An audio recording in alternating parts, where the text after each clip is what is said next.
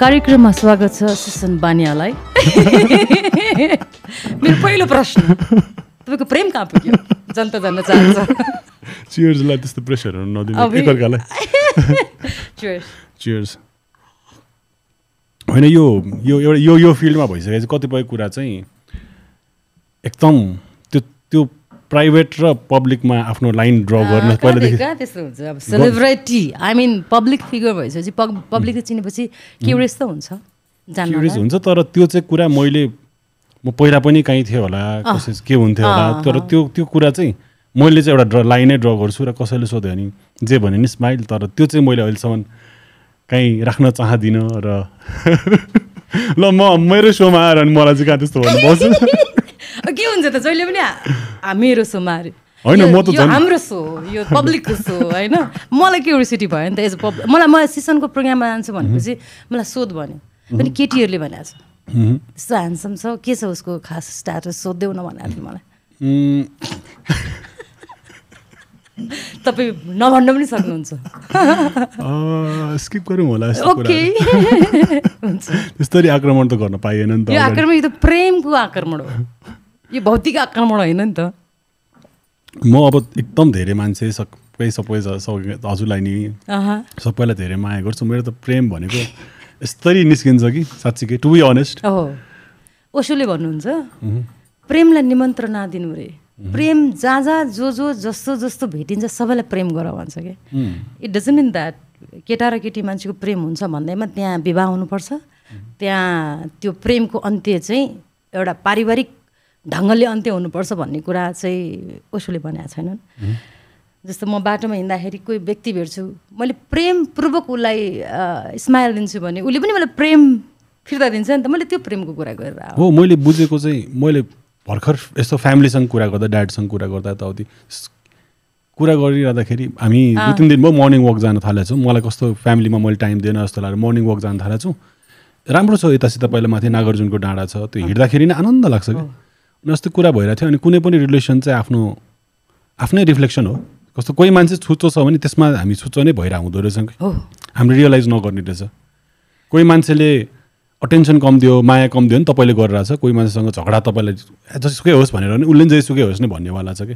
So कहिलेकाहीँ मान्छे आफू जतिसुकै एज भए पनि अलिकति यस्तो कुरालाई अपनाउनु सिक्नु छ कि स्पेसली छोरा छोरा मान्छेलाई। छोरा मान्छेले आफ्नो मम्मीलाई गएर अङ्गाले मार्दैन कि? त्यो पनि सिक्नलाई ढिला भएको छैन होला कि? मम्मी एट्टी इयर छोरा सिक्सटी इयर हो नि उसले माया गर्न सिक्न सक्नुपर्छ। र केटाहरूसँग मैले धेरै कुरा गरेको छु दुई दुई चार दिनमा। र हामी यस्तै हो भन्ने एउटा छ। भनौँ न त्यो त्यो लभ लाइफ नभइकन साथीभाइसँगै हुँदाखेरि अरू फ्यामिलीसँगै हुँदाखेरि पनि त्यो बुझ्न जरुरी रहेछ जो चाहिँ आफ्नो फ्यामिलीसँग अरू आफ्नो नजिकको मान्छेसँग सन्तुष्ट छैन या केही छ भने ऊ मान्छे कहिले नै ह्याप्पी हुने भएन। हिजो गगन दाईसँग यस्तो कुरा भएर त्यो मेरो सेम हो।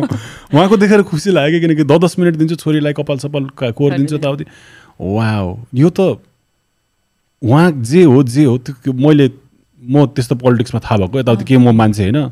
बेसिक एकदम सालो थियो त्यो तर त्यो कुराहरू चाहिँ मलाई म- मलाई चाहिँ त्यो कुराहरू चाहिँ बुझ्न मन छ कि र सबैभन्दा महत्त्वपूर्ण कुरा म यही प्रोग्राम मार्फत मैले काहीँ पनि भने पनि छैन होला सायद। यहीँबाट भनिदिन्छु प्रेमको मामलामा चाहिँ फर इक्जाम्पल हाम्रो लाइफको सबैभन्दा ठुलो हिरो भनेको हाम्रो आमा हो। संसारकै आमाहरू। हाम्रो महान नायक हुन्।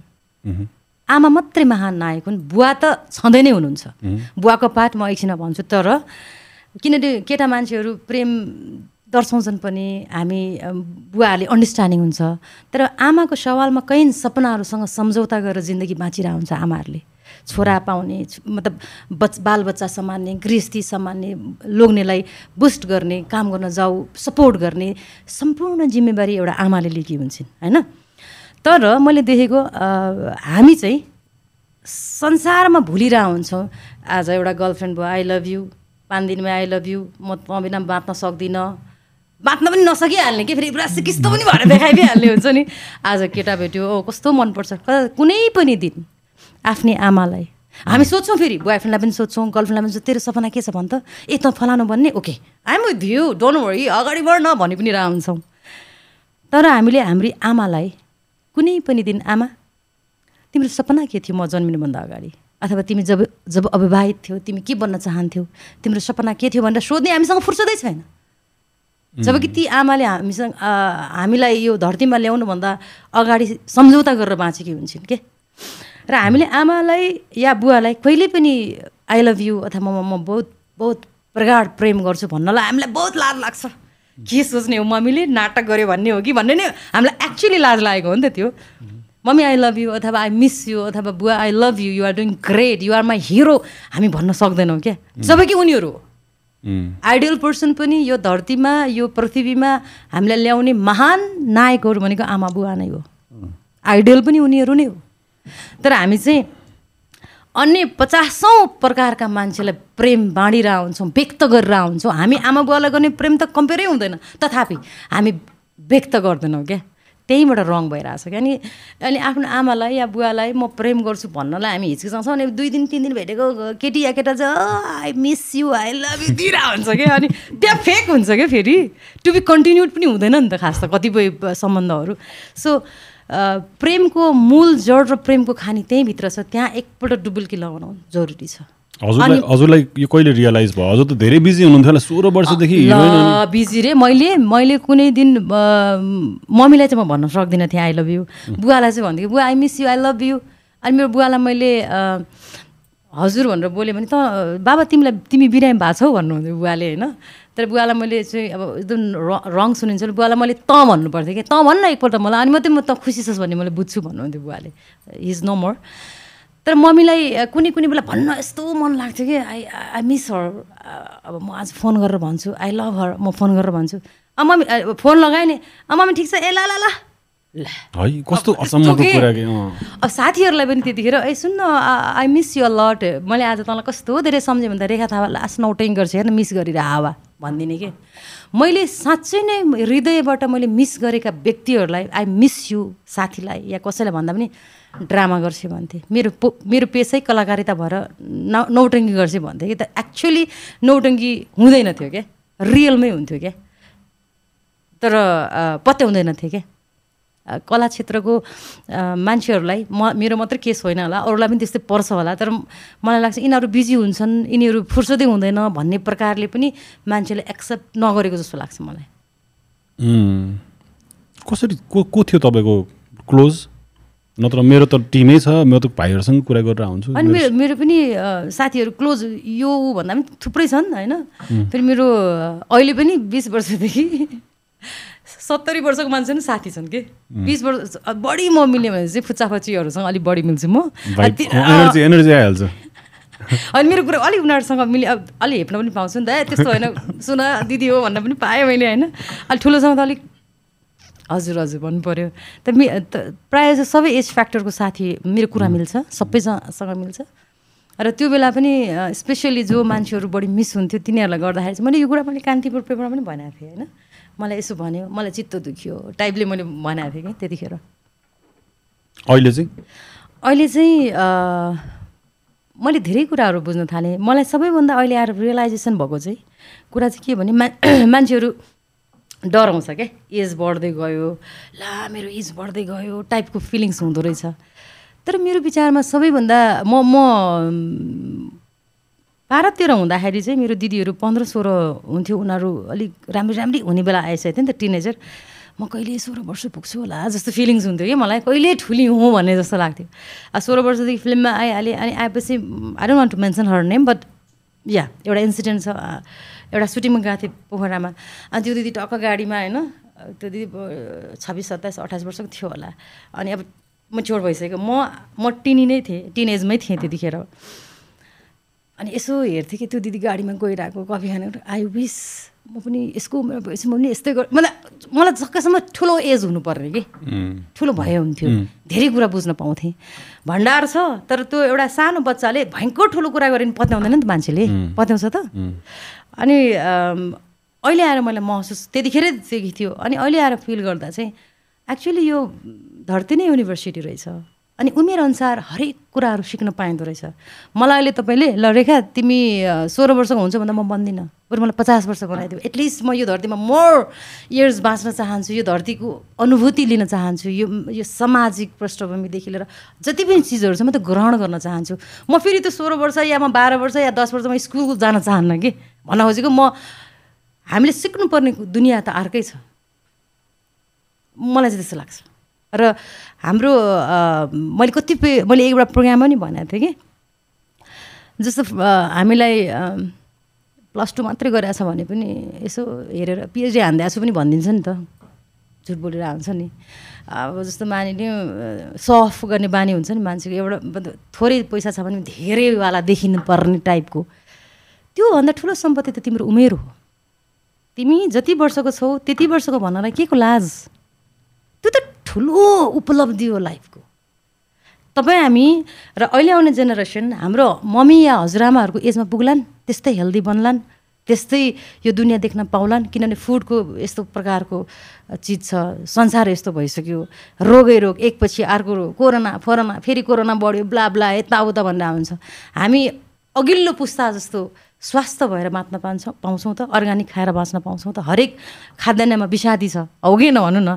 सो मलाई चाहिँ अहिले आएर महसुस भएको अझ राम्रो कुरा त्यो त म पहिलादेखि नै थिएँ है म एकदमै एज बढ्ने कुरामा चाहिँ तर अहिले आएर चाहिँ मलाई फिल भएको मभन्दा पाँच वर्ष पाँच वर्ष त छोडिदिएँ मभन्दा एक वर्ष मात्रै जेठो मान्छे कोही छ भने म उठेर बहुत रेस्पेक्ट गर्छु। मभन्दा एक वर्ष अगाडि यो धरतीमा आएको यो त ठुलो उपलब्धि हो जस्तो मलाई लाग्छ कि। मभन्दा म जतिसुकै त्यो व्यक्तिभन्दा ट्यालेन्ट भए पनि उमेरको हिसाबले अनुभवको हिसाबले ऊ ट्यालेन्ट छैन तर मभन्दा अनुभवी छ र म उसलाई मैले ट्यालेन्ट मान्नुपर्छ। र यो कुरा पनि मैले चाहिँ बुझेको छु अरूले बुझ्नुपर्छ भन्ने होइन। यो चाहिँ मेरो म मेरो आफ्नो अनुभूति हो।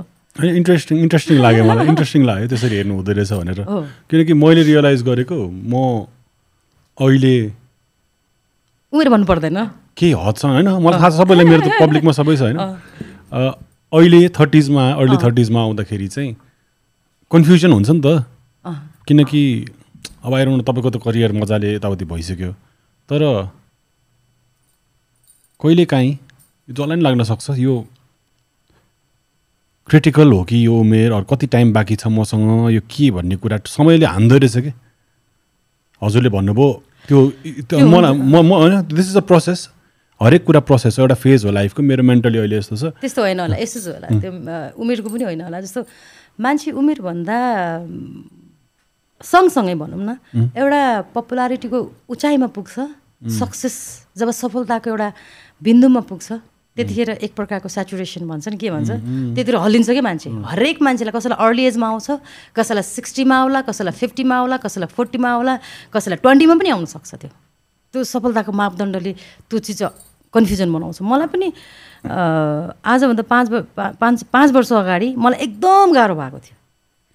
म दस वर्ष अगाडिदेखि नै म पोलिटिक्समा इन्ट्रेस्टेड मान्छे पोलिटिक्समै छु होइन? At at the same time film हुँदा हुँदै पनि होइन? र त्यो टाइम पाँच वर्ष अगाडि मलाई बहुत गाह्रो फेज भएको थियो। कन्फ्युजनको पराकाष्ठमा थिएँ म। त्यही बेला मैले नरबहादुर कार्की भेटेर मैले लाइफ कोच लिएको होइन? त्यसपछि मैले सरसँग पढ्न थालिसकेपछि चाहिँ मलाई जिन्दगी यति सहज यति सरल र यति सुन्दर लागिरहेछ कि यु क्यानट इमेजिन म यही कन्फ्युजन पिरियडमा थिएँ एकदमै कन्फ्युजन पिरियडमा धेरै कुरा गर्न मन लाग्ने होला। प्लस मलाई म त तपाईँलाई तपाईँको बारेमा तपाईँको कस्तो थियो होला नि भनौँ। यत्रो धेरै फिल्म गरिसक्यो। आफूलाई मन लागेको फिल्म अझ यस्तो यस्तो गर्न बाँकी छ। त्यो गरौँ कि जस्तो भयो कि? किनकि तपाईँले म म तपाईँको मैले हेर्दाखेरि है मैले हजुरलाई चिन् हुन्छ नि अब हजुरको नाम भनेको इट्स जस्तो सुकै उमेर हो पहिलादेखि जोडिएको धेरै लामो भइसक्यो एउटा आइकनिक। नाम भइसक्यो। र पहिला तपाईँ एउटा सेक्सी फिगर भएर एउटा तल्गा मचाउनु भयो आई थिङ्क नेपालको धेरैजनाको सपनामा विभिन्न किसिममा आउनुभयो।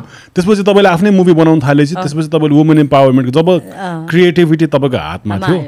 त्यसपछि तपाईँले फिल्म यसरी बनाउनु पर्छ भनेर आई थिङ्क वुमेन इम्पावरमेन्टको बारेमा र यो लोग्ने मान्छे मात्रै होइन सबै मान्छे हिरो हो. भन्ने प्रकारले मैले प्रेजेन्ट गराएको थिएँ. प्लस तपाईँले त्यो इमेज प्रोटेक्ट गर्नु पाउनु भयो नि त। पहिला त अब तपाईँ स्ट्रगल गरिराख्नु भएको छ। सही हो सही हो। गर्नु पर्यो। वाट एभर तपाईँले त आफ्नै हसल हाने हो र तपाईँले अहिले आएर एक डिफ्रेन्ट इमेज चेन्ज भएर तपाईँ त तपाईँले लगभग मानौँ तिनवटा लाइफ बाँचिराख्नु भएको छ करियर वाइज नै दिस इज य थर्ड फेजको फर्स्ट इनिङ्स होइन? सो त्यो फेजमा कसरी कस्तो फिल भयो? मलाई चाहिँ कस्तो लाग्छ भन्दाखेरि त्यो फेजको कुरा पनि त मिस हुन्छ नि। मान्छे म मलाई म एकदमै खुला विचार राख्ने मान्छे। If somebody calls me sexy I would be very हुन्छ त्योभन्दा ठुलो कम्प्लिमेन्ट होइन। होइन त्योभन्दा ठुलो कम्प्लिमेन्ट के होला? समन कलिङ यु सेक्सी ऊ यो होइन यो हाम्रो नेपालमा ट्याबु कुरा हो नि त। ओहो त्यस्तो भने ची ची ची मेरो ममले त के भन्दा छ सेक्सी त्यो सेक्सी सेक्सी सेक्सी एउटा हिन्दी गीत छ सेक्सी भने सेक्सी भने आमा मर्छ भन्थ्यो कि मलाई सेक्सी भने त म मर्छु भन्थ्यो ममले अब ए ला सेक्सी भने मैले ल सिट अब त यो भनेको त भूतले आएर आमालाई लग्छ भन्नु त्यसरी त्यसरी ट्रेन्ड भएको थियो कि मेरो ब्रेन मलाई अब त्यतिखेर मलाई यस्तो हजुर त्यो त्यसो भन्दा एकदम पेपरहरूमा यस्तोमा उस्तोमा त्यो फेरि नर्मल ड्रेस हो क्या स्कर्ट त हो। त्योभन्दा भवाल ड्रेस त अहिले बहिनीहरूले पनि लगाइरहेको छ होइन? त्यतिखेर खास कि मभन्दा अगाडिको सिनियर दिदीहरूले पनि लाउनु भएको थियो लाउनु त तर आई डोन्ट नो किन म नै बढी फोकस भएँ। सायद राम्रो भएर होला र कि? सुहाएर होला कि? एनिवेज सेक्सी भन्दाखेरि मलाई यस्तो रिस उठ्थ्यो अब किन मलाई बुझेको थिइनँ नि त किन म पनि त्यसरी ट्रेन्ड थिएँ नि त। सेक्सी भनिरहेको छ बरु मलाई ग्ल्यामर भने पनि हुन्थ्यो नि टाइपको फिलिङ्स आउँथ्यो कि। अनि मम्मीले मम्मीलाई मेरो मम्मीलाई पनि रिस उठ्दैछ तर सेक्सी हिरोइन भन्छ? भन्ने भने ल। अनि पछि जब म टिनेजर क्रस भइसकेपछि फेरि पनि भन्यो हुन्थ्यो एक्ज्याक्टली होइन मैले भनेको अब एउटा तपाईँ त्यो त्यो टाइममा लिमिटेड यस्तो लिमिटेसन थियो कि आई थिङ्क नेपाल यताउति तपाईँको त त्यो संसारभरि जो जो नेपाली छन् अरू जो जसले चाहिँ तपाईँको फलो गरेछ भिडियो हेरेछ तपाईँलाई चिन्छ सबैजनाको सपनामै आउनु भनेको मलाई चाहिँ एकदमै ठुलो प्रेस्टिज हो। यसलाई चाहिँ हामीले नेगेटिभ भनेर हेर्नु हुँदैन किनकि भनौँ न तपाईँको म्याडलिन मनरोहरू पहिला उनीहरू त आइडल हो नि त। लाइक अहिलेसम्म पनि मान्छेको गिल्ट हो तर कति धेरै लाइक त्यो फेरि तपाईँको जिउ यताउतिले मात्रै होइन कि तपाईँले कसरी त्यसलाई प्रेजेन्ट गर्न सक्नुहुन्छ भन्ने कुरामा हो नि त how much how far or how कसरी लाइन मैले भन्नु खोजेको कुरा बुझ्नु। त्यो शब्दमा बयान गर्न गाह्रो छ। तै पनि घुमिफिरी हुन्छ नि कतिजनाको विवाहित मान्छेहरूको उनै खराब भयो होला क्या तपाईँलाई सम्झेर हुन्छ नि। आई थिङ्क त्यो खतरा अकम्प्लिसमेन्ट हो नि। हाम्रो भाइ नै छ यहाँ तपाईँको एकदम फ्यान विनायक सर हातमा उहाँले तपाईँको सब उहाँको उहाँ चाहिँ बच्चा उहाँको बुवा चाहिँ फिल्म हलमा हुनुहुन्थ्यो सो उहाँ एभ्री विक जस्तो फ्राइडे उहाँको फि हरेक फिल्म हो। तपाईँको सबै फिल्म हेरेर हामीले अघि गीतहरू हेरेको कस्तो आइकनिक गीतहरू म अब सुन्नु कस्तो खाल कुन टाइममा म एन्ट्री गरेँ होला कि फिल्म टाइममा म सिक्सटिन इयर्सको थिएँ। म ठक्क फिल्ममा आउँदा हेर्नु है मेरो जेन मेरो मेरो मलाई चिन्ने व्यक् व्यक्तिहरूको एज ग्रुप के। म सोह्र वर्ष हुँदा दस वर्षदेखि सोह्र वर्षकोले चिन्ने नै भयो मलाई त्यो टाइममा सोह्र वर्षभन्दा माथिकोले पनि चिन्ने नै भयो। त्यो सानोहरू पनि आउने भयो फिल्म हेर्न ठुलोहरू पनि आउने भयो अलिक ठुलोहरू पनि आउने भयो अलिक ठुलोहरू पनि आउने। मेरो टाइमिङ नै त्यो परेछ कि त्यो टाइममा अनि अहिले यसो यसो हेर्नुपर्छ मेरो बुवा त कस्तो फ्यान हुनुहुन्थ्यो नि। होइन बिस एक्काइस वर्ष बाइस वर्षमा त्यति बिहे हुन्थ्यो होला होइन? त्यो टाइममा त्यस्तै नै हुन्थ्यो। अनि यसो हेऱ्यो कि सबैजना हजुरबुवाहरू पनि फ्यान हुन्थ्यो कि फेरि. सेभेन्टीसम्म पनि देखेको छु कि। म त आफ्नो बुवा र हजुरबालाई पनि सम्झिरहेको छु। होइन? त्यो त्यो मेरो गोल्डन गोल्डन समयमा मेरो एन्ट्री भएर रहेछ जस्तो मलाई मैले। ठ्याक्कै तपाईँले मलाई मेरो बुवालाई हजुरबालाई। अब जस्तो म- सोह्र हुँदाखेरि दस वर्षको बच्चा. त अलिक ठुलो भइसक्यो नि त ऊ पनि। धेरै नै ठुलो भइसक्यो त तिस कति वर्ष पुग्यो होला आइरहनु होइन? अब ऊ त्यो बच्चाले पनि मलाई चिन्छ। भनेको ऊ पनि उसले पनि फिल्म हेरेको छ मम्मीहरूसँग जाँदा हेरेको छ. दिदीहरूसँग जाँदा हेरेको छ नि त। अनि रमाइलो लाग्छ कि मलाई खास त्यो चाहिँ। एकदम म लक्की फिल गर्छु त्यो कुरामा चाहिँ। त्यस्तै रहेछ। तपाईँलाई जब एउटा ट्याग दियो ल यो हट एकदम त्यो भन्दाखेरि मन पर्दैन। अब तपाईँलाई अहिले जे पर्सिभ गर्छ त्योभन्दा जहिले पनि पाँच वर्ष पछिको इमेज भइदिए हुन्थ्यो। त्यो इमेज पाउनु मात्रै सर्च गयो नि त। भने कतिपय मलाई फिल्म मेकर हुनु मन छ मलाई युट्युबर भएर सन्तुष्टि छैन। मैले त्यो युट्युबरलाई माया गर्दैन रहेछ कि भने बुझ्नुभयो नि। तपाईँले आफ्नो हट भर्जनलाई माया गरेर राम्ररी कस्तो कुरा सिसनको ब्लग अथवा तपाईँको जुन कार्यशैली छ जुन काम गर्ने स्टाइल छ युथहरू फलोवर्स छ नि। होइन लिसन मैले पनि त्यसरी चिनिरहेको छु नि। त्यो यसको मतलब हामीलाई चाहिँ जुन पोजिसनमा हुन्छ नि हामीलाई चित्त नबुझेको मात्रै हो कि? त्यस्तै हुँदो रहेछ। होइन त? बाहिर चाहिँ फ्यान छ त सिसन पानी आएको फुच्चीहरू आइरहेछ। खोजेको छ नि त युथहरू टन्नै फलोवर्स दाईको दाई जस्तै हुन पायो हुन्थ्यो भन्ने छैन त छ नि त। अनि हामीलाई चाहिँ के लाग्छ होइन यो भन्दा पनि अलिक त्यो हाम्रो असन्तुष्टि अथवा त्यो हामीलाई अग्रगामी छलाङ मार्न मन लाग्यो। तपाईँ त पिसमा हुनुहुन्छ अहिले? ए खतरामै छु तपाईँ कि लाइफ कोच पाएरै यस्तो भयो कि त्यो नभए पनि होइन लाइफ नभए पनि मसँग चाहिँ त्यो ज्ञान अथवा त्यो शैली अथवा त्यो चाहिँ थियो नै हो। तर त्यसलाई व्यवस्थापन गरिदिने एउटा गुरु चाहिँदो रहेछ लाइफमा। तपाईँ मान्नुहोस् नमान्नुहोस् तपाईँ जति प्रगति गर्नुभएको छ तपाईँसँग गुरु भयो भने व्यवस्था जस्तो मान्यौँ रोनाल्डोलाई अब पनि कोच चाहिएला र फुटबल खेल्नलाई फर इक्जाम्पल इक्जाम्पल भनेको चाहिन्छ कोच चाहिन्छ नि। चाहिन्छ फुटबल खेल्नलाई ल म होइन मलाई कोच सोच कोही पनि चाहिँदैन म सिधै गएर ग्राउन्डमा गएर गोल हानिदिन्छु भन्छ त उसले। प्र्याक्टिस गर्दैन। ऊ त उसको उसको मेन उसको उसलाई मन पराउने नै ऊ कहिले पनि सिक्नलाई ऊ भएन र एभ्री टाइम इम्प्रुभिङ एक्ज्याक्टली र फुटबल म्याचमा जति पनि टप खेलाडीहरू छन् उनीहरूलाई हरेकपल्ट फुटबल खेल्दाखेरि कोच चाहिन्छ नै चाहिन्छ। र त्यो कोच बाहिर बसेर चेयरअप गरिरहेको हुन्छ क्या त्यो कोचले को रोनाल्डोको कोचलाई मतलब छैन। तर उसले सिकाएको पहिलाको भन्दा यसपालि बबालेले गोल हान्नुपर्छ ट्रिक लाएर हुन्छ के गरेर हुन्छ ऊ बाहिर बसेर ऊ एकदम आत्तिरहेको हुन्छ नि त कोचहरू थाहा छ। त्यस्तै खेल जस्तै हो हाम्रो जीवन। हाम्रो जीवनमा पनि हाम्रो नेपालमा त त्यो ट्रेन्ड छैन तर हाम्रो जीवनमा पनि हाम्रो जीवनलाई अझ हामी हार मान्छौँ नि म अब मानिलिउँ। फर इक्जाम्पल यो प्रोग्राम हेरिरहनु हुने मान्छेहरूलाई ड्रिम छ होला केही गर्ने होइन? म चालिस पुगेँ या म पचास पुगेँ म पचपन्न पुगेँ म साठी पुगेँ भनेर डिसपोइन्टेड हुने होइन। जिन्दगी भनेको खेल जस्तै हो। नाइन्टी एट सेकेन्डमा गोल हान्छ खेलाडीले। गोल हाल्नलाई सपनाको गोल हाल्नलाई उमेर डजन्ट म्याटर तर त्यसको लागि तपाईँलाई पनि त कोच चाहियो नि त। म कहाँनिर चाहिँ मेरो ल्याक छ? कहाँनिर मैले व्यवस्थापन स्पेसली हामी जस्तो मान्छेलाई अझ बढी कोच चाहिन्छ। म पाँच वर्षमा जुन जुन मेरो जिन्दगीमा जुन प्रकारको एउटा कन्फ्युजन जुन प्रकारको के गरौँ? नाम छ सबै कुरा छ म यसो गरौँ कि म उसो गरौँ कि के गरौँ के गरौँ? मलाई मेरो सरले सोध्नुभयो दौडेर कहाँ पुग्नु छ? यति धेरै हतार किन? तपाईँको आँखामा यति धेरै चञ्चलता किन? स्थिर किन छैन रेखा थापा? रेखा थापा त स्थिर हुनु पर्थ्यो यति मतलब यही यति सानो उमेरमा यति अचिभमेन्ट गरे केटी किन यति धेरै अस्थिरता? मैले कुरा खोल्दै गएँ खोल्दै गएँ खोल्दै गर्दा किनकि किनकि हामीसँग जीवनको पास्टका धेरै स्टोरीहरू पनि क्यारी गरेर हिँड्छौँ क्या हामी। एकदम। होइन? एकदम। मैले टिनेजरमा मानौँ फिल्ममा एक्सन कोर्टमा व्यस्त थिएँ। मैले त्यो युवा अवस्था अथवा किशोरी अवस्था मैले खेल्नलाई घुम्नलाई पाइनँ। त्यो त्यो मेरो मनमा होला थियो होला। त्यसपछि युवा अवस्था पनि मैले राम्रोसँग मैले अहिले जसरी युवा युवतीहरू घुमिरहेको हुन्छन् खेले त्यो पनि मैले पाइनँ। मलाई रेस्पोन्सिबिलिटी भयो। मैले यसो गर्नु हुँदैन। सामाजिक प्राणी हो म होइन? म मैले यहाँ गएर खानु हुँदैन अथवा त्यहाँ गएर खानु हुँदैन। टाइपको चिजहरूको एउटा घेराबन्दीमा म परेँ। किन मेरो रोजाइ थियो नि त यो चलचित्र खेल्ने त मेरो रोजाइ थियो। मलाई कसैले पनि घाँटी नाकेर जा भने पनि होइन। र त्यसको रेस्पोन्सिबिलिटी कसरी वहन गर्नुपर्छ भन्ने कुरा पनि मलाई थाहा थियो। डिसिप्लिन पनि मलाई थाहा थियो। र त्यो चिजहरू कति चिजहरू त मलाई कटक्क खान्थ्यो होला। नि त म सुटिङमा जान्थेँ कुनै गार्डनमा जान्थेँ होला कुनै होटलमा सुटिङ गरेर आउँथेँ होला त्यहाँ म देख्थेँ होला युवा युवतीको प्रेमलाप अथवा किशोर किशोरीहरूको घुमाएँ या केटी केटी घुम्न गइरहेछ। त्यो चिज त मैले भोग्न पाइनँ नि त सिसन त्यो चिजहरू त मैले क्यारी गरेर हिँडिरहेको थिएँ होला नि त।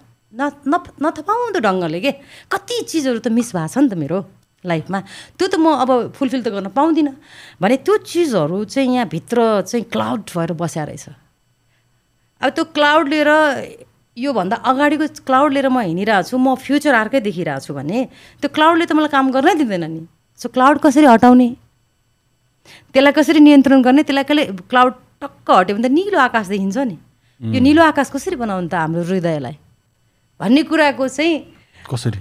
अँ म किन भन्छु कि? अब मैले सर पैसा दिनुपर्छ सरलाई।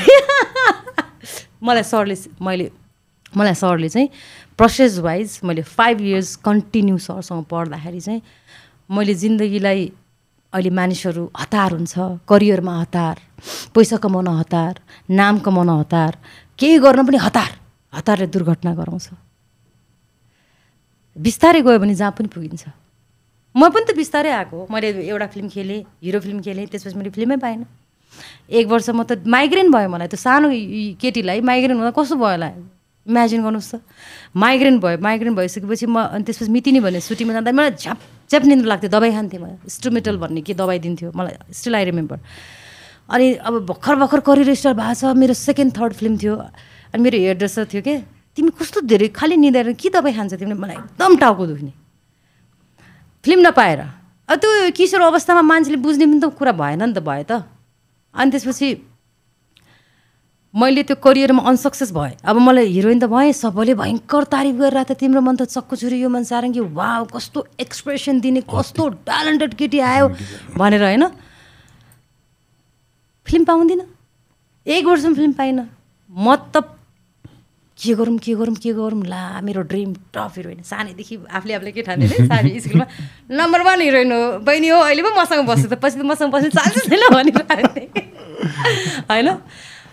अनि पाइनँ फिल्म। मेरो एक्सपिरियन्स के सेयर गर्न खोजेको भने जहाँ पुग्नु छ तिमी पुग्छौ नै। किन तिमीले देखेको सपना साकार हुन्छ। त्यो सपना चाहिँ खुला आँखाले देखेको हुनु पऱ्यो निदाउँदा देखेको हुनु भएन।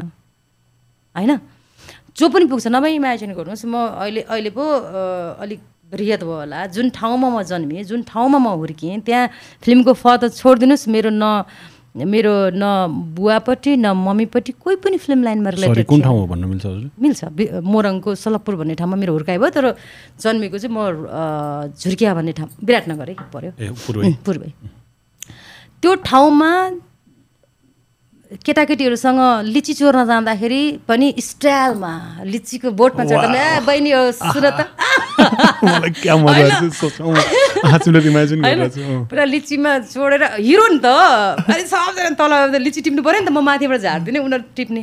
त्यो अदा छ अँ, उताबाट आइरहेको हुन्थ्यो। लिचीको धनी भनौँ न। ठक्क जम गऱ्यो भागी केटी कुनाले कुनै हान्थ्यो कि? त्यो टाइपको अब त्यो बेलामा देखेको मेरो सपना र मलाई मेकअपहरू थियो कि लाइक त्यो न सानो खुची त थिएँ म अब त्यो बेला मलाई एउटा केटीले बहुत नराम्रोसँग टन्ट मारे है। भन्छस् हिरोइन किन? म किन नबन्ने हिरोइन? भनिस् हिरोइन काली अब घाममा मोरङको घामले अझ बढी काली अनि भन्छस् हिरोइन कुनै एउटा एक्टरको नाम लिएर फलानुलाई त देख्न त परै जाओस् यस्तै। उसको त्यो खै पनि के यस्तै भन्यो कि? उसले अलि अलि अलि रफ वर्डमा। अनि तर मेरो ड्रिम चाहिँ के थियो श्रीकृष्ण श्रेष्ठसँग फिल्म खेल्ने ड्रिम थियो। राईसम्म त मैले कल्पनै गरेको थिइनँ। म ठुली हुँदा चाहिँ उहाँहरू हिरो नबन्ला भने जस्तो फिलिङ्स हुन्थ्यो मलाई। श्रीदाईहरू अर्को जेनेरेसन भएको भएर श्रीदाईहरूको जेनेरेसनमा चाहिँ भ्याइन्छ होला उनीहरूसँग हिरोइन खेल्नलाई चाहिँ जस्तो लाग्थ्यो मलाई। अब लक्किली फर्स्ट फिल्ममै अब निरुता दिदीहरू अब राजेश दाईहरू पढ्नुभयो होइन? अनि अनि मैले उनीहरूलाई भन्थेँ बेट म तैँले जसको नाम लिस् नि त्यहीसँग खेल्छु भने के? त्यही भयो। मसँग बोलेन ऊ पछि गएर के? म भन भन्न खोजेको त्यो प्रकारको सपना देख्थेँ म।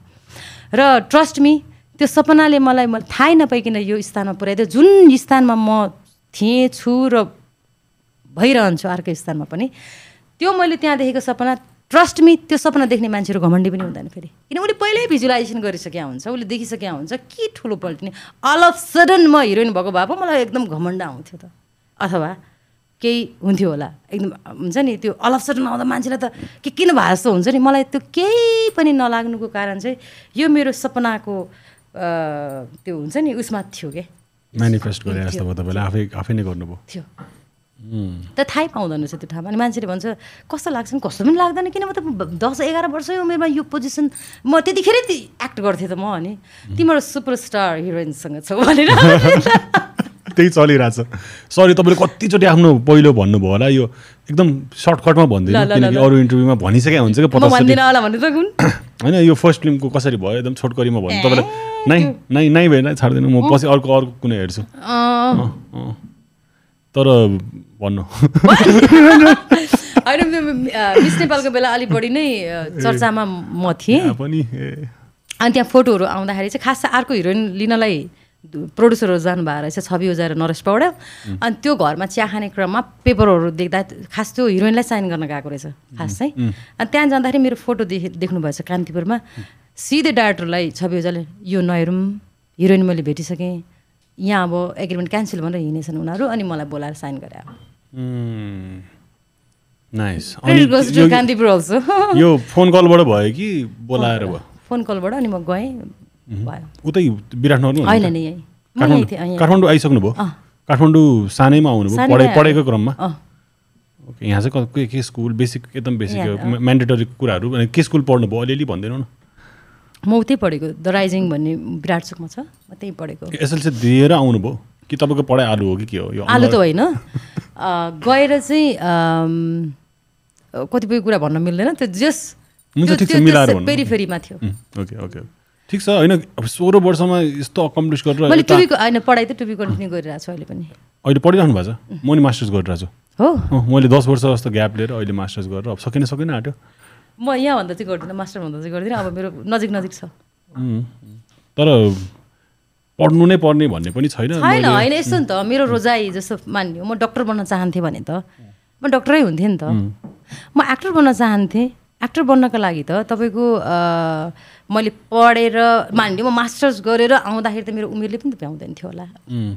भन्न खोजेको एक्टर बन्ने पर्फेक्ट उमेर भनेको तपाईँ वर्ल्डको हिस्ट्री नै हेर्ने हो भने पनि सोह्र त अलिक धेरै नै अर्ली भयो तथापि त्यो फाइदा पनि भयो होइन? किन म यहीँ सिक्दै हुर्किँदै त्यस कारण त लङ टर्मसम्म देखिन्छ नि त। सिकिराख्नु भएको छ म बिस भनौँ न बिस बाइस वर्षमा या पच्चिस वर्षमा आउँदा अलिक लेट हुन्थ्यो कि जस्तो लाग्छ। मलाई कम आयो होइन ठिक छ। जे हुन्छ अनि मैले भने चाहिँ अब मलाई अहिले के पढ्न मन छ थाहा छैन मलाई अब फिफ्टी पुगेपछि के पढ्न आवश्यक हुनसक्छ रहेछ कि? यस्तो हो कि फेरि जस्तो मानिलिउँ मेरो फिल्म इन्डस्ट्री पनि ल मैले एसएलसी दिएँ। म फिल्म इन्डस्ट्रीमै पढिरहेको छु। मैले पिएचडी त गरिसकेँ नि त। मान्यो मैले एसएलसी दिएँ म डक्टर पढ्थेँ डक्टर भइसकेँ हुन्थेँ नि त। या पाइलट भइसकेँ हुन्थेँ। अनि हामीले जुन पढिरहेको छु म जे गरिरहेको छु म त्यो पनि त अध्ययन हो नि। एकदम। होइन त? यसलाई चाहिँ किन मान्छेले दोस्रो आँखाबाट हेर्छ? मैले बुझेको छैन कि? जस्तो मानिलियो डक्टर डक्टरी पेसामा ऊ प्रोफेसनली उसले काम गरिरहेछ उसलाई चाहिँ हामी पढे लेखेको मान्ने। डक्टरलाई एक्टिङ गर्न आउँछ त। डक्टरलाई प्लेन चढाउन आउँछ। उसको विधामा पो पोख्त छ। पाइलट पनि पाइलटको विधामा पो पोख्त छ। रेखा थापा या एबिसिडी कलाकार आफ्नो अभिनयमा पोख्त छन्। अनि यो अध्ययन होइन। अक्वायर सर्टिफिकेटै चाहिन्छ र। म त तपाईँ त एक्टिङ होइन तपाईँ त बिजनेसमा पनि राम्रो हो जस्तो लाग्छ एकदमै। किनकि तपाईँले त आफ्नो करियरलाई राम्ररी लानुभयो भने आई थिङ्क तपाईँ त step one of the most stable हेर्नु यो फिल्डमा गर्न खोज्ने आउने कति छ कति तपाईँलाई थाहा छ कि नाइन्टी नाइन पर्सेन्ट त बिचरा एउटा एउटै प्रोजेक्ट गरेर नै निस्किसकेको हुन्छ क्या। अनि वान पर्सेन्ट आ हुन्छ होला कि? प्यासनेट यो आर्ट फिल्डमा त्यो मान्छे मध्ये पनि वान पर्सेन्ट बल्ल सक्सेस भइरहेछ कि? भनेको यो फिल्ड हामी जुन फिल्ड छ लाखौँमा एक हजुर। धैर्यता पनि चाहिन्छ। आफूमा त्यो दृढ सङ्कल्प चाहिन्छ जस्तो लाग्छ कि मलाई त। र तिम्रो सपना बदली बदली त आएको छैनौ कतै भन्ने पनि प्रश्न हो। तिमी के सपना देखेका थियौ सानोमा? त्यही नै पुरा हुन्छ। र अहिले पनि कुनै पनि लेट भए हुँदैन। तर आफूलाई पर्फेक्टली अल्टरनेटिभ भएर त काम छैन नि त। ए भए हिरोइन बन्छु नभए फलाना बन्छु नभए यो बन्छु भनेर त बनिँदैन नि त। त्यो त फेरि हुँदैन। त्यो एकाग्रता चाहिन्छ। विकल्प सोच्ने नै होइन। एउटा मलाई चलचित्रमा सक्सेस हुनु छ म चलचित्रमा नै सक्सेस हुन्छु भन्ने दृढता हुनु पर्यो। कुनै पनि फिल्डमा। तपाईँले लेटर भएपछि आफै मैले उसमा प उसमा हेरेको थाहा थियो कि फर्स्ट टाइम टुके सिनेमा आइरहेछ यस्तो यस्तो भइरहेछ। नेपालमा? फर्स्ट टाइम डिजिटल एरा त तपाईँ देख्नुभयो नि त। किनकि पहिला रिलमा खिच्ने इक्विपमेन्टकै कुरा गऱ्यो नि हाम्रो चार घन्टा पाँच घन्टा कुरा गऱ्यो मिल्छ मजाले। इक्विपमेन्टमा हामी उयोबाट के अरे रिललाई के भन्छ एनालग उम्, त्योबाट गरेको होइन। मैले हिफाजत भन्ने फिल्मबाट टुके स्टार्ट गरेको। त्यसपछि पक्नै कागबेनी पनि त्यसैले खिचेको होला। कागबनीलाई फर्स्ट डिजिटल मानिन्छ किनकि त्यो पहिला रिलिज भएर भएको फर्स्ट तर कमर्सियल मुभीमा चाहिँ रेखा फिल्म्सबाट बने हो मैले। मैले त्यो एउटा केमा पढाएको थिएँ टुके हो। डिजिटल के आइरहेछ यो। हामीले गर्दा किन हामीसँग सबै इक्विपमेन्ट हुँदाखेरि पनि ए यिनीहरू डिजिटलमा गयो भिडियो फिल्म बनायो ब्ला ब्ला भनेर पुरा आलोचना गरिरहेको थियो त्यतिखेर तर हामीले रेखा फिल्म्सबाट स्टार्ट गरे यो रेखा फिल्म्स हजुरको प्रडक्सन हाउस त्यसबाट कतिवटा फिल्म आयो होला? आयो नि पन्ध्र सोह्रवटा पन्ध्र film। वर्षमा कन्टिन्यू एउटा एउटा अनि यो कोरोना सोरोना त्योभन्दा अगाडि पनि डेढ वर्ष दुई वर्ष चाहिँ ग्याप भएको छ। भूकम्पको बेलादेखि चाहिँ अलिकति ग्याप भएको थियो। हजुर कति उमेर हुँदा सुरु गर्नुभयो? म मैले अजमबडी नाता भनेपछि कति सालको मैले बिर्सेँ? रफली? त्रिसठी चौसठी? होइन सन्ताउन्न। यस्तै बैसठीतिर होला। त्यतिखेरदेखि नै मैले स्टार्ट गरेँ रेखा फिल्म चाहिँ। र रेखा फिल्म्सबाट मेरो उद्देश्य चाहिँ के थियो भने म म मलाई दर्शकले चिन्नुहुन्छ भने मैले नयाँ प्रतिभा ल्याएर उनीहरूलाई म सँगसँगै चिनाउनुपर्छ भन्ने मेरो उद्देश्य थियो। हामी कसो गर्छौँ भनेदेखि मान्यो सिसन बनिया एकदम फेमस भयो। आफू मात्रै फेमस भएर तपाईँ जीवित बन्दैन। तपाईँले अर्को मान्छे तपाईँ जस्तै बनाउनु भयो भने तपाईँ लाइफ टाइम जीवित अमर रहन्छ।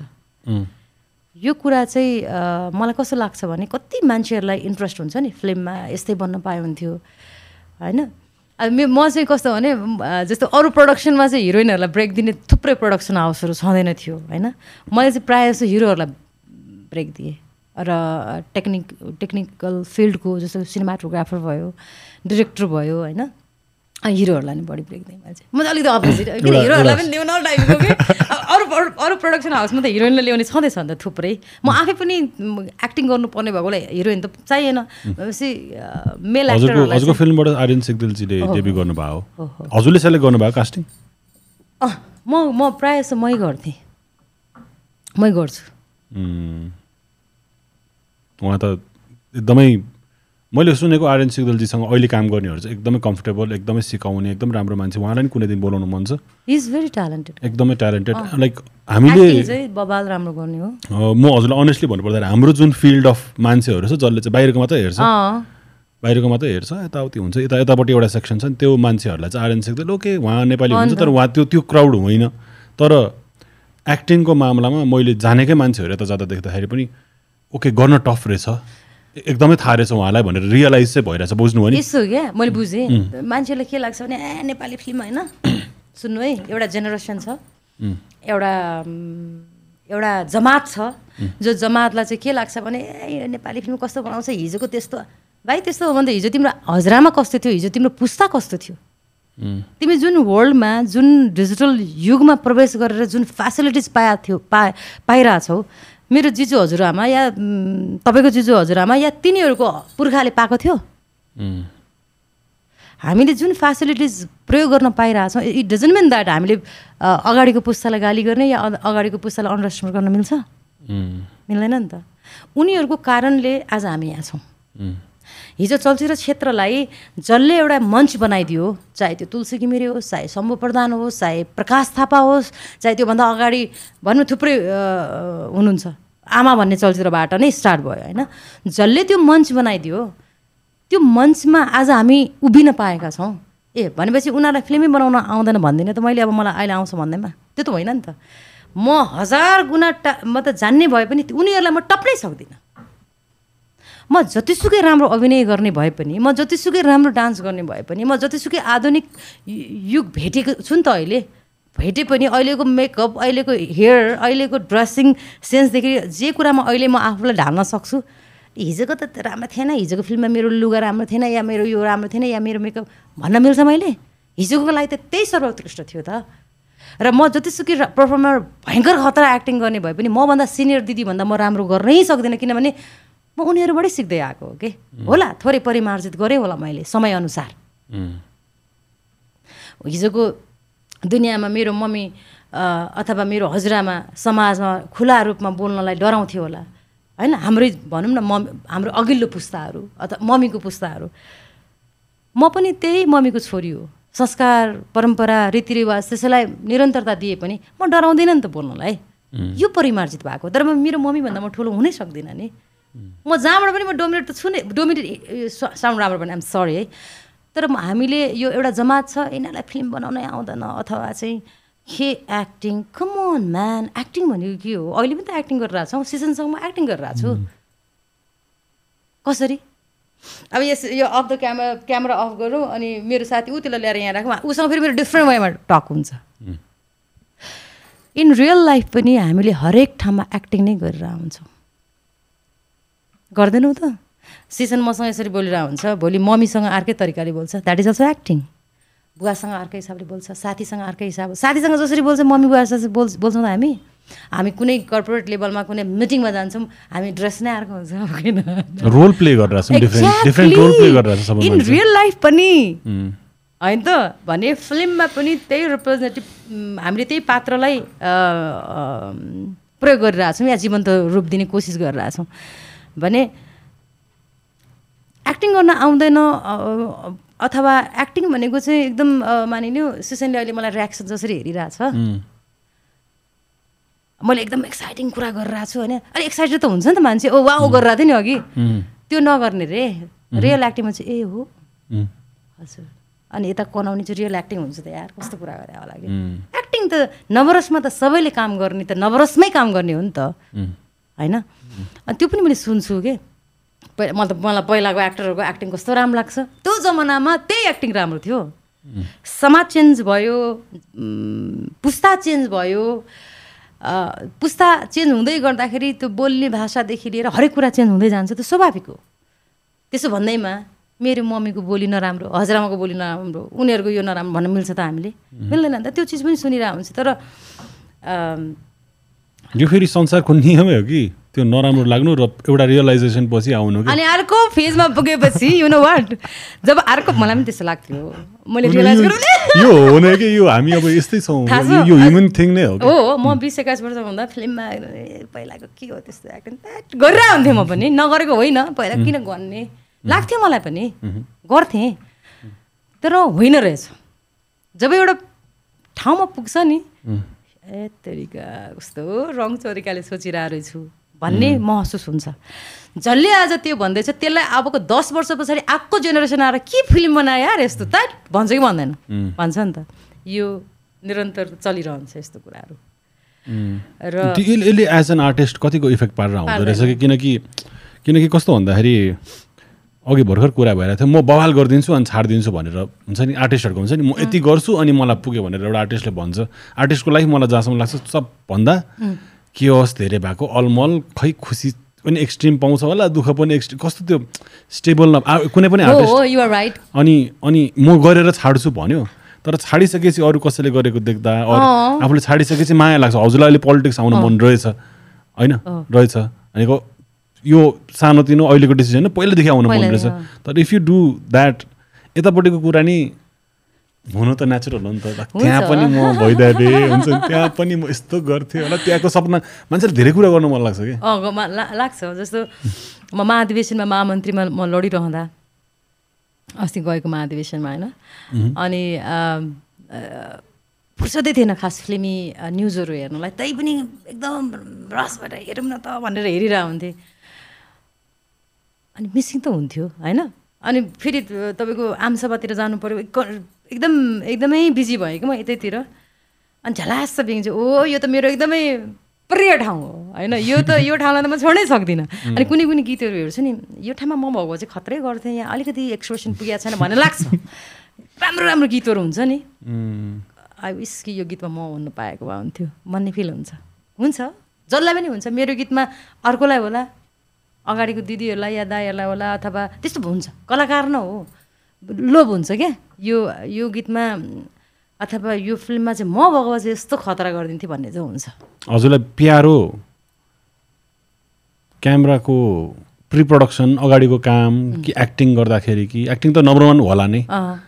तर अरू कुराहरू पनि प्यारो होला नि पछाडि। लाइक डिरेक्सनको पछाडि हेरिदिन सम्हालिदिन। डिरेक्सन त मैले गरेँ। मैले मालिका भन्ने फिल्म गरेँ। त्यो चाहिँ चाइल्ड म्यारिजको विषयमा थियो। त्योभन्दा अगाडि मैले हिम्मतवाली भन्ने डिरेक्सन गरेँ। फर्स्ट एक्टर होला म जो चाहिँ डिरेक्टरमा भएको। पहिलो हिरोइन भनौँ न। स्लोली होइन। स्लोली होइन? हिम्मतवाली।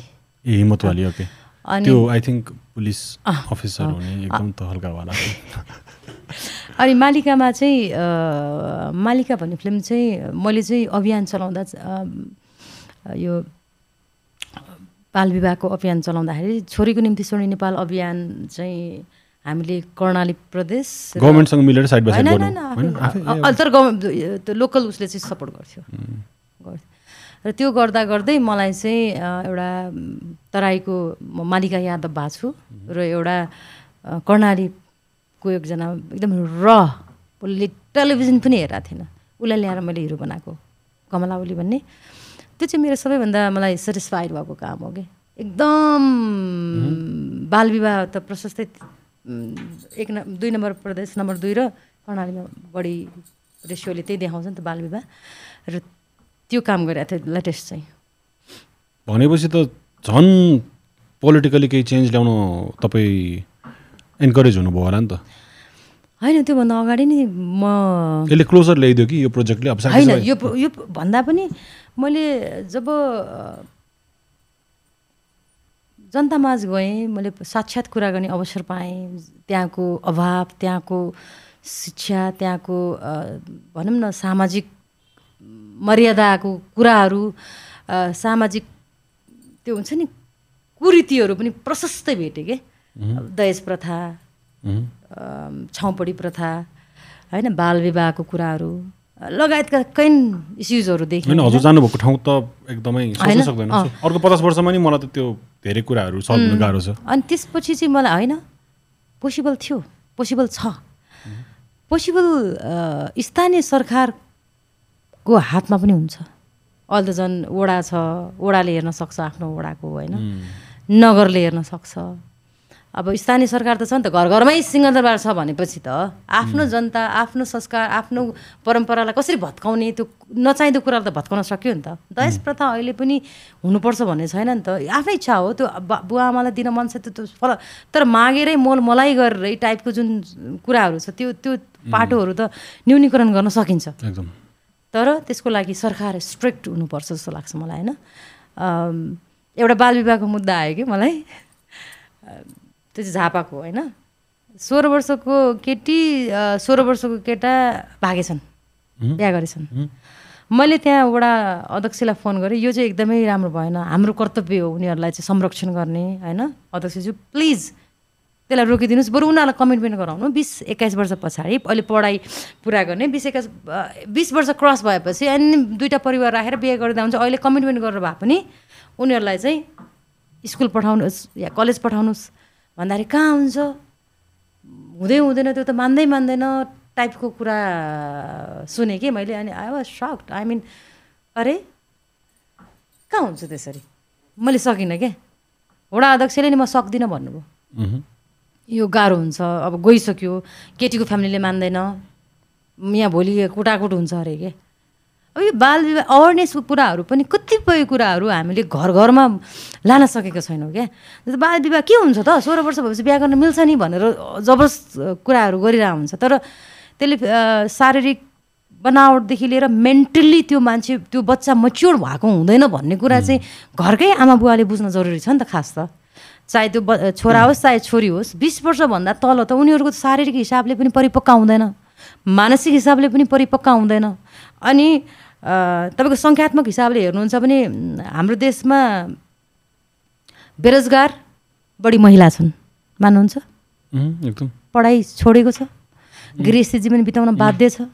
अनि एउटा अ, परिव एउटा पुरुषले एउटा लोग्नेले या एउटा बुवाले सारा परिवारको चुलो बाँध्नु बाल्नुपर्छ। होइन? सरकारले भन्छ होइन भनौँ न अब विदेश पठाउने या रेमिटेन्सबाट देश धानिरहेछ। इफ इन केस छोरी मान्छेहरू सबैजना आत्मनिर्भर भएको खण्डमा कोही पनि घरको एउटा छोरा मान्छे बिस हजार कमाउनकै लागि पनि कतार जानु गल्फ कन्ट्री जानु पर्दैन थियो होला क्या। तर त्यो घरको मान्छेले मेरो छोरी पनि उत्तिकै अध्ययनशील हुनुपर्छ। यसलाई पनि काम यो पनि इन्डिपेन्डेन्ट हुनुपर्छ भन्ने सोचेन क्या। होइन छोरी मान्छे सोह्र वर्ष बिहे गर्दै हाल्नुपर्छ हुँदैन यो। यो प्रकारको मनस्थितिले पनि जतिसुकै फुर्ती लगाए पनि सिसन हाम्रो देशमा पोलिटिकल्ली हामी चेन्ज गर्न चाहन्छौँ हामी राजनीतिक परिवर्तन गर्न चाहन्छौँ अथवा राजनीतिमा एकदम ठुलो तरकी ल्याउन चाहन्छौँ भने सबैभन्दा ठुलो र महत्त्वपूर्ण ठाउँ राजनीतिज्ञहरूले बिर्सिरहेछन् महिलाहरूलाई भोटरको रूपमा प्रयोग गरिरहेछन् महिलाहरूलाई सभा समारोहमा चिटिक्क पर्न बोलाउने अनि ताली पड्काउनको रूपमा मात्रै प्रयोग गरिरहेछन्। कार्यकर्ता मात्रै बनाइरहेछन्। त्यसले कसलाई घाटा भइरहेछ भन्दा पार्टीलाई नै घाटा भइरहेछ नेतालाई नै घाटा भइरहेछ सबैभन्दा ठुलो कुरा त देशलाई घाटा भइरहेछ। कहिलेसम्म चाहिँ पुरुष अथवा छोरा मान्छेको तलबको रेमिटेन्सले देश धान्ने त? कहिलेसम्म एउटा श्रीमती र एउटा आमा आफ्नो छोरा र श्रीमानलाई पर्खेर घरमा चाहिँ विरक्त र बस्ने त? यस्तो पनि हुन्छ त। यो त अहिले त अहिले व्यवस्था परिवर्तन भएर यो त एकदम यति धेरै व्यवस्था परिवर्तन भयो कि मान्छेहरू एक्लै एक्लै भइदियो क्या एउटा बुढी आमा छोरा छोरा आउने आशै आशा मरिरहेको हुन्छ छोरा आउँछ मेरो श्रीमान आउँछ भने बाकसमा आइरहेको हुन्छ अनि यो यो व्यवस्थाले त मानिसलाई झन् बढी डिप्रेसनमा पुऱ्यायो जस्तो लाग्छ कि मलाई? र र अझ अझ let's come to the point है म छोरी मान्छेहरूलाई जबसम्म हामी आत्मनिर्भर बनाउँदैनौँ छोरी मान्छेलाई जबसम्म हामी हिरो मान्दैनौँ छोरी मान्छेहरूलाई जबसम्म हामीले संरक्षण गर्नु पर्दैन छोरीहरूलाई। राम्रोसँग शिक्षा दिनु पऱ्यो घरबाटै। पढ।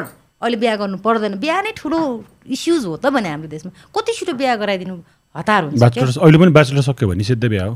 सिधै। अनि उसले पढ्न चाहन्छ होला ऊ जागिर खान चाहन्छ होला ऊ जागिर खाएर मस्त उसले जिन्दगी बुझेपछि बिहा गरोस् नगरोस् उसको खुसीको कुरा हो। तर यहाँ त बुवामा जीवित हुँदै बिहा गर्नै पर्छ।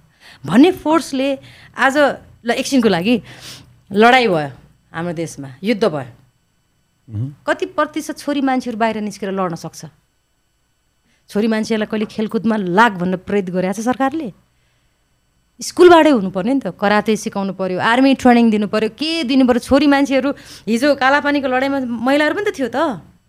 तर अहिले अहिले छोरी मान्छेहरू हेर्नुहोस् त तपाईँ उनीहरू सही ठाउँमा सरकारले चाह्यो भने त स्ट्रिक्ट एउटा नीति बनाउन सक्छ नि त। बनाउनु त बनाएको छ बाल विवाहको बनाएको छ खोइ त अवेरनेसै छैन काहीँ पनि। गयो भने ए यस्तो हुन्छ र तपाईँलाई म भनिदिन्छु तराईको कुरा। दुई दुई नम्बर प्रदेशको त्यहाँ जाँदाखेरि एकजना सांसद हुनुहुन्थ्यो होइन? नाम भन्दिनँ सांसदको मालम फेरि होइन? नेपाली कङ्ग्रेसको। ल यो यहाँ चाहिँ अलिक बढी नै छ बाल विवाह अम, सांसदज्यू ल यसो गरौँ न। यसलाई चाहिँ तपाईँहरूको ठुलो हात हुन्छ। तपाईँलाई पनि भोलि पोलिटिक्स गर्न पनि सजिलो भयो नि त एउटा जेन्युन एउटा बुद्धिमान एउटा एउटा बुझेको मान्छेले भोट हाल्दा पनि बुझेर हाल्छ नि त। होइन? ल यसो गरौँ त भन्दाखेरि कहाँ तपाईँ कस्तो कुरा गर्नुहुन्छ रेखाजी सोह्र वर्षमा त अलमोस्ट पाकिसके हुन्छ एज इफ कि आँप पाके जस्तो के? गर्मीमा। त्यस्तो पनि भन्ने सक्ट औ हजुर? हाम्रो देशको नीति बनाउने मान्छेको हालत त्यस्तो छ भने आम जनताको कस्तो छ विचार? कसरी बुझ्छ त? बुझाउनु पऱ्यो नि त राम्रोसँग। त्यो बुझाउन नसकेको हिसाबले पनि म त ग्यारेन्टी लेखेर दिन्छु आज तपाईँकै प्रोग्रामबाट जबसम्म महिलाहरू यो देशमा जाग्दैनन् जबसम्म महिलाहरू आत्मनिर्भर भएर आफ्नो खुट्टामा उभिएर आफ्नो राइट राइट पनि फेरि गलत ढङ्गको भइरहेछ है। अहिले त्यस्तो राइट भने होइन। आफ्नो जिन्दगीको राइट आफ्नो भोटको राइट आफ्नो देशको राइटको विषयमा जबसम्म जाग्दैनन् नि तबसम्म यो देशमा परिवर्तन हुँदैन हुँदैन हुँदैन। छोरा मान्छेले मात्रै हुन्छ भने छोरी मान्छे बढी छन् नि त। उनीहरूलाई त सही ढङ्गले हामीले कामकाजी बनाउने कि उनीहरूलाई कसरी बनाउने? हामी छोरी मान्छेले चाहिँ उपभोक्ताको रूपमा मात्रै भइरहेछौँ नि त। मैले चाहिँ अघि त्यही कुरा गर्नु लाग्थेँ मैले एउटा उपमेयरजीसँग कुरा गरेको थिएँ म मेयर भइदिए यस्तै एउटा। हामी गाउँमै गएर पडकास्ट गरेको थियो। महिला भने उप उप उप दियो। मेन छैन। म त अस्ति बालनजीसँगै कुरा गर्दाखेरि। उहाँलाई नै भने कि जबसम्म हाम्रो एउटा फिमेल लिडर आउँदैन किनकि मैले धेरै अफिसेसहरू स्कुलहरूदेखि लिएर सबै संस्थाहरू हेर्दाखेरि मलाई मलाई लाग्ने चाहिँ महिलाले लिड गर्दाखेरि चाहिँ त्यो अलिकति मोर खै मलाई चाहिँ त्यसरी गएको संस्था मैले त्यस्तैमा मात्र हेर्नु ल। एकदम राम्रो भात देखाएको छु मैले। इक्जाम्पल म पो तपाईँ पनि अलिकति रिफिल गर्नु त्यो उसमा म पो एउटा मौकाले एउटा मौकाले म रेखा थापा बन्न पाएँ पहिचान बनाउन पाएँ होइन? तर हेर्नुहोस् त बिस एक्काइस वर्ष भएछ म यो क्षेत्रमा आएको। बिस एक्काइस वर्ष। होइन? म मौकाले चिनिने एउटा अपवादमा परेँ म। तर इमेजिन गर्नुहोस् त मभन्दा राम्री मभन्दा प्रतिभावान मभन्दा क्षमतावान महिलाहरू दिदीबहिनीहरू अहिले पनि बिरुवाको जिन्दगी बिताउन बाध्य छन् किन? यो व्यवस्थाले उनीहरूलाई माथि उठ्न दिएन नि त। पोइन्ट टु बी नोटेड म पो जबरजस्ती आएँ त। तर जबरजस्ती जबरजस्ती आउने वातावरण किन भएन?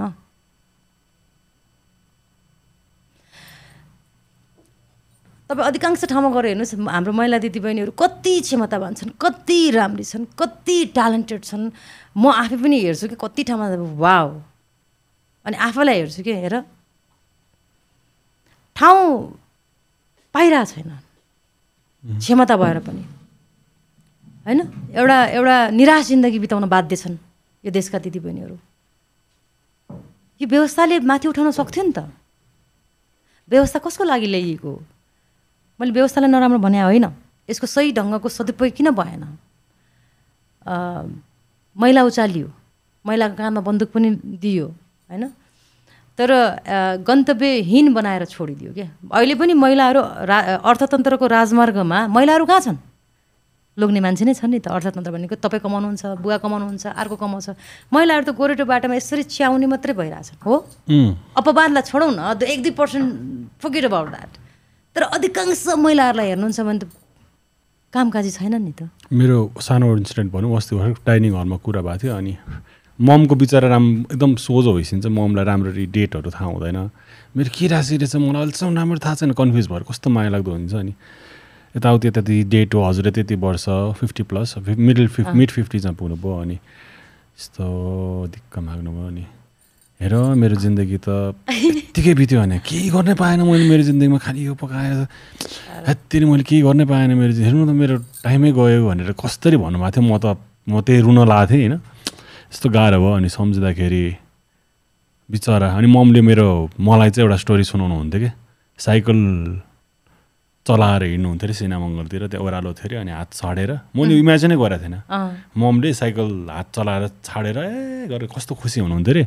थाहै नभइकन सानो उमेरमा बिहा भयो यताउति भयो त्यसपछि त गयो जिन्दगी भनेर कसरी भन्नुभयो के कोलाई अब हामीलाई पाल्नुको लागि कम यसो गर्नलाई मलाई चाहिँ त्यसले एकदमै हिट हानेर हुन्छ नि मेरो जिन्दगी गयो म त कहीँ गयो नि गर्नु पाएन यो नि भन्नु पाएन भन्दाखेरि चाहिँ सिधै त्यो त्यो एकदमै राम्रो लाग्यो क्या एकदम ठाउँमै। हो त नि कति कति महिला दिदीबहिनीहरू छन् भन्नु त ल यो देशमा।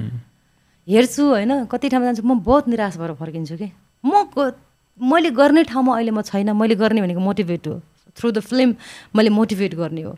म नीति नियम बनाउने ठाउँमा छैन तर बनाउने ठाउँमा पुगेको दिन चाहिँ म पनि क्रान्ति गर्न सक्छु जस्तो लाग्छ मलाई। हजुर एकदमै भनेर एकदम कस्तो भन्ने? हुन त एकदम पपुलर भएर हजुरलाई फाइदा भयो होला। तर त्यो टाइममा यस्तो हिरोइन हो भनेर अप्रोच त मान्छेको त्यही हुन्थ्यो नि त पहिला। भनेको तपाईँलाई कति गिद्धहरूले हेरेर बस्यो होला कि? यो यसलाई हुन्छ नि? तपाईँलाई नराम्रो नजरले हेरेर नराम्ररी अप्रोच गर्ने त त्यो बेला त म्यासिभ थियो होला किनकि त्यतिखेर थिएन। थिएन? एकदम छुच्ची नि त म फेरि ए okay okay you're strong in किनकि. कतिजनालाई त्यस्तो हुन्छ। हामी रिसेन्टली न्युजहरू पनि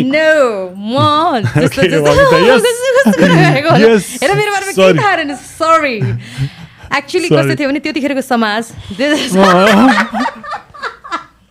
म सरी सरी केटाहरूलाई कुट्दै आएँ केटी के कुरा गरेँ सही यो चाहेको हो चियर्स होइन मलाई इम्बारेस्ड फिल भयो तर मेबी भनेर ठिक छ यो यो स्पिरिट दामी थियो म फिल्ममा पनि गुन्डा कुट्दै आएको। जहाँ हिरोले हिरो ट्र्यापमा पर्छ सिधै गएर हानिदिने हो। फ्लाइङ कि कस्तो कुरा गरेको? म आउँदैखेरि मेरो के सोच्थेँ भने अरू म अरू जसरी हिरोइन भनेको फिमेल एक्टर भनेको जो शृङ्गारिक वस्तुको रूपमा जसरी लिइन्थ्यो नेपाली चलचित्र क्षेत्रमा पुरुष पात्रको जुन दबदबा थियो त्यो दबदबालाई मैले नस्वीकारिकन मेरो आफ्नो पहिचान ती व्यक्तिहरूको लागि ती छोरीहरूको लागि ती बहिनीहरूको लागि बनाउनु पर्छ भनेर म त्यसरी आएँ बरु इन्डस्ट्रीबाटै म बिच म- मलाई बरु प्रार हुन्थ्यो। पब्लिकबाट पब्लिकले त मलाई जहिले पनि हिरोको रूपमा लिनुहुन्छ। भनेको यो अन्डरस्ट्यान्ड भनेको मैले त्यतिखेर फिल्म खेल्दाखेरि एकदम कस्तो खालको फिल्महरू हुन्थ्यो भने जस्तो हिरोइनहरू रुना धोना अथवा चाहिँ पीडित। वाइ पीडित? खम म पनि हान्न सक्छु नि स्कर्टै लाएर पनि किक हान्न सक्दिनँ। मैले त्यसरी त्यसरी आएको। होइन म अहिलेको फ्लोमा कहाँ यस्तो भयो कि? हुनु छ नि त अब। भएन छि। मैले कति होइन। मेरो कति धेरै म कति धेरै बदनाम भएको छु। मैले मान्छे कुटेर। अहिले त मान्छे कुट्न छोडेँ नि। अहिले फेरि पऱ्यो भने पनि कुट्छु फेरि। होइन त्यति त्यतिखेर तपाईँले यसरी आफ्नो गर्नुभयो। तर त्यो सिनमा मैले भने यो फिल्ममा रियलमा भनेको। हो हो हो हो। रियलमा तर रियलमा कति धेरैजनाको आँटै हुँदैन। अस्ति भर्खर एउटा बहिनीले बोलेर अनि सबैजनाको त्यो कस्तो करेज खुल्यो नि त। भने बुझ्नुभयो नि। त्यस्तो त्यस्तो चान्सै थिएन मेरो। ट्रस्ट तपाईँको त होइन। म। अपवादमा परेँ होला। तर म मैले भन्न खोजेको मेरो इमेज कस्तो भयो भने छुच्ची क्या एकदम छुच्ची यता लडाकु एकदम हानिदिन्छु। अब हानिदिएको पनि हो नि त फेरि। दुई चारजना लिएर कुटेको पनि हो होइन? तर अहिले अहिले पो बिचमा कति पाँच सात आठ वर्ष भयो। जब पोलिटिक्समा लागेपछि पो मान्छे कुट्न छोड्यो त। मलाई बाबुराम भट्टराईले भन्नुभयो ए मान्छे सान्छे कुट्न हुँदैन। अनि चाहिँ बाबुराम भट्टराईले मलाई त्यति चाहिँ मलाई सम्झाउनु भएको थियो। मान्छे कुट्नु हुँदैन नि अब। छोडिदिएँ त्यसपछि। तर परिआएको खण्डमा रेखा थापा जीवित छे भित्रबाट पनि हानिदिन्छु अहिले पनि तर पर्नु पर्यो। अब म सिक्नु भयो होला। मार्सल आर्ट सिकेको। मैले मेरो मेरो त्यो त्यो चिजले चाहिँ मैले यसलाई एकदम सानको रूपमा लिएको होइन। म यो समाजमा यो धरतीमा पुरुष जस्तै मान्छे हुँ। मलाई हेर्ने दृष्टिकोण महिला भनेर त्यो हे भावले नहेरुन्। र हेर्नु पनि हुँदैन। यो धरती तपाईँ र मलाई समानान्तर रूपले प्रयोग गर्न बनाएको हो। छोरालाई चाहिँ अलि तपाईँले अलिक मभन्दा बढी अक्सिजन लिनुहुन्छ र यो हावाले तपाईँलाई बढी दिन्छ र होइन? अथवा घाम बढी तपाईँलाई लाग्ने हो र मलाई चाहिँ नलाग्ने एउटै घाम एउटै अक्सिजन एउटै हावा लिइरहेछौँ भने हामी अनि यो बना यो बनाएको समाजले चाहिँ किन विभेद गरिरहेछ? म पनि सिसनले जस्तो गर्न सक्छु नि। मजाले। पोइन्ट टु बी नोटेड म होइन म हामीको कुरा गरिरहेको छु म लाखौँ दिदीबहिनीको कुरा गरिरहेको छु है म म प्रतिनिधि पात्र मात्र है म रेखा थापा होइन है म हामीको कुरा गर्दैछु होइन मेरा देशका सबै दिदीबहिनीहरू हिरो छन् सक्छन् आँट आइरहेको छैन म त्यो आँट दिने काम गरिरहेको छु मैले मान्छे कुट्यो होला म बदनाम मैले सो वाट रेखा थापाले कुटी चाहिँ यसले मलाई जिस्का यसलाई पनि हान्दिउँ भनोस् भनेर हो आफ्नो प्रोटेक्सन आफू गरोस् भनेर हो दाई या बुवा मलाई फलानाले जिस्कायो यसले मलाई ह्यारेसमेन्ट गर्यो भनेर घरमा गएर दाईसँग किन प्रोटेक्सन माग्ने भाइ? आफै हान्दिएर न अनि त्यसपछि कुरा गरौँला पछि टाइपको हुनु पऱ्यो भन्ने मेरो मान्यता हो कि? बुझ्नु भएन किन हाँसिरहेको त्यस्तो लाग्छ मलाई।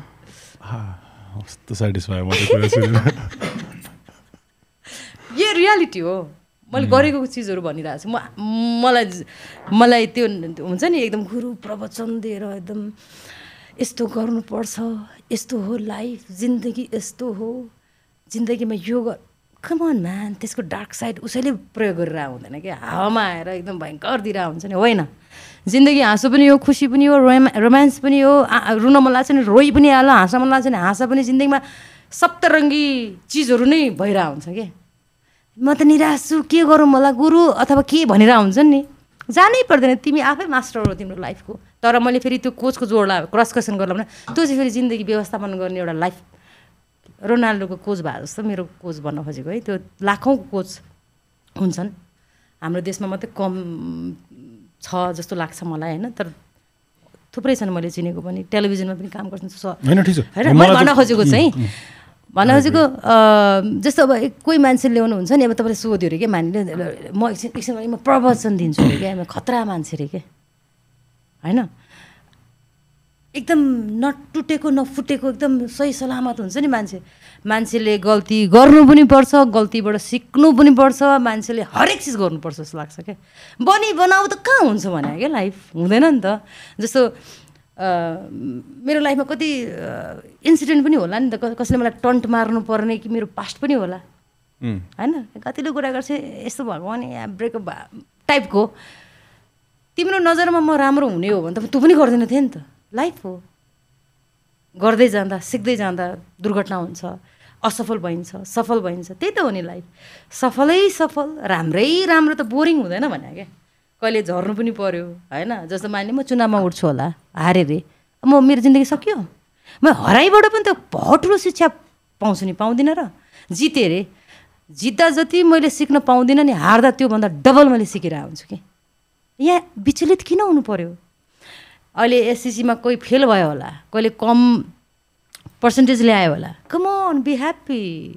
केही बिग्रिया छैन।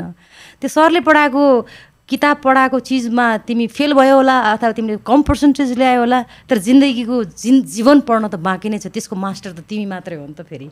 त्यहाँ किन डराउने? मैले एउटा सुनेको थिएँ सुसाइड केस भयो रे सुसाइड गर्यो रे एउटा बच्चाले होइन? मलाई बहुत नराम्रो लाग्यो। हामी कस्तो शिक्षा दिइरहेछौँ शिक्षा के को लागि? जागिर खानको लागि? या जीवनलाई अनुशासित बनाउनको लागि?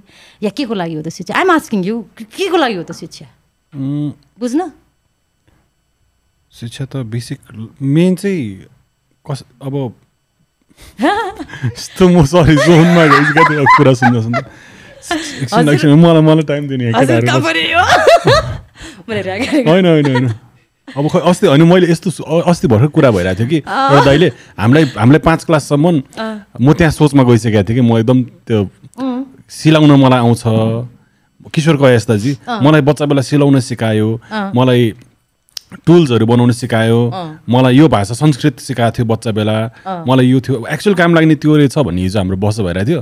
त्यो मलाई एकैचोटि भन्न आएन तर हामीले जुन राम्रो भएर फर्स्ट भएर त्यो जुन नेपाली टिपिकल हाम्रो शिक्षामा जुन म चाहिँ हुर्केँ त्यसले मलाई लाइफ टाइमभरि हन्ट गर्यो किनकि म असक्षम छु भनेर म अलमोस्ट ब्याचलर्स पढ्ने बेला म असक्षम छु भन्ने मेरो बिलिफ थियो कि जुन शिक्षामा म आएँ। म धेरै नराम्रो थिएँ। सो त्यसले चाहिँ त्यस्तो गरेको थियो कि। सर चाहिने भनेको त यस्तै हो नि यो लाइफ बुझाउन नै सक्दो रहेछ कि कति बच्चाहरूलाई सानो सानो कुराले लाइफको बारेमा धेरै ज्ञान पनि दिन सक्दो रहेछ। त्यो ठुलो लाग्ला हामीलाई तर त्यसको ब्रेन यसरी डेभलप हुँदो रहेछ कि उसलाई पिस भेट्टाउन। त्यस्तो हुनदेखि अब तपाईँले फर्स्टमै ऱ्याङ्क वान ऱ्याङ्क टू गऱ्यो भने त जहिले पनि कि आफ्नो मार्क्स धेरै आओस् कि अर्को मार्क्स नराम्रो आओस् भन्ने कुराले नै तपाईँको तपाईँको लाइफको गोलै त्यो भएर गइदियो नि त।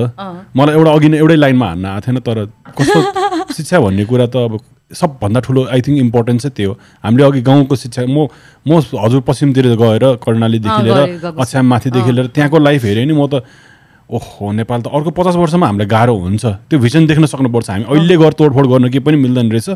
यहाँको बिलिफ बिस्तारै गर्ने शिक्षाले गर्छ। सो त्यो चाहिँ एकदम लामो प्रोसेस रहेछ। पोलिटिक्स भनेको तपाईँ हजुरले जित्नु भयो भने पनि म दस वर्ष बिस वर्ष लगाएर यति चेन्ज गर्न सक्छु भन्ने कुरा रहेछ कि। हजुरहरू फिल्ममा आउनुभयो हजुरहरूले जे चेन्ज गर्नुभयो त्यो त्यसको रिवार्ड अहिले कसले पाउँछ? यसको रिवार्ड जति मेहनत गऱ्यो हामीले पछि कसले पाउँदै जाने रहेछ?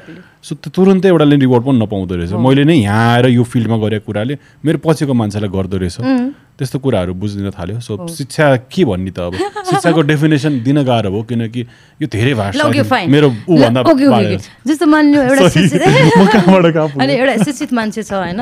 शिक्षित कला भन्ने होइन? उसले जस्तो जस्तो मानिलिउँ एउटा एउटा सबैवटा सब्जेक्टमा पिएचडी होल्डर छ एकजना व्यक्ति होइन? उसलाई लाइफको बारेमा र प्र्याक्टिकल्ली कति कुरा थाहा नहुन सक्छ नि त। पढाइमै व्यस्त भयो नि त ऊ। पढाइमै मात्रै व्यस्त भयो नि त किताबमै मात्रै व्यस्त भयो नि त। मैले मेरो जीवनको किताब पढ्ने कि नपढ्ने? म शिक्षणको जीवनको किताब पढेर मैले कसरी आफूलाई शिक्षित मान्ने त?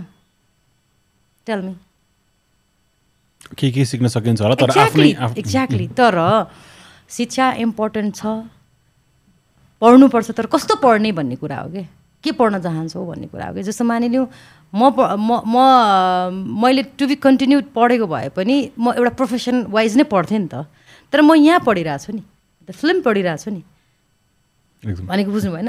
अब यहाँनिर मान्छेहरूलाई के लाग्छ भने ए यहाँ फिल्म लाइनमा जस्तो बलिउडमा पनि हेर्न सकिन्छ हलिउडमा पनि हेर्न सकिन्छ। एजुकेसनलाई त्यो हायर एजुकेसन लिएर चाहिँ फिल्म खेल्न आउने चान्सै छैन क्या। त्यति धेरै पोसिबल पनि म देख्दिनँ क्या। किनभने मलाई एक्टिङै गर्नु छ त एक्टिङै सिक्छु नि म। र तपाईँको जीवनको मकसद के हो? त्यो अनुसार आफूलाई परिमार्जित गरेर मान्छे अगाडि बढ्छ। शिक्षा अनिवार्य छ सबैको लागि हो। तर त्यसपछि तपाईँ कस्तो प्रकारको शिक्षा लिन चाहनुहुन्छ? एउटा सर्टेन टाइमपछि प्लस टू पछि होला।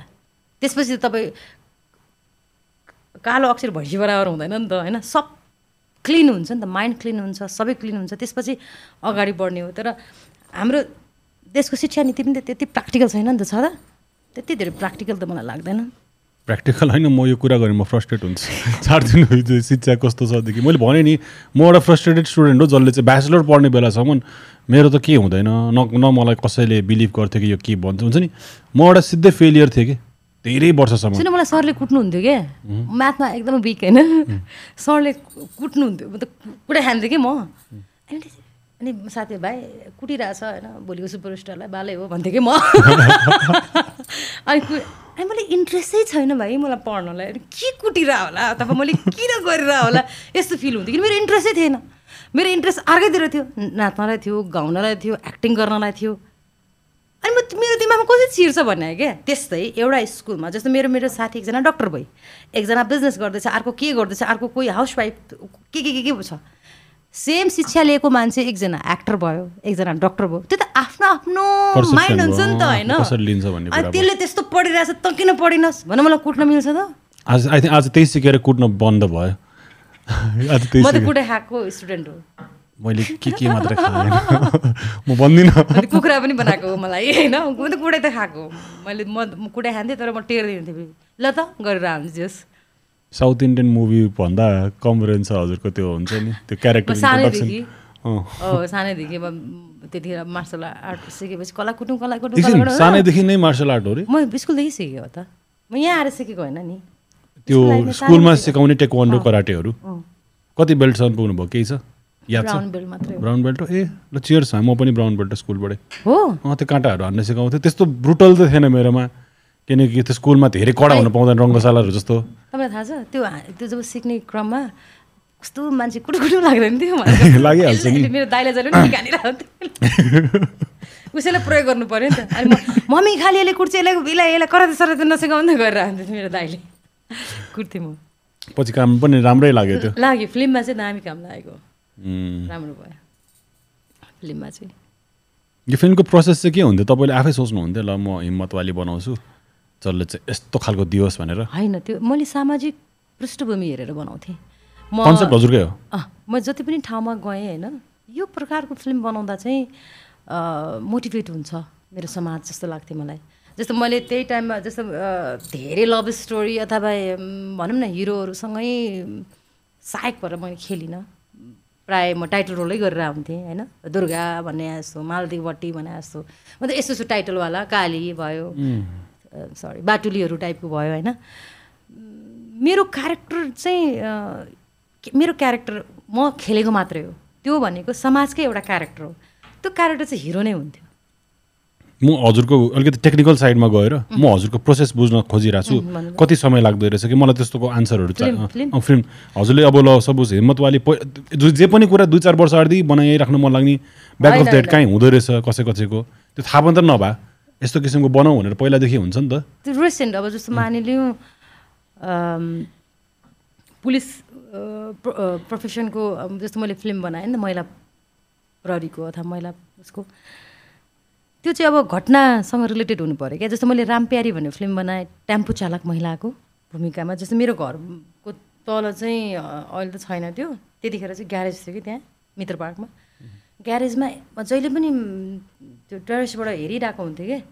त्यहाँ बुढाबुढीको खुब झगडा पर्थ्यो। टेम्पो चालक महिला दिदी वाइफ चाहिँ टेम्पो चलाउने।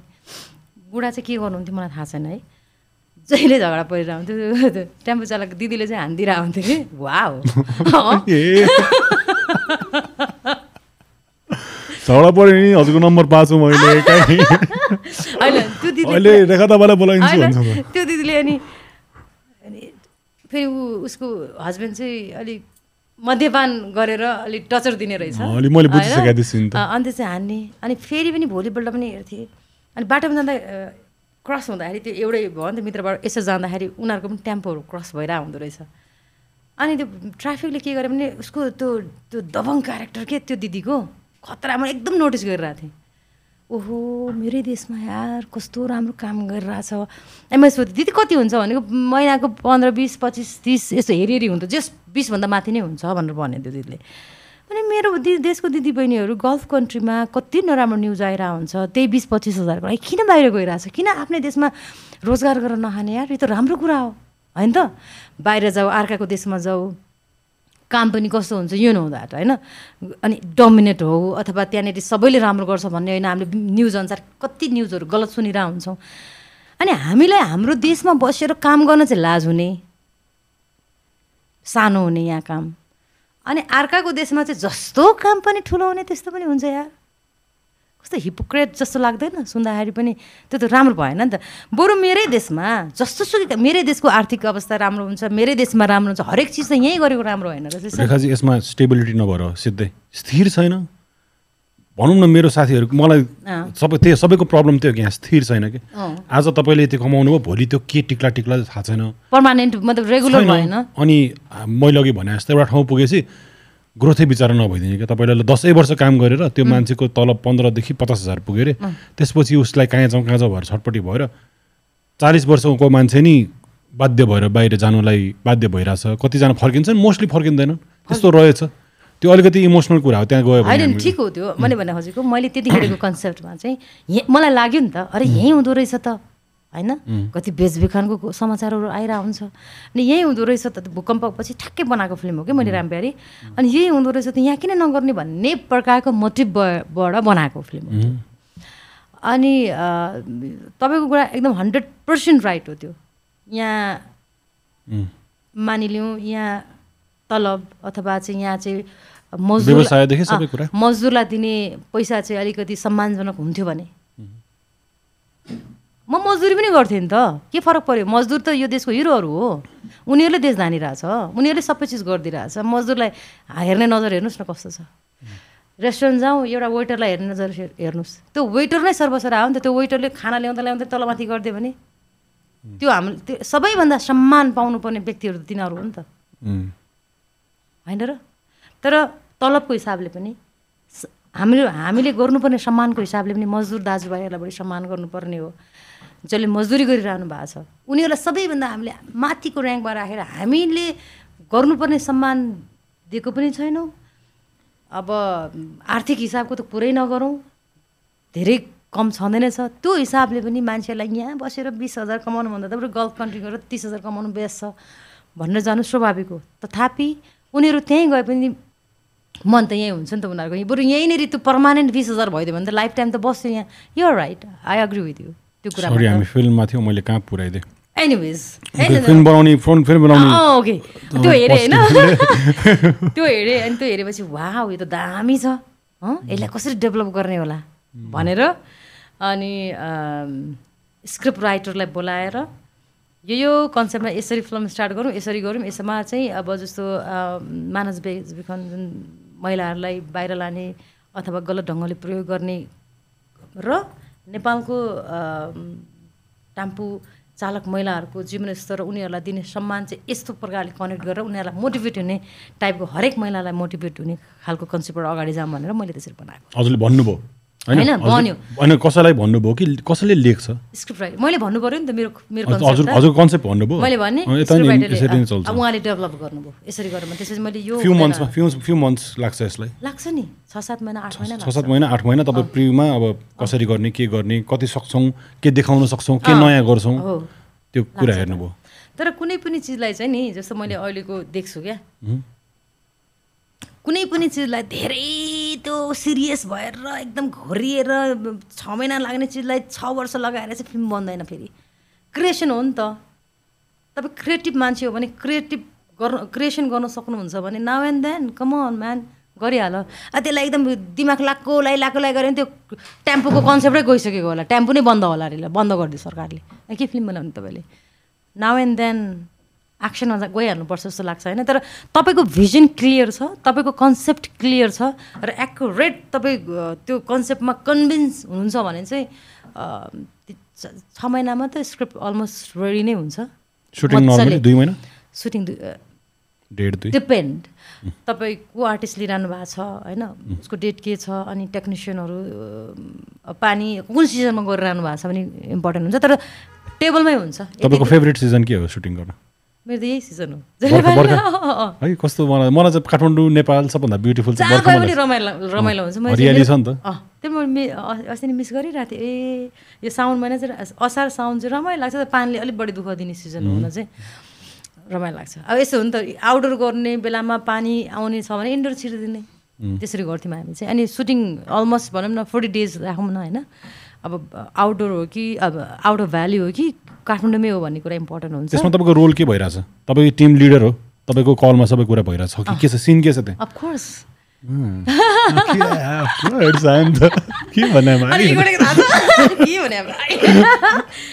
बसिरहेको थियो होइन?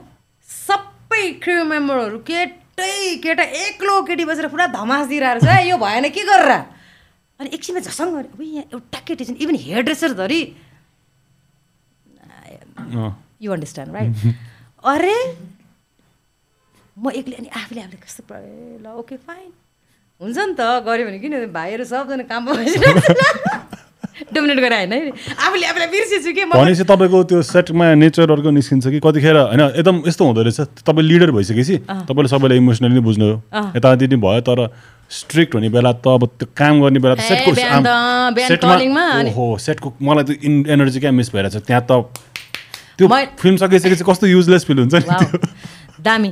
फिल्म सकेपछि आनन्द हुन्छ नि एक दुई दिन मिसिङ हुन्छ है फेरि। त्यो काममा उरी जस्तो चार पाँच घन्टा सुतेर काम गरेर गऱ्यो अनि त्यो सानो। बित्तिकै ओहो मेरो त टाइम कस्तो वेस्ट भइरहेको जस्तो फिल हुन्छ मलाई चाहिँ। म त बिहान राइ अ, समयमा हरेक चिजहरू भएको रहेछ मेरो फेरि बिहानदेखि पड्किने हो नि त म फेरि। के हो? तिम्रो पिकनिक खान आएको हो? माई गड मेरो तिम्रो भ भत्तर खाइरहेको छ मेरो। तर मैले गाली गर्दा कोही पनि रिसाउँदा हाँस्थ्यो। नपत्याइदिने कि? हाँस्ने एउटा तर तरिका। हुन्छ नि त सेटलाई सम्हाल्ने पनि त्यो गाली पनि त्यो सार्क्याजम हो त्यो हल्का टुच्च टुच्च दिनुपर्छ नि सबैलाई। तर अनि के गर्ने रहेछ? ठक्क म गएर गइरहेको थिएँ रुद्रप्रियाको सुटिङ ठाउँको नाम के अरे? बन्दीपुर। अनि त्यसपछि पुरा टेक्निसियनहरू क्यामराम्यान दाई होइन सबैजना पुरा चिया खाएर मजाले गहदेर बसिरहेको रहेछन् क्या मेरो एन्ट्री भयो एकदम सबैजना हताला पत्ता त्यो ट्रलीहरू यसो यसो गरिरहेको एन्ड मलाई हाँसेर अब यिनीहरू मसँग डराउँछ। ओके भने मैले केही भनिनँ त्यसपछि चाहिँ? केही पनि भनिनँ। त्यो रमाइलो हुन्थ्यो। हुन्छ। अहिले पनि हाम्रो दुई तिनवटा स्क्रिप्ट रेडी छ। म यो आफ्टर इलेक्सन मात्रै म फ्लोरमा तपाईँ यो टिम चाहिँ त लगभग एउटै दस पाँच दसजना एउटै हुन्छ कि कतिजना चाहिँ तपाईँको कोर टिम हुन्छ यो मेरो चाहिँ म यो ग्रुप रिजनमा त्यति विश्वास गर्दिनँ। सोलो। भनेको एकजना चाहिँ मेरो पर्मानेन्ट हुन्छ। असिस्टेन्ट डिरेक्टर नवराज भन्ने छ। ऊ चाहिँ पर्मानेन्टली नै छ पहिला पहिलाबाट नै। अनि एक दुईजना होइन म चेन्ज गरिरहन मन लाग्छ मलाई भन्न। खोजेको सबै सबैसँग काम गर्न चाहन्छु नि म। स्टाइल पनि डिफ्रेन्ट हुन्छ त्यो एउटै भयो भने चाहिँ झ्याउँछ क्या फेरि। एउटै एउटै चिजहरू रिपिट होला अथवा एउटै टिम एउटै चिज भयो भने त मजा पनि आउँदैन। अनि सबैजनासँग काम गर्नु पऱ्यो नि त। रेखा फिल्म्स अ, सबैको लागि हो। मेरो मात्रै होइन त्यो त सबै टेक्निसियनहरूको अधिकारको कुरा हो। त्यो टेक्निसियनले नै रेखा थापा बनायो नि मलाई फेरि। सबैसँग काम गरिरहेको छु नि त मैले भनेपछि रेखा फिल्म्समा एउटा मात्रै क्यामराम्यान रिपिट भइराख्यो भने त अन्याय हुन्छ नि अरूमाथि। त्यस्तो लाग्छ मलाई चाहिँ। एकदम ठिक कुरा। होइन? हो तपाईँको चाहिँ एउटै कुरो भयो।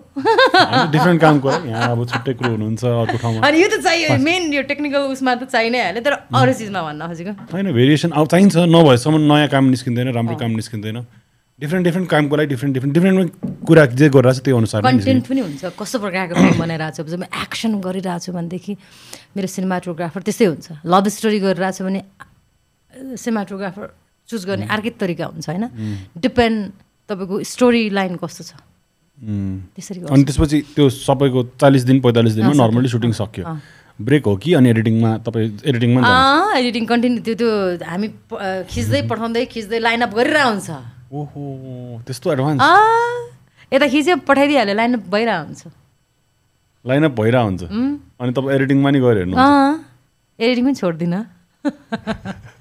एडिटिङ प्रोसेस चाहिँ कति हो? एक महिनामा एडिट त हुन्छ होला हुँदैन होला। होइन जस्तो प्रोफेसनल दाइ सिनियर दाईहरूले गरेर हुन्छ।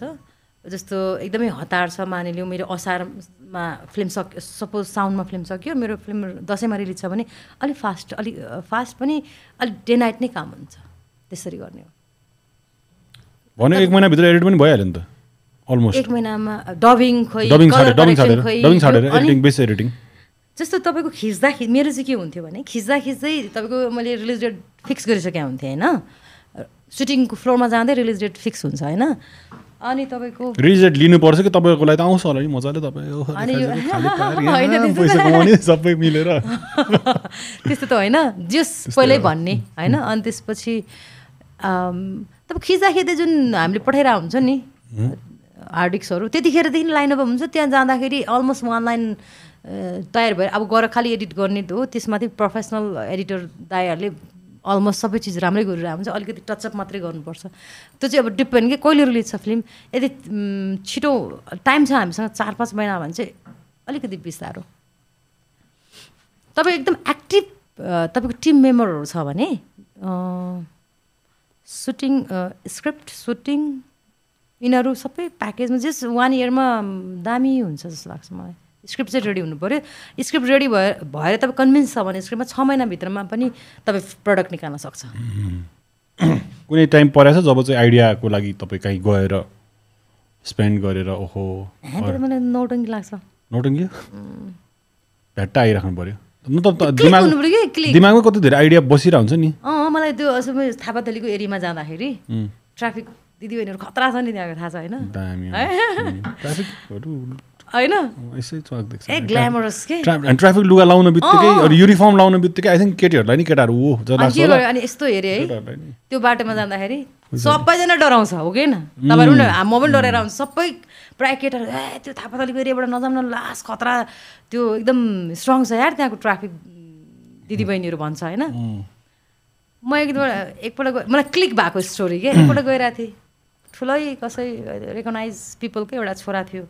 ए रोक त्यसलाई समात दिइरहेको थियो कि? वा भएन त्यस्तो त्यस्तो चिजले चाहिँ क्लिक हुन्छ मलाई चाहिँ। उम्, तपाईँले भनिहाल्नु हिजो भर्खर पनि एउटा ट्राफिक प्रहरी प्रहरी लुगामा चाहिँ हुनुहुन्थ्यो।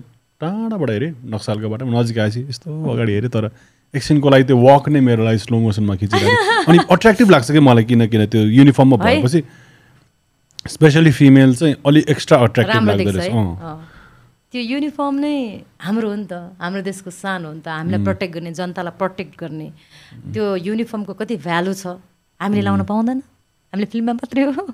होइन जस्तो कुनै पनि लुगा हामी किनेर लाउन सक्छौँ बनाएर लाउन सक्छौँ। तपाईँ हामी ट्राफिक पुलिसको लुगा लाएर हिँड्न सक्छौँ। यतिको बाहिर। इम्पोसिबल त्यो प्रेसियस छ त्यो। तपाईँलाई त्यो फिल्ममा लगाएको भएर पनि त्यसको भ्याल्यु अझै बढी। लाग्ने होला। एकदम एकदम त्यसको भ्यालु नै डिफ्रेन्ट छ। त्यो कुराहरू तपाईँको सुटिङको कति धेरै सामान हुन्छ नि हरेक फिल्ममा? नयाँ सेट तपाईँले त्यसलाई आउट स्टोर अस्ति भर्खर मैले के के भन्छ त्यसलाई लानेलाई? लान्छ नि सामान। उसलाई बोलाएर पठाइदिएँ। सबै हेर्दैन अरे लोभ लाग्छ भनेर क्या। गनहरू टन्नै डुप्लिकेट गन है। टन्नै थियो सब चिज चाहिँ त्यो काम युजलेस हुन्छ भनेर सबै लैजाउँ म हेर्दै हेर्दैन मलाई लोभ लाग्छ भने सबै पठाएँ कवाडी जस्तो? कवाडी मान्छेलाई? त्यो भयो गन्छ अनि लैजाऊ तिमी इन्जोय गर भने लुगा सुगा अगडङ बगडङ त्यो ठुल्ठुलो हुन्छ नि त्यो लुगाहरू राख्ने के भन्छ? ट्याङ्का। होइन होइन। के भन्छ? ट्याङ्का ट्याङ्का। बक्स एनिवेज त्यो त्यसमा लुगाहरू यति धेरै थियो मलाई हेर्दा पनि हेर्ने लोभ लाग्यो कि। मलाई हेऱ्यो भने म एक नम्बर लोभी त्यो राखिहाल्छु होला। भनेपछि सबै लैजाउँ म हेर्दा पनि हेर्दिनँ सबै क्लिन गरेर पठाइदिएको। पुरानो केही पनि छैन। केही केही त राख्नुभयो होला। विपिन दाईसँग कुरा गरेको थिएँ चस्मा कसैलाई दिएको थिएँ के गरेको थिएँ खै के समथिङ केही चाहिँ एउटा जस्तो फिल्ममा युज भएको चिजहरू त टन्नै छ नि। तर मतलब त्यो चाहिँ अननेसेसरी चिजहरू भयो नि त डुप्लिकेट गनहरू त म किन राख्नु त। लुगा सुगा त्यो सबै कुराहरू त्यो तपाईँले अँ, त्यो लुगाहरू जुन मैले युज गरेको लुगाहरू छ नि पुलिसको अथवा चाहिँ अरू अरू ग्रुपहरूले अब त्यो अब कामै लाग्दैन कि त्यो पुरानो भइसक्यो नि त। अनि मैले छोडिदिएको। के एकदम फिल्ममा इन्ट्रेस्ट छ कि फिल्म बनाउन आँटेको हो र? कुनै दिन बनाउँछु म एकदमै म मलाई अहिले के भइरहेछ भन्दाखेरि युट्युबबाट गर्नु मन छ. भेरी सुन मैले अस्ति नै भनेको थिएँ यो इयरसम्म गर्छु। त्यसपछि मुभीमा लाग्छ। तर मलाई मलाई अहिले लाइफमै यस्तो म ब्ल्याङ्क छु कि होइन। म म भोलि के गर्छु नि मलाई थाहा छैन कि। अहिले रिसेन्ट यो चार पाँच दिनदेखि भोलि के गर्नु मन छ नि थाहा छैन। पर्सि के गर्नु? उत्ताको बारीको थाहा छ तर म पारीको चाहिँ थाहा छ। पारीको त ल होइन म मलाई चाहिँ लाग्छ म एकदम स्पेसल कुराहरू बनाउँछु जिन्दगीमा। पारीको चाहिँ थाहा रहेछ होइन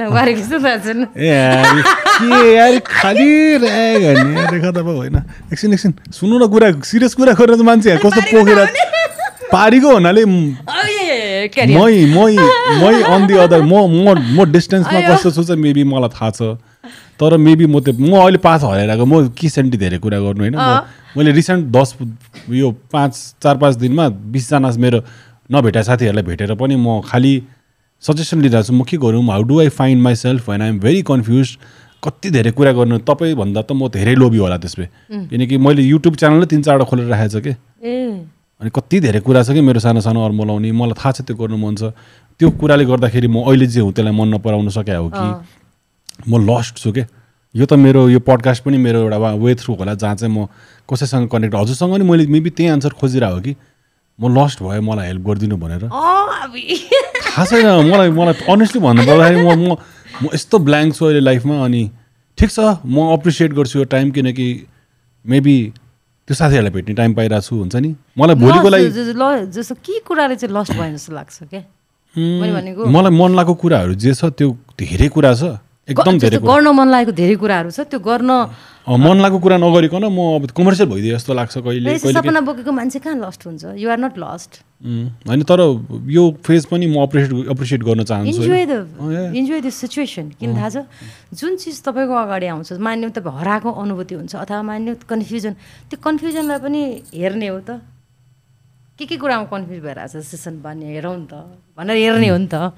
त्यो डराउने नै होइन नि त खास त त्यो कुरामा। त डर्दा डराउँदैन मलाई थाहा छ होइन? डराउँदैन होला आई आई होप डराउने भएर यतासम्म पनि पुग्दैन थियो होला होइन? तर तर यस्तो हुँदो रहेछ। तपाईँले भने जस्तो लस्ट यो कुराले होइन अन्य कुनै कुराले लस्ट भएको हुनसक्छ तर यो यो करियरको कुरामा अथवा चाहिँ भोलिको कुरामा चाहिँ होइन जस्तो लाग्छ है मलाई। म त लकडाउनदेखि जब म मेरो त्यो लास्ट इयर थियो कि ट्वेन्टी ट्वेन्टी हामी भिजिट नेपालको मेन थियो अनि त्यसपछि चाहिँ हामी अब यस्तोमा लाग्ने सिनेमा गर्ने भनेर हाम्रो थियो लकडाउन भइदियो। अनि मेरो चालै यस्तो यस्तो भइदियो कम्पनीको लागि त्यस्तो कुराले कहाँ होइन त्यो कुराले पनि एकदम हो। कस्तो हुँदो रहेछ कि? जब तपाईँको अघि भने नि म चाहिँ करियर ड्रिभन मान्छे हो सबभन्दा प्यारो जिन्दगीमा के लाग्छ भनेपछि मेबी मलाई कामै लाग्छ होला। काम होला। अब त्यो त्यो नेचर म चेन्ज गर्न सक्दिनँ तर त्यस्तोमा अलिकति जब मान्छे अल्मलिन्छ हराउँछ स्ट्याग्नेन्ट हुन्छ एउटा ठाउँमा पुगेर ग्रोथ खोज्न थाल्छ त्यतिखेर चाहिँ मान्छे छटपटिँदो रहेछ कि। एकछिन ब्रेक लिनुपर्छ। ओ सो म ब्रेकमा के गरौँ भनेर म सोचिरहेको छु। म ब्रेक पनि लिनु मन छ। ब्रेकमा नि के गर्नु मन? त्यो त केही पनि होइन त्यसो भए हावा कुरा। ब्रेक कस्तो बाटो के? ब्रेक लिने मजा के हो ब्रेक तपाईँको लागि ब्रेक के हो?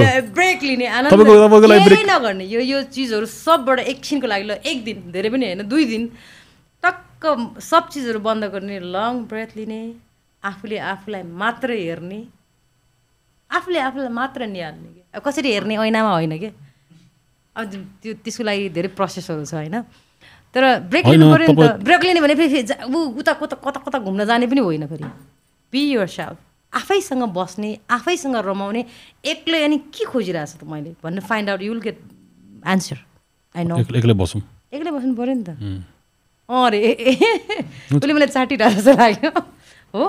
ए तपाईँलाई थाहा छ के भइरहेछ हो र? होइन चाहिँ अब तपाईँले चाहिँ लाइफ कोच लिइरहेको छ मलाई चाहिँ कस्तो लाग्छ तपाईँले अघि लाइफ कोच भएको यस्तो होइन। अनि मलाई जहाँसम्म लाग्छ अहिले चाहिँ काउन्सिलिङहरू भनेको एकदम ठुलो कुरा हो कि। जुन चाहिँ हामीले सिकिरहेको छौँ तपाईँले जस्तै फेमिनिजमको लाइक फेमिनिजम पनि नेगेटिभ वेमा होइन कि महिला यस्तो हुनुपर्छ भने जस्तो दिमागलाई नै ट्रेन गर्न सिक्नुपर्छ कि किनकि अनेस्टली अनेस्टली म एक्सेप्ट गर्छु म मेरो हाम्रो फलोवर्सदेखि लिएर ज जसले सुनिराख्ने एक्सेप्ट गर्छु कि जो पनि लस्ट हुन्छ स्पेसली हाम्रो। जस्तो फिसमा एकदम लस्ट हुन्छ चाहे। त्यस्तै किसिमले सोच्यो भने नेगेटिभ कुरा धेरै सोचिन्छ त्यस्तै अप्टिमि अप्टिमिस्टिक कुराले सोच्यो भने आहा कति धेरै संसार राम्रो तर यो पनि फेजेसहरू चाहिन्छ मान्छेको लाइफमा अब एउटा र- कुरा- एउटा कुरा यो त फेजेस चाहिन्छ नै यो हुन्छ नि। मेबी मलाई एउटा तपाईँले भने जस्तो लाइफ गुरु चाहिरहेको कि? आई डोन्ट नो तर I think it's necessary to be lost एकदमै मजाले। यो त्यसको लागि त त्यो त्यो त्यो एकदम स्क्यान गरेर हेर्नुपर्छ होइन? के कुराले यसलाई टिगरिङ गरिरहेछ भन्ने कुरा चाहिँ होइन? यतिकै त होइन।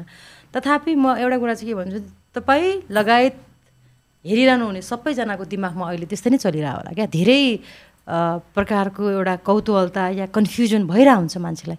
चाहे त्यो प्रेमको विषयलाई होस् चाहे आर्थिक अवस्थाले होस् चाहे सम्बन्ध ब्रेकअप भएर होस् चाहे घरमा किचकिच भएर होस् चाहे कमाउन सकिनँ भनेर होस् चाहे त्यो हुन्छ। त दौडेर पनि कहाँ पुग्नु छ त भने के? आफूलाई उठाएर हिँड्न चाहिँ सक्नुपर्छ नि त होइन? अब जस्तै यो उमेरमा तपाईँले जे अचिभमेन्ट गर्नुभएको छ जे हासिल गर्नुभएको छ चाहे त्यो विभिन्न कोणबाट अनि त्यो लस्ट हुनुपर्ने मैले ठाउँ देख्दिनँ। या चाहिँ तपाईँलाई त्यो प्रगतिको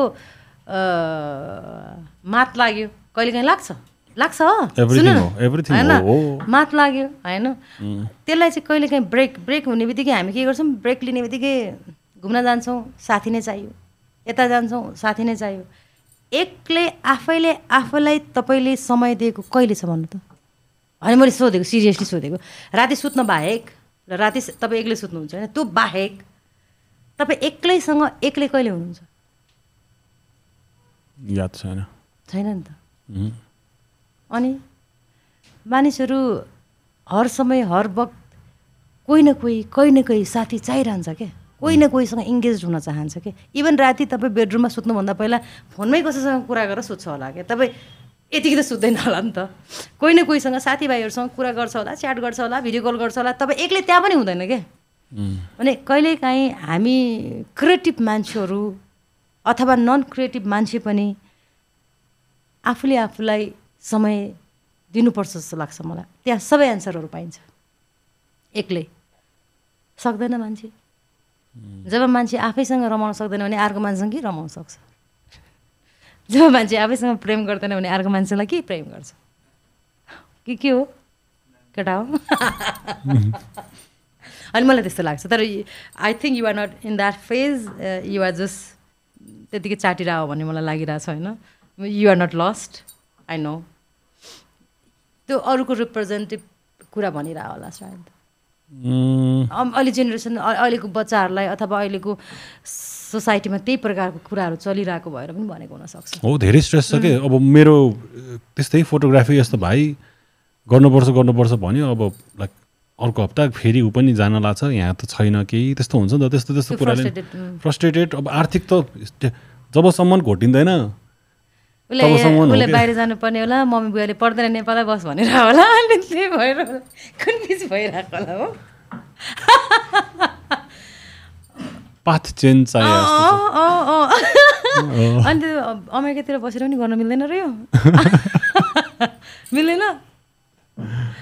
त्यतातिर जाँदै नजाउँ कि त्यो त त्यो त पिक्चरमै छैन आफैमा छ होइन? तर पाथ चेन्ज गर्नलाई गर्ने होइन। जुन जुन समयमा जुन प्रकारको त्यो एउटा एक प्रकारको कन्फ्युजन आउँछ त्यसलाई त्यसलाई थिचेर अगाडि बढ्यो भने नयाँ जर्नी आफै स्टार्ट हुन्छ नयाँ पाथ आफै भेटिन्छ। मलाई पनि त्यस्तै लाग्थ्यो। अब यसको डाफ्टमा म सतै रूपमा बुझेर त म केही सजेस्ट गर्न पनि सक्दिनँ होइन? तर अधिकांश मान्छेहरू अहिले कन्फ्युजनमा हुने अहिले मान्छे निराश पनि हुने अथवा के गरौँ नेपाल बसौँ कि बाहिर जाउँ कि अथवा के गरौँ कसो गरौँ भनेर जुन प्रकारको आत्तिरहेको हुन्छ नि त्यो विचलनले काहीँ पनि पुऱ्याउँदैन। विचलित हुनु भएन। के बिग्रिया छ? के लानु छ? होइन अहिले एकछिन बुढेसकाल टाइपको कुरा गरौँ। मर्दाखेरि त के लाने होइन? तपाईँको पहिचान बनाउन सक्यो भने अहिले दुई चारजना रोलान्। अदरवाइज धेरै सम्पत्ति कमाउने मान्छेहरू जाने त्यही पशुपति आर्यघाट अथवा घाटमै हो। थोरै पैसा कमाउने मान्छेहरू पनि जाने त्यहीँ हो। बरु कम बिस्तारो सास लिएर दुई छाकमा रमाउने मेरो यही पहिचान काफी छ भन्ने मान्छेहरू खुसी छ। हामी त्यति दुःखी छौँ कि खास चाहिँ? किन हामीलाई पहिचान चाहियो? हामीलाई पैसा चाहियो? हामीलाई दौडिनु छ? हामीलाई रेसमा कसलाई जित्नु छ हामीले भने क्या पहिलो कुरा त आफूले आफूलाई जित्नु पऱ्यो नि होइन? हामी सासै नफेरिकन हिँडिरहेको छ कुनै दिन तपाईँले आफ्नो ब्रेथ काउन्ट गर्नुभएको छ? कतिपल्ट सास लिनुहुन्छ थाहा छ? हजुर यो कहाँ पऱ्यो राइट बहुत रमाइलो हुन्छ। पहिलो कुरा तपाईँको जिउँदो शरीरभित्र चलेको मुटुको धड्कन तपाईँको यो यहाँबाट सास आउँछ नाकबाट एउटा लाने के भन्छ? होइन? त्यसलाई काउन्ट गर्ने फुर्सद तपाईँलाई छैन भने अरू के फुर्ती लाउने भने कि? होइन? मलाई पनि त्यस्तै लाग्थ्यो म पनि त्यस्तै थिएँ। फेरि यस यसको मतलब म चाहिँ बनी बनाऊ होइन कि? मैले त भगेको कुराहरू भनिरहेको छु। मलाई त्यही भएर सोधिरहेको छु मलाई थाहा छ त हजुर त्यही भएर कनेक्ट पनि भइराख्नु भएको छ। होइन त्यो भएको त्यो भएको भएर चाहिँ पहिले आफूले आफूलाई you will get all the answers trust me but यो मैले भन्नु पनि पर्दैन मलाई थाहा छ कि युआर डुइङ ड्रामा होइन? नाटक गरिरहेको छ मलाई थाहा छ। तर मलाई त्यस्तो लाग्छ।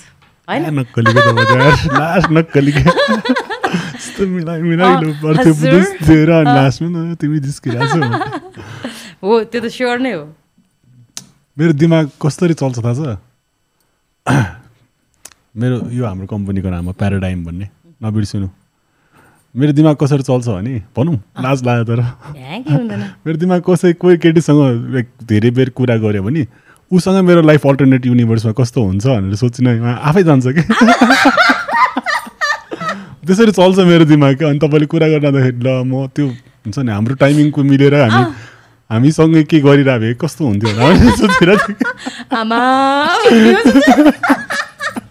चल्छ रहेछ। त्यसरी कि? कसै कसैको चल्दैन यहाँ त्यसरी दिमाग। अब एक्सट्रिम लेभलको मान्छे रहेछ। मैले कहाँ सिकाउने त? सरी सरी त्यस्तो एक्सट्रिम लेभलमा होइन तर ए कस्तो हुन्थ्यो होला हुन्थ्यो त्यसरी चल्छ मेरो दिमाग कहिले काहीँ के हुँदै के कस्तो हुन्थ्यो होला है पिट्थ्यो होला खाना बनाउनु लाउँथ्यो होला सोच भएर म घरमा पकाएर बस्थ्यो होला जस्तो लागेर सोच त हो नि खै मेरो त गइरहन्छ सोच दिमागको भइरहन्छ त्यसलाई नै त्यसैमा नि त कति रमाइलो राम्रो कुरा हो। आई मलाई एउटा कुरा अचम्म लाग्छ कि लाग्छ कि लाग्दैन सेसनलाई? जस्तो हामी कल्पना गर्छौँ नि त्यो कल्पना गरेको चिज चाहिँ मानिलिउँ। अरूले देख्ने भयो जस्तो उहाँले मैले के कल्पना गरिरहेको छु यहाँ बसेर उहाँले देख्ने भए त मान्छे नबाचे पनि हुन्थ्यो होला होइन? एटलिस्ट त्यही कल्पना त छ यस्तो सबैभन्दा सुन्दर चिज जुन मेरो कल्पना कसैले देख्नै पाउँदैन। म फ्यान्टासिस जे पनि गर्न सक्छु नि त होइन? भन्न खोजेको। त्यो चाहिँ राम्रो कुरा हो। त्यसैले त अगाडि बढाउने हो कहाँ लाने हो के गर्ने हो? र सबैभन्दा महत्त्वपूर्ण कुरा चाहिँ मलाई के लाग्छ भने सेसन जति पनि हेरिरहनु भएको मान्छेहरूलाई पनि भन्छु सपना देख्नलाई पैसा तिर्नु पर्दैन सपना देख्नलाई धनीको छोराछोरी पनि हुनु पर्दैन सपना जो कोहीले देख्न सक्छ त्यहाँ पैसा लाग्दैन। सपना देख्नलाई होइन म त सानो छु अथवा म एकदम लो अलिक गरिब परिवारमा जन्मेको छु मैले सपना देखेर के हुन्छ र पुग्दैन होला भन्ने भ्रमबाट आजैबाट मुक्त हुनुपर्छ। जो कोहीले पनि देखेको सपना साकार हुन्छ तर सपना मैले अघि नै भने नि कल्पना कुरा गर्दाखेरि तर म चाहिँ सबैलाई रिक्वेस्ट गर्छु मेरो मालिका भन्ने फिल्म पनि ड्रिम सम्बन्धी मतलब ड्रिम देख भन्ने सम्बन्धी नै हो। र यो धरतीमा जन्मिने जो कोही कोही धनीको कुखमा जन्मियो होला कोही गरिबको कुखमा जन्मियो होला त्यो म त्यसलाई काउन्ट गर्दिनँ। मान्छे आफैमा सम्पन्न छ। मान्छे आफैमा धनी छ। त्यो त्यो कागजको पैसाले म धनी मान्दिनँ। मान्छे यो धरतीमा जन्मिने स्वयं आफैमा एउटा डायमन्ड आफैमा एउटा धनाढ्य मा मान्छे हो कि? र त्यो मान्छे आफैमा एउटा नायक हो। हरेक यो धरतीमा जन्मिने मान्छेहरू नायक हो। त्यसकारण त्यो नायकले आफ्नो नायकत्व चिनेर अगाडि बढ्नुपर्छ। आफूलाई लो फिल गर्नु हुँदैन आफूलाई हुन्छ नि अब एउटा नर्मल मानिलिउँ। नर्मल एउटा साइकलमा हिँडिरह होला एकजना बिस बाइस वर्षको ठिटो। अर्को गाडीमा हिँडिरह होला या बाइकमा हिँडिरह होला त्यसलाई हेरेर ह्युमिलेट हुनु भएन। ठिक छ त ऊ बाइकमा हिँडिरहेको छ म साइकल त्यो बाइकभन्दा कम हो त भन्ने प्रकारको दिमागबाट अगाडि बढ्न थाल्यो भने एक दिन बाइकभन्दा माथि पुग्छ त्यो बच्चा। तर सपना त देख्नु पऱ्यो नि। हामी सपना देख्न नै कन्जुसाइ गर्छौँ क्या मैले त्यो लिच्चीको बोटमा चढिरहँदा मैले ए बहिनी हो सुन न म त खतरा टप हिरोइन नभनेको नभनेको भए म कोही केही म पनि अब मम्मीलाई डक्टर लाइनबाट इन्ट्रेस्ट भएको भएर मम्मी स्वास्थ्य कर्मी भएको भएर मम्मीलाई चाहिँ मलाई एकदम डक्टरको भेषमा देख्न मन थियो अरे होइन? म त्यो हुन्थेँ कि किन पढाइमा त म अलमोस्ट फोर फाइभ क्लासमा ट्यालेन्ट नै थिएँ।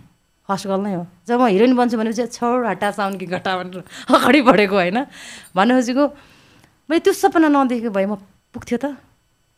मलाई हरेक मान्छेलाई सपनाले आफ्नो गन्तव्यमा पुऱ्याउँछ भन्ने मेरो मेरो आफ्नो अनुभव हो यो।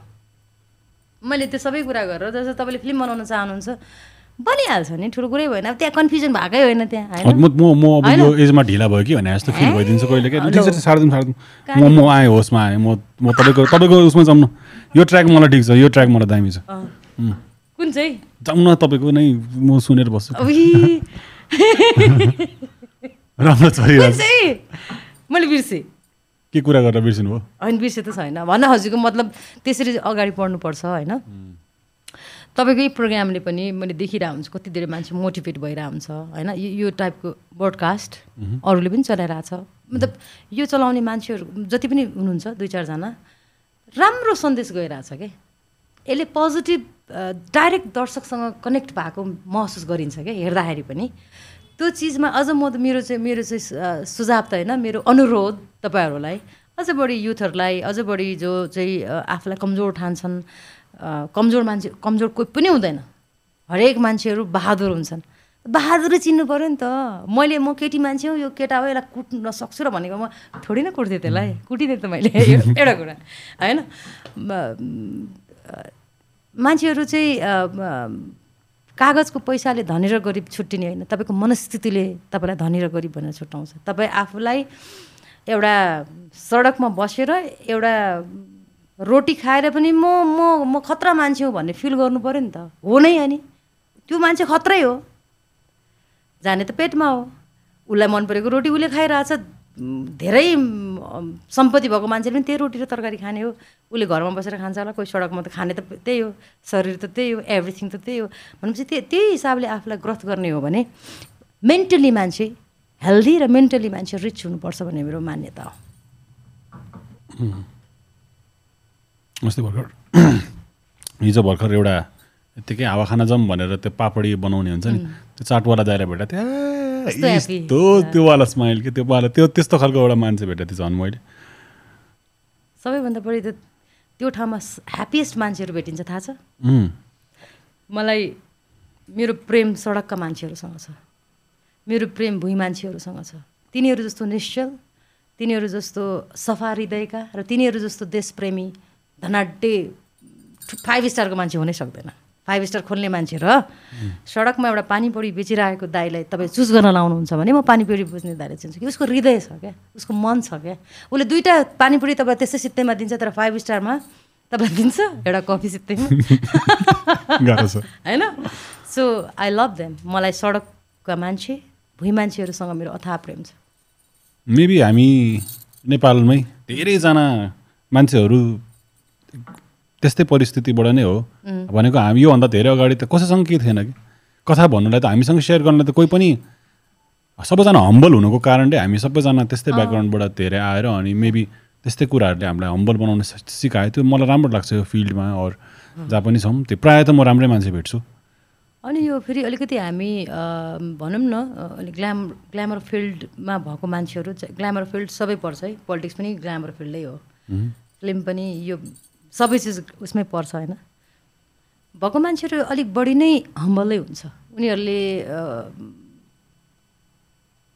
दर्शकको मनोविज्ञान बुझेको हुन्छ देशको परिस्थिति बुझ्या हुन्छ देशको अवस्था बुझेको हुन्छ सामाजिक हरेक कुराहरू बुझिरहेको हुन्छ समाजको एक प्रकारको दबाब बुझिरहेको हुन्छ भनेपछि त्यही हाम्रो फाइट परिरहेको हुन्छ नथापाउँदो तरिकाको एक प्रकारको द्वन्द्व चलिरहेको हुन्छ मेरो द्वन्द्व विगत बिस वर्षदेखि यो समाजसँग छ।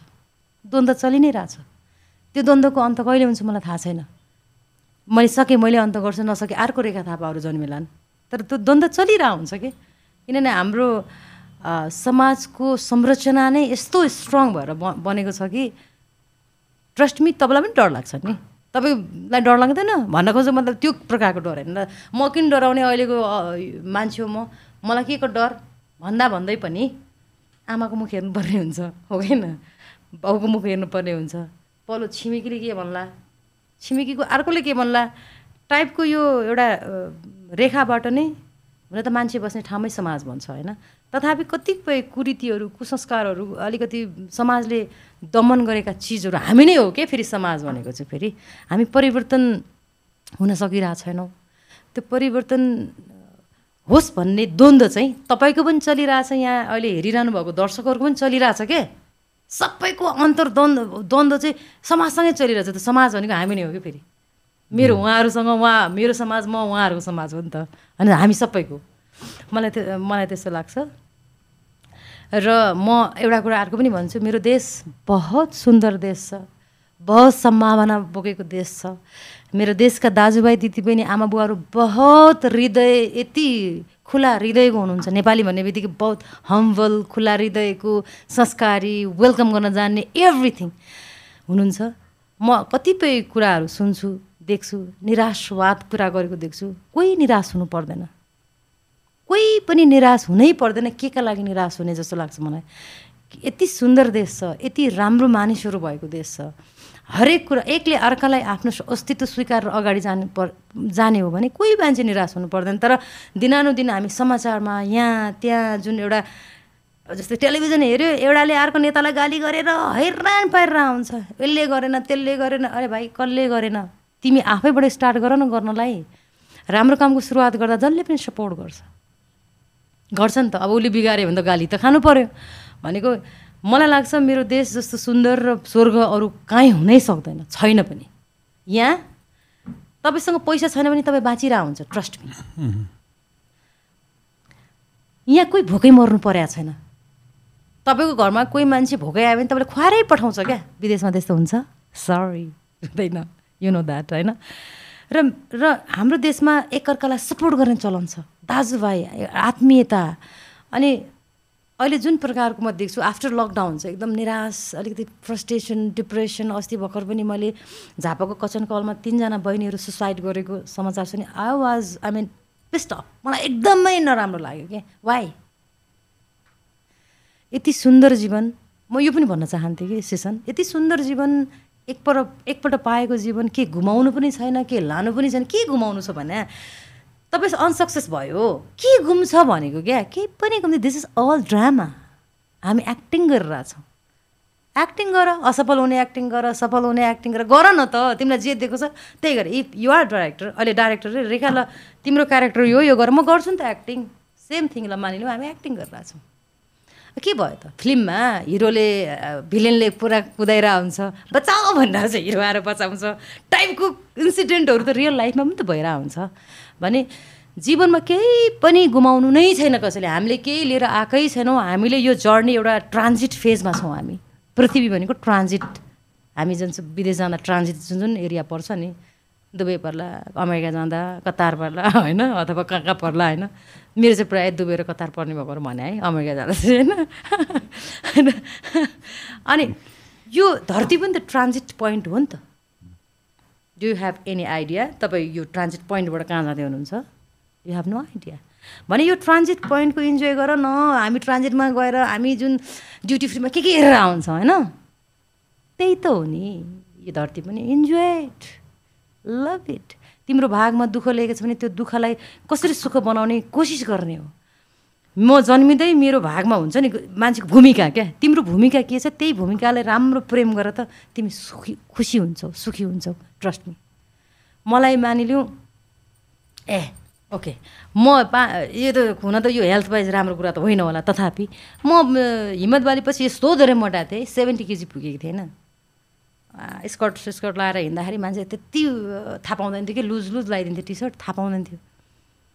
सबैलाई कस्तो धेरै मोटी भएको कस्तै म त्यसैलाई इन्जोय गरेर थिएँ। के पो त म फ्रस्ट्रेसनमा जानु? मलाई जिम जान मन लागिरहेको थिएन। अल्छी लागिरहेको थियो होइन? अनि त्यसपछि एउटा पिरियड आयो एउटा समय आयो होइन? मैले घटाउनुपर्छ। घटाए त पोसिबल त के? भने जस्तै अब जस्तो मानिलिउँ कुनै कुनै समयमा के जस्तो मैले मलाई एकदम फ्रस्ट्रेटेड समय के जस्तो म माओइस्टमा जोइन गर्दाखेरि मलाई पर्सा क्षेत्र नम्बर एकबाट प्रत्यक्ष निर्वाचनको लागि मलाई टिकट दिएको थियो। होइन? त्यो बेलामा मेरो भोटर लिस्टमा नाम नभएर मैले त्यो निर्वाचनमा भाग लिन पाइनँ। ओके? म रातभरि सुतेको थिइनँ। मलाई तनावको पराकाष्ठ लागेको थियो। ओ मैले भोलि बिहान कसरी मुख देखाउने होला मान्छेलाई? अब के सोच्छ होला? के भन्ठान्छ होला मलाई मान्छेहरूले? भनेर रातभरि निन्द्रा लागेन बिहान पाँच बजेसम्म मलाई निन्द्रा लागेन। त्यो त सबैभन्दा मेरो लागि त एकदम एकदमै नराम्रो डे भयो नि त। नराम्रो ला लजास्पद कुरा भयो नि त। म घोरिएर तिन दिन घरबाट बाहिरै निस्किनँ हेर्छु टेलिभिजनमा सबको चुनावको चर्चा परिचर्चा हेर मेरो पनि त्यहाँ नाम भएर हुन्थ्यो एक एक भोट दुई भोट गनिरहेको छ मेरो पनि गनिरहेको हुन्थ्यो होला टाइपको फिलिङ्स आयो। मेरो जीवनमा बहुत ठुलो झड्का लाग्यो। तर एउटा समय बितेपछि मैले बहुत ठुलो कुरा त सिकेँ नि त। हुनु पर्दो रहेछ। Age matter age doesn't matter भन्छ त्यो अरू कुरामा होला। तर केही कुरामा त एज म्याटर गर्दो रहेछ नि त। त्यो अपरिपक्काको पराकाष्ठ हो नि त मेरो त्यो होइन? एजको प एनिवेज भन्न खोजेको त्यो पिरियडमा म जुन प्रकारको पछारिएँ नि त्यो पछारिँदाखेरि त म त जीवनै हेल ला अब कस्तो लाज हुन्छ कि हुँदैन भन्नु एउटा नेता बन्न मतलब चुनाव लड्न गइरहेको छ जसको भोट लिस्टमा नाम छैन त जस बदाम के हो त भन्नु त ल।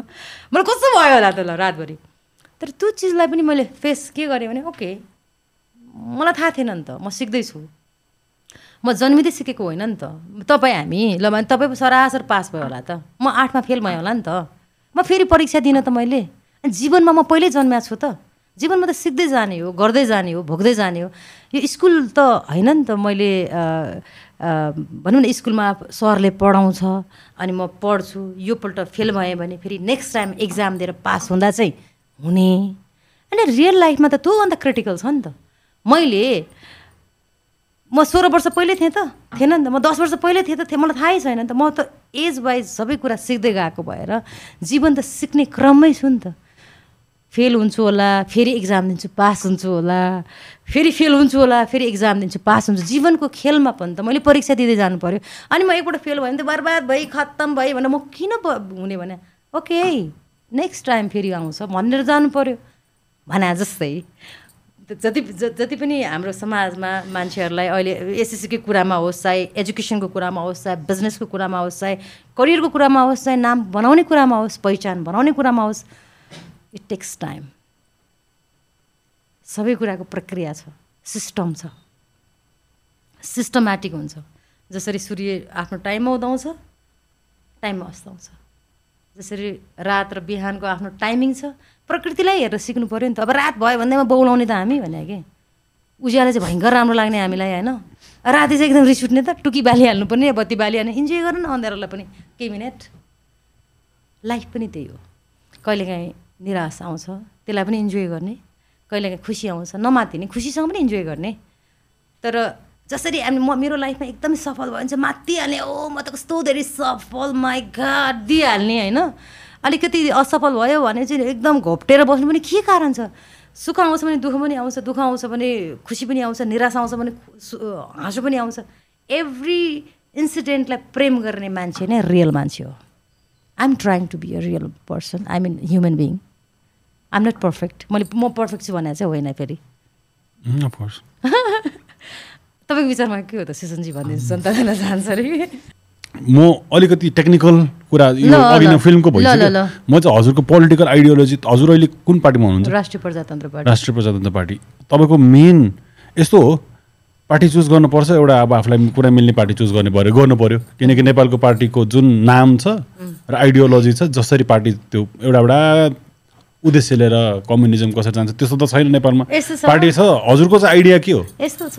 यो यो यो अब हरेक पार्टीको अब हाम्रो पार्टीको राष्ट्रिय प्रजातन्त्र पार्टी भनेको प्रजातान्त्रिक उदारवाद हिन्दू राष्ट्र पुनर्स्थापना गर्नुपर्ने राज संस्था ल्याउनु पर्ने हाम्रो मेन एजेन्डा त्यो हो। हजुरको पर्सनली चाहिँ? र मेरो पर्सनली चाहिँ होइन यो त पार्टीको भइहाल्यो पर्सनली भन्ने नै भएन तर मेरो उद्देश्य चाहिँ मेरो देशमा जति पसल खोले जस्तै गरेर पार्टी खोलिरहेका छन्। पसल त खुद्रा पसल जस्तो छ नि पार्टीहरू होइन? त्यो चिज हुनुभन्दा पनि जस्तो कम अब कम्युनिजम कहाँ लागु भएको छ त छैन नि त। डेमोक्रेसी पनि जुन प्रकारको लागु हुनुपर्ने त्यो हिसाब हिसाबको कहाँ लागु भएको छ त? यो एउटा साइन बोर्डमा एउटा लेखिन्छ। व्यवहार अर्को छ। होइन?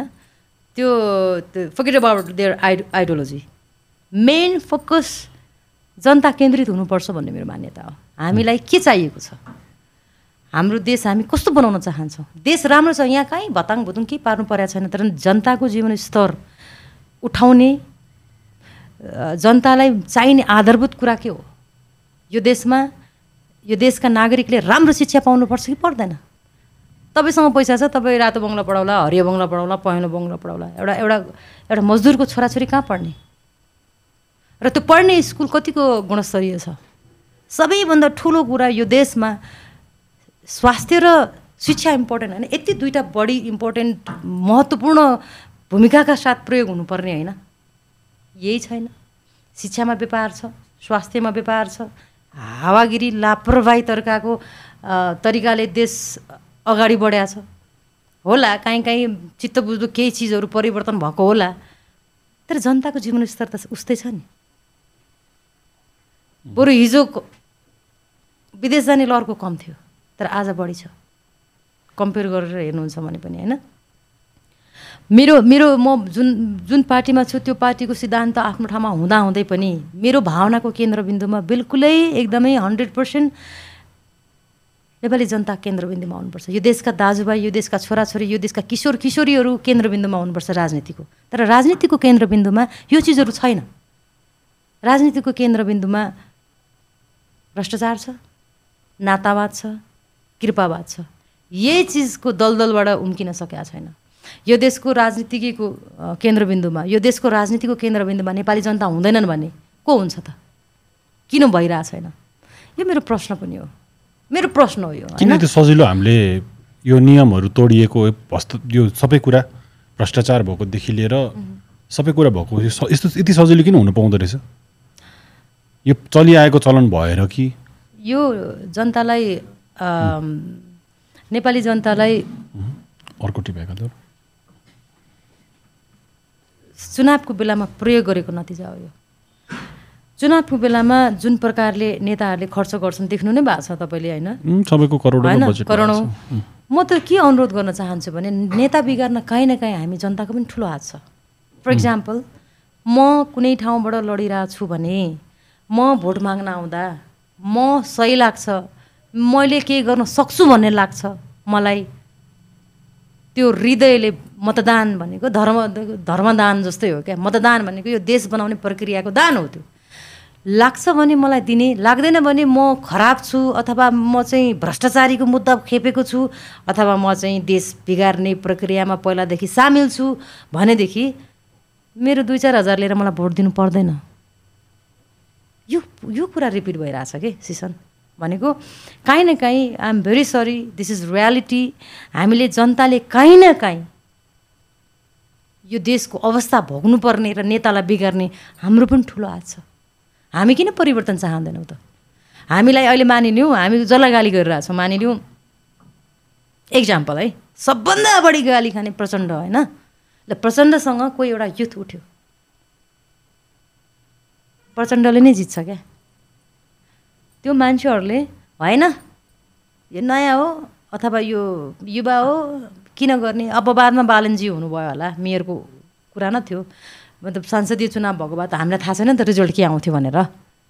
त्यहाँ त हरेक त्यहाँ त तह तहमा हुन्छ नि यु नो द्याट होइन? भनेको यही मा मेयरकै केसमा पनि यो त एकदम काठमाडौँवासीहरूप्रति चाहिँ मलाई के कुरामा गर्व लाग्छ भने उहाँ उहाँहरू परिवर्तनको पक्षधर सधैँ छ क्या चान्स दिन्छ क्या नयाँलाई? तपाईँ हिस्ट्री नै हेर्ने हो भने पनि। तर यो यो चान्स चाहिँ देशभरिबाट चाहिँ यदि एउटा व्यक्तिले वर्षौँदेखि गलत काम गरिरहेछ एउटा नेता या वर्षौँदेखि त्यही चिज गरिरहेछ अनि त्यही मान्छेको झोला बोकेर सती जाने त? हामी सती प्रथामा छौँ अहिले पनि भने कि एउटा नेताको झोला बोकेर त्यो झोला बोक्ने मान्छेलाई पनि थाहा छ कि जमिन के छ? जमिनमा मान्छेले कसरी दुःख पाइरहेछन्? भने नेता बिगार्ने काहीँ न काहीँ कार्यकर्ता पनि हो। एकदम सबभन्दा ठुलो। होइन? हो नि। भने त्यसको अपराध र त्यसको त्यो पापको भाग बोक्ने कि नबोक्ने त्यो त्यो कार्यकर्ताले? हामी किन शेरबहादुर प्रचण्ड या ओलीलाई मात्रै गाली गर्ने? उनीहरूको ह्यान्ड्स उनीहरूको कार्यकर्ताले पनि त नेता सुधार्नु पर्यो। र जनताले नेता सुधार्न सक्ने धेरै ठुलो अपर्च्युनिटीहरू चुनावमा हुन्छन्। छ। तर स्थानीय तहको चुनाव त गइसक्यो। यो भनेको त अब अलिक डिफ्रेन्ट अब संसदीय चुनाव आउँदैछ। त्यसमा चाहिँ एकदमै विवेक पुर्याएर परिवर्तन हिजो इतिहासमा पनि नेपाली जनताहरूले परिवर्तन गरेका हुन्। हिजो इतिहासमा पनि प्रत्यक्ष यो यो परिवर्तनका निर्माताहरू नेपाली जनता नै हुन्। अब परिवर्तन हुने कि नहुने?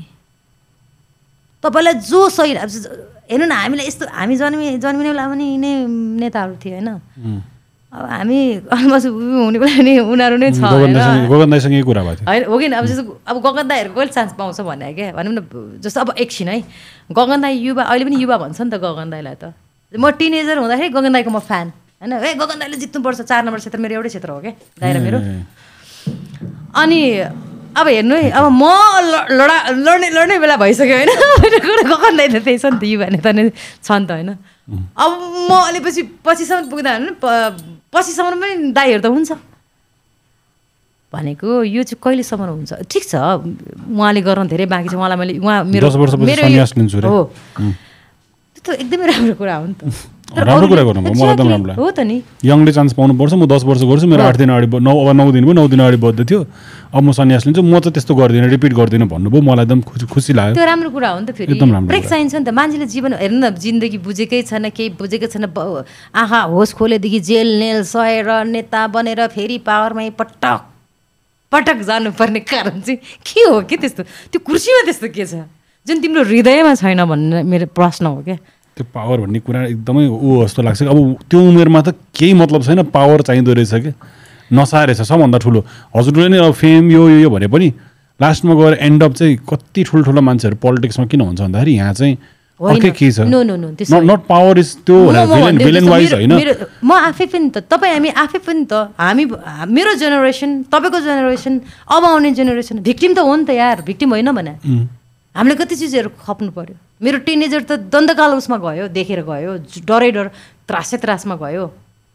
त्यसपछि आएर फिल्मै भए पनि त त्रास त थियो नि त काहीँ त्यो फिल्म गरिरहनु भएको थियो तपाईँहरू। अनि म दन्तकाल चलि त रहेको थिएँ नि फिल्म गर्दाखेरि सन्त कति सालदेखि बन्द भएको? अन्ठाउन्न जस्तो टाइममा भएको होइन भने त्यो टाइममा थियो नि त। अब चाहिँ कति गाह्रो। अब दरबार हत्या हत्याकाण्ड देख्नु पऱ्यो त्यो पनि एक प्रकारको टिगरिङ एकदम त्रासित त्रसित हुने कुरा हो। भूकम्प बेरोजगार फलानु तिला दुनियाँ देख्यो नि त यार। हाम हाम्रो जेनेरेसनलाई लक्की भन्ने कि मेरो जेनेरेसनलाई? चाहिँ लक्की भने अझ अहिलेको जेनेरेसन झन् बिचरा लाग्छ मलाई त। होइन? एटलिस्ट त्यतिखेर त के हदसम्म ट्राई गर्दा पनि हुन्थ्यो। अहिले? अहिले त कति धेरै गाह्रो छ क्या मैले भन्न खोजेको चाहिँ परिवर्तन चाहने हो भने नि आफैबाट हुनु पऱ्यो क्या। मलाई जस्तो अब मैले सिसनलाई गाली गर्ने होइन क्या। You're right in your place you're doing perfect तर ए सिसनले राम्रै गर्दैन यार। के तिमी गर नि त आएर। मैले भन्नु खोजेको म कसैलाई गाली गर्न? म म सबैलाई रेस्पेक्ट गर्छु। उनीहरूले राम्रो गरिरहेछ। मलाई मलाई प्रचण्ड मलाई केपी ओली मलाई शेरबहादुर मलाई सबै मनपर्छ। उनीहरूले आफ्नो उनीहरूको ब्रेनलाई ढाल्न सक्ने युवा आउनु पऱ्यो नि त। आउन पनि नआउने। अनि आउँदाखेरि पनि जनताले पोइन्ट गर्नुभयो तपाईँले। होइन? यो राम्रो पोइन्ट हो यो अति राम्रो पोइन्ट हो। मैले यो ठाउँमा बसेर सुनेको one of the best point हो।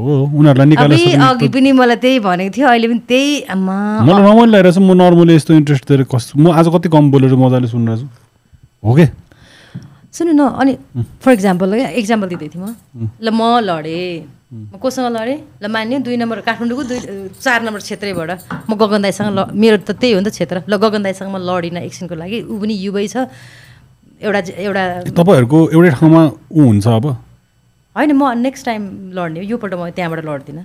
यो अब केन्द्रीयमा तपाईँ पार्टिसिपेट त हुनुहुन्छ। हुन्छु कि तर मतलब चार नम्बर क्षेत्रै हो मेरो पनि होइन? तर योपल्ट म चार नम्बर क्षेत्रबाट। फर इक्जाम्पल भने कि? मैले दुई नम्बर। दुई नम्बर क्षेत्रबाट म लडेँ जहाँ माको माधव कुमार नेपाल लड्दैछन् रे के।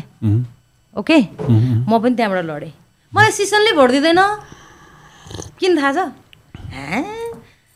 डाहा पनि हुँदो रहेछ। सुन्नुहोस् है फेरि मेरो कुरा। तपाईँ नै भने होइन कि? इक्जाम्पल भने क्या? जेनेरेसन। हाम्रो जेनेरेसन अथवा चाहिँ यो फोर्टीभन्दा तलको मान्छेले चाहिँ किन नबुझेको भन्ने क्या? जो भोट दिन लायक जो जो सिटिजन लिने मान्छेले भोटर कार्ड लिएको मान्छेले प्रयोग गर्यो भने त जे कसले जित्छ भन्नु त ल? देखिहाल्यौ। हामीले त मेरो मम्मीलाई कन्भिन्स गर्न सक्छु नि त म। मम्मी ह्या पर्दैन। भन्न सकेँ नि त मैले. तर मेरो मम्मीले मलाई कन्भिन्स गर्न सक्दैन नि त अब। अथवा अब अबको त सोह्र वर्षको केटा या केटीलाई त उसको बुवा आमाले त बरु उसले भनेको मान्छे त उसले अहिलेको टेक्नोलोजी अहिलेको दिमाग अहिलेको ब्र एकदम ब्रड माइन्ड छ नि त अहिले त। भनेको जस्तो मान्यो म उठेँ भने। अहिले पनि ए नयाँ हो के गर्ने त्यही बुढालाई दिउँ भन्ने टाइपको मेन्टालिटीबाट हिँडेर पनि चेन्ज आयो आउँछ यो पालि तल्का हुन्छ जस्तो लागेको छ मलाई किन? आई आई विस किनकि तपाईँहरूले तपाईँहरू जस्तो मान्छेले अब मैले तपाईँको एजेन्डा के हो मैले राम्रो बुझाएको छैन तर तपाईँले जित्न पर्ने हो भने तपाईँले अब आई थिङ्क त्यो भोटर्सहरू निस्किरहेको छ पहिला के हुन्थ्यो? सर सर भन्दाखेरि कार्यकर्ताहरूले मात्रै भोट दिने और जेनरल मान्छेले भोट दिँदैन और सुनेको भरमा दिन्छ। मैले पहिला भन्दाखेरि भाउ बाउले रुख भने चाहिँ ए रुख रहेछ मेरो भनेर भन्ने हो। थाहा छैन मलाई रुख के हो त्यतिखेर। रुखलाई हान्ने हो रुखलाई हान्यो भने त्यतिखेर हुन्थ्यो। त्यो दस वर्ष अगाडिको चुनाव मानौँ। तर अहिले चाहिँ धेरै नै जागरुक भइसक्यो र आफ्नो गोल्स आफ्नो योहरू पनि राम्ररी भन्न सक्नु केही परेन क्या? म केही म सिद्धान्तको कुरै गर्दिनँ हो त्यो। किन सिद्धान्तको कुरा गरेर तपाईँलाई म बेवकुफ बनाउने भने क्या? तपाईँलाई चाहिएको के हो यो देशमा? चेन्ज एक्ज्याक्टली चेन्ज कस्तो?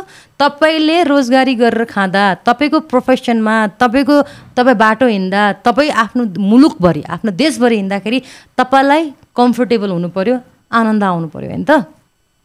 र तपाईँले गर्ने व्यवसाय तपाईँले गर्ने काम तपाईँले गर्ने प्रोफेसनमा काहीँ पनि कुनै पनि प्रकारको राजनीति छिर्नु भएन। एकदम। र म आफ्नै देशमा बसेर म आनन्दको सम्मानजनक रोजगारी गरेर खान सक्छु भन्ने वातावरण सिर्जना हुनु पर्यो। मेरो देशमा फ्याक्ट्री किन खोलिँदैन त? सकिन्छ नि त। सियोधरि हामी बाहिरबाट ल्याइरहेछौँ हामी आत्मनिर्भर बन्ने देश बन्न सक्दैनौँ। यति धेरै ट्यालेन्टेड मान्छेहरू छ यो देशमा। भएको ब्रेन बाहिरको मान्छेले किनिरहेछ बाहिर लगिरहेछ। प्लस टू पढ्ने बित्तिकै बाहिर जानुको मतलब के? मेरो हाम्रै देशमा ती दिमागहरूलाई प्रयोग गर्न सकिन्न? त्यसको लागि वातावरण बनाउन सकिन्न? म तपाईँ सिद्धान्त छोडिदिनुहोस्। म राष्ट्रिय प्रजातन्त्र पार्टीको मान्छे या अर्को आउला तपाईँको कङ्ग्रेसको मान्छे हिजो गगनदाई आउनु कङ्ग्रेसको मान्छे अर्को एमालेको आउला अर्को माओवादीको आउला forget about that main agenda र केन्द्रबिन्दु त जनता र देश हुनु पऱ्यो नि त। सिद्धान्तले माओको सिद्धान्त युज भइरहेछ यहाँ? लेलिनको भइरहेछ? गान्धीको भइरहेछ यहाँ? मेरो देशको भूगोल कस्तो छ? मेरो देशको शिक्षा नीति कस्तो छ? मेरो देशका जनता कस्ता छन्? त्यो अनुरूपको कस्तो प्रकारको देश हुनुपर्छ भन्ने कुराको हेक्का हुनु पर्दैन। माओवादी यहाँ लागु हुन्छ त। जबरजस्ती घिचारेर हुन्छ। भएको छैन नि त। भए त राम्रै हुन्थ्यो होला। कम्युनिजम लागु हुने भने त राम्रै हुन्थ्यो होला। तर कहाँ भएको छ त नि? यो त जनतालाई मूर्ख बनाउने काम भइरहेछ। नेपाली जनताले केही खोजेकै छैनन् क्या? केही चाहिएकै छैन क्या? उहाँहरूलाई राम्रो शिक्षा हुनु पऱ्यो स्वास्थ्य हस् मतलब स्वास्थ्य क्षेत्रमा राम्रो स राम्रो गुणस्तरीय सेवा लिन पाउनु पऱ्यो राम्रोसँग आफ्नै देशमा बाँच्न पाउने अवसर दिनु पऱ्यो यति भए पुग्छ। यो दुनियाँ लफडाबाजी कुरा गर्नै पर्दैन। के को के को त्यो भाषणमा ठुल्ठुलो कुरा गर्नुहुन्छ तपाईँ मेरो भाषण हेर्नुहोस्। भरे गरेर मैले कहाँ ठुलो कुरा गरेको छु? मैले कहाँ सिद्धान्त मैले कहाँ सिद्धान्तको कुरा गरेको कहाँ मैले सिद्धान्तको कुरा गरेको छु? मेरो एजेन्डा ल मान्यो हिन्दू राष्ट्र हुनुपर्छ है। अलि धर्मनिरपेक्ष छ धर्मनिरपेक्ष भएर पनि नाइन्टी नाइन पर्सेन्ट मान्छे त पूजा आजा मेहेन्दी चुरा फेस्टिभल हरेक चिज मनाइरहेछ नि त। निरपेक्षले के के के के उपलब्धि दियो? सापेक्ष हुँदा के घाटा हुन्छ? यति हो। तपाईँलाई मनपर्छ हिन्दू राष्ट्र होस् भने जस्तो लाग्छ भने तपाईँलाई मलाई मत दिनुहुन्छ। लाग्दैन भने पनि एजेन्डा छोडिदिनुहोस् न व्यक्ति हेर्ने हो नि त अब त। माओवादीभित्र पनि त बहुत राम्रा मान्छेहरू छन्। एमालेभित्र बहुत मा राम्रा मान्छेहरू छन्। के गरौँ भन्ने मान्छेहरू छन्। कङ्ग्रेसभित्र केही राम्रो काम गरौँ भन्ने मान्छेहरू छन्। हाम्रो पार्टी राष्ट्रिय प्रजातन्त्र पार्टीभित्र पनि केही राम्रो गरौँ भन्ने मान्छेहरू छन्। सबै पार्टीभित्र नराम्रो मान्छे छन् भन्न खोज्या होइन। तर नयाँ मान्छेलाई परिवर्तन गर्छु भन्ने मान्छेलाई पार्टीबाट पनि चान्स दिनु पऱ्यो नै फेरि सिस्टम फरक छ। टिकट पाउनेले कसले हुन्छ भने त्यही नेता उसका श्रीमती उसको भाइ उसको भान्जा पर्ने उसको ज्वाइँको खोइकोनी के पर्ने यो नातावाद र कृपयावादले घिजोलिएको राजनीति राम्रो हुन्छ? त्यो नेता त्यो राजनेताको आत्मामा हरि हुनु पर्दैन। त्यो नेता त म नेता हो भने म यो देश सञ्चालन गर्छु भने मेरो छोराछोरी त यहाँ भएको सबैको लागि मैले बराबर रेस्पोन्सिबिलिटी निभाउनु पर्दैन। अनि पो नेता हो त। फोकटे ग्ल्यामर नेता भएर फुर्ती ला लाउने त। किन ग्ल्यामर नेता हुने? तिमी साँच्चै नेता बन न। त्यो नेता सबैको अभिभावक हुन्छ। सबैको अभिभावक भएको छ कि छैन? म मानिने राष्ट्रिय प्रजातन्त्र पार्टीबाट म प्रधानमन्त्री भएँ। म पार्टीको प्रधानमन्त्री हो त म? होइन नि त। त्यो हेक्का हुनुपर्छ कि पर्दैन होला। सम्पूर्ण नेपाली जनता र उनीहरूको अवस्था उनीहरूको दुःख उनीहरूको पीडालाई समाधान गर्नुपर्छ कि पर्दैन होला? यत्रो हामीले यत्रो प्रदेशदेखि केन्द्रदेखि अब वडादेखि भनौँ न। कति मान्छेलाई पाल्नु परेछ? क्यालकुलेसन गर्नुभएको छ? धान्छ त देश सङ्घीयताले देश धान्दैन भन्नुमा जतिखेर म माओवादीमा थिएँ त्यतिखेरै भनेको कुरा हो यो। सो कहाँ देश जान्छ भने सङ्घीयताले धान्दैन नि त। अब कति धेरै मान्छेले पाल्ने? वाइ अनि त्यसको फिडब्याक के आयो भन्नुहोस् न त मलाई। फिडब्याक त उस्तै छ। होला सहज अलिकति भयो होला। काठमाडौँ आउनुपर्ने ठाउँमा आफ्नै प्रदेशमा आफ्नै वडामा आफ्नै नगरमा कामहरू भएको छ होला। छ पनि सहज पनि होला। तथापि मेरो यति सानो देश छ नि त त्यसलाई त अर्को ढङ्गले पनि हामी सेवा सुविधा त उपलब्ध गराउन सक्थ्यौँ नि त। र यति धेरै मान्छे पाउनु परेछ माई गड वडा अध्यक्ष नगरको तपाईँको प्रदेशको तपाईँको के my goodness how to adjust कहाँबाट पैसा आउँछ? देश गरिब छ। अनि यही गरिब देशको जनताले कमाएको रेमिटेन्स अथवा ट्याक्स ले मात्रै हामीले पालेर हामीले के पायौँ त मलाई भन्नु नि त ल। आई वान्ट टु आक्स दिस नयाँ जेनेरेसनलाई मलाई स्थानीय सरकार भएको चाहिँ केही हदसम्म मलाई राम्रो लाग्यो। भने होला? मैले सर्फेस लेभलबाट हेर्दाखेरि जसरी तरिकाले सबै कुरा थियो स्थानीय सरकार चाहिँ मलाई एकदम अफकोर्स ठिक लाग्छ तर त्यो बाहेक हजुरले भने जस्तो धेरै चाहे त्यो प्रदेश भयो केन्द्रसम्म पुग्दाखेरि त्यो बिचको इन्टरलक त्यो चाहिँ अलिकति स्थानीय चाहिँ मलाई एकदम चित्त बुझाएको छ किनभने अहिले पनि जरुरी छ। तर त्यो बिचको बिचको कति धेरै छ त हेर्नु त। गाडी एउटादेखि लिएर तपाईँको यस्तो हुन्छ। तपाईँ तपाईँ एउटा एउटा पोजिसनमा मान्छे हुन बित्तिकै उसले आफ्नो अब एउटा कर्स पनि हो। हामी दाजुभाइ हुने तपाईँले अघि भन्नुको राम्रो पनि हो। तर एउटा कर्स पनि आइदियो त्योसँग। के भन्दाखेरि अब त्यो अब एकदम त्यस्तै भइदिने भयो कि अब एउटा फिल्मको हिरो छ भने उसको छोरा गएर उसले आफ्नो इन्डस्ट्रीमा छोराछोरी ल्याउने त्यो संसारभरि भइरहेको कुरा हो। बिजनेसमा पनि त्यही हो पोलिटिक्समा पनि धेरै ल्याउन खोज्छ। तर यहाँ चाहिने भन्दा बढी भयो र उसको कार्यकालमा उसले आफन्तहरू राख्दा ओर्दा त्यति गर्दा गर्दै उसको धेरै महिनो नै जान्छ। जान्छु र मैले देखेको म त सम्पूर्ण पार्टीका कार्यकर्ताहरूलाई पनि म म म सायद म रुट सुनिन्छु होला तर यो रियालिटी हो। जसरी उहाँहरूको काँधमा टेकेर राजनीति गरे नेताहरूले। त्यसै गरी उहाँहरूले पनि अब काँध यसरी फ्यालिदिएर आफू रा आफूले राजनीति गर्ने बेला आएको छ। तपाईँलाई नभए पाप लाग्छ। आफ्नो नेतालाई सही ढङ्गले सुझाव सल्लाह र सही ट्र्याकमा न नल्याएको एकदम राम्रो कुरा निकाल्नु भयो नि चाहे प्रधानमन्त्रीको अफिसमा होस् मैले त भन्न पाउँछु होला मैले गाली खाएन मलाई मतलब? जहाँ पनि लिडर भन्दा नि उसको छेउ छेउछाउमा भएको त्यो मान्छेहरू चाहिँ त्यो यस म्यान थ्योरी भन्छ कि जे पनि हो। तपाईँ राइट हुनुहुन्छ घमन्ड बढाइदिने हो कि के हो? त्यसले गर्दाखेरि आई थिङ्क मेन के एडभाइजर। एडभाइजरहरू र कार्यकर्ताहरू मेन नै भनौँ न। त्यसलाई अब आफूलाई लिनु छ त्यसैको अनुसार चाहिँ धेरै कुरा छ। अब पोलिटिक्स अलिकति फ्रस्ट्रेटिङ छ तर I believe in the change मलाई चाहिँ चेन्ज आइरहेछ। पोजिटिभ माइन्डसेटमा जाउँ। चेन्ज आइरहेछ। भर्खर। हामीले आफ्नो मेयर बनायो भनेपछि मलाई चाहिँ एकदम चित्त मैले त हजुर मैले बालेनलाई पनि ओके तपाईँ यस्तो हुनुपर्छ। म त यङ मान्छे हुने बित्तिकै आई थिङ्क धेरै चेन्ज हुन्छ। गगनजीलाई नै म सपोर्ट हो हजुरलाई नै म सपोर्ट हो। यङ मान्छेलाई म त सिनियर भइहाल्यो कि? मैले भन्न खोजेको। मतलब म म चाहिँ के चाहन्छु भने तपाईँहरू जस्तो व्यक्तिबाट पनि ल एकछिन ल मैले चान्स पाएँ। बालनजीले चा राम्रो गरेन भने त नेक्स्ट टाइम फायर हुन्छ नि त त्यो त स्योर नदिने नेक्स्ट टाइम छोडिदिने। मैले राम्रो गर्न सक्दिनँ। म संसद भवनभित्र छिरेर मेरो देशको मुद्दा मेरो देशको अप्ठ्यारो मेरो देशको समस्या मेरो देशमा के भइरहेछ र उनीहरूले के पारित गर्न खोजेको छ अथवा उनीहरूले के गरिरहेछ त्यसको विपरीत गरेर जनताको जन आवाज भएर बोल्न सक्दिनँ भने मलाई नेक्स्ट टाइम उठाउने नै होइन नि। सिधै बसाइदिए हुन्छ। हजुर क्लियर हुनुहुन्छ क्लियर छु नि। अनि मैले चाहिँ बुझ्नु भएन किनकि अब यस्तो पनि हो कि हजुरले गएर जेनरल प्रब्लम भन्दाखेरि मान्छेले चाहिँ मलाई के लाग्छ भन्दाखेरि त्यो त्यो भवनभित्र चाहिँ यस्तो यस्तो मान्छे हुनु पऱ्यो जो चाहिँ एउटा एउटै कुरा। हजुरलाई महिला सम्बन्धी गर्नु मन छ भने त्यसैमा ढिक्लाए मात्रै त अगाडि बढ्न सकिन्छ। होइन त्यस्तो पनि हुँदैन। म। महिला- भने महिलाको मात्रै कुरा उठाउने बनिएको कुरा नउठाउने ऊ होइन। भाइहरूको कुरा नउठाउने। होइन तपाईँको लिमिटेड दुई तिनवटा एजेन्डा बोकेर ल म यस्तो मान्छे त्यस्तो हुनुपर्ने होइन र किनकि जेनरल गर्दाखेरि त्यस्तो हुन्छ होइन। जस्तो मानिलिउँ मैले नभए पनि दुई तिनवटा तपाईँको मेन लाइफको एजेन्डा मलाई यसमा काम गर्न मन छ भनेर तपाईँले त्यही सिक्नुहुन्छ नि। गगन दाईले पनि भन्नु पर्दाखेरि आई थिङ्क उहाँलाई मन बने त you wants to be prime minister तर इकोनोमी पढिराख्नु भएको छ अहिले। इकोनोमिक्समा कसरी इकोनोमिक्सको इम्पोर्टेन्स बुझिराख्नु भएको छ। मेबी तपाईँलाई राइट्स होस् चाहे जेसुकै होस् व्यापार सम्बन्धी होस् किसानको लागि होस् एउटा दुइटा कुरा।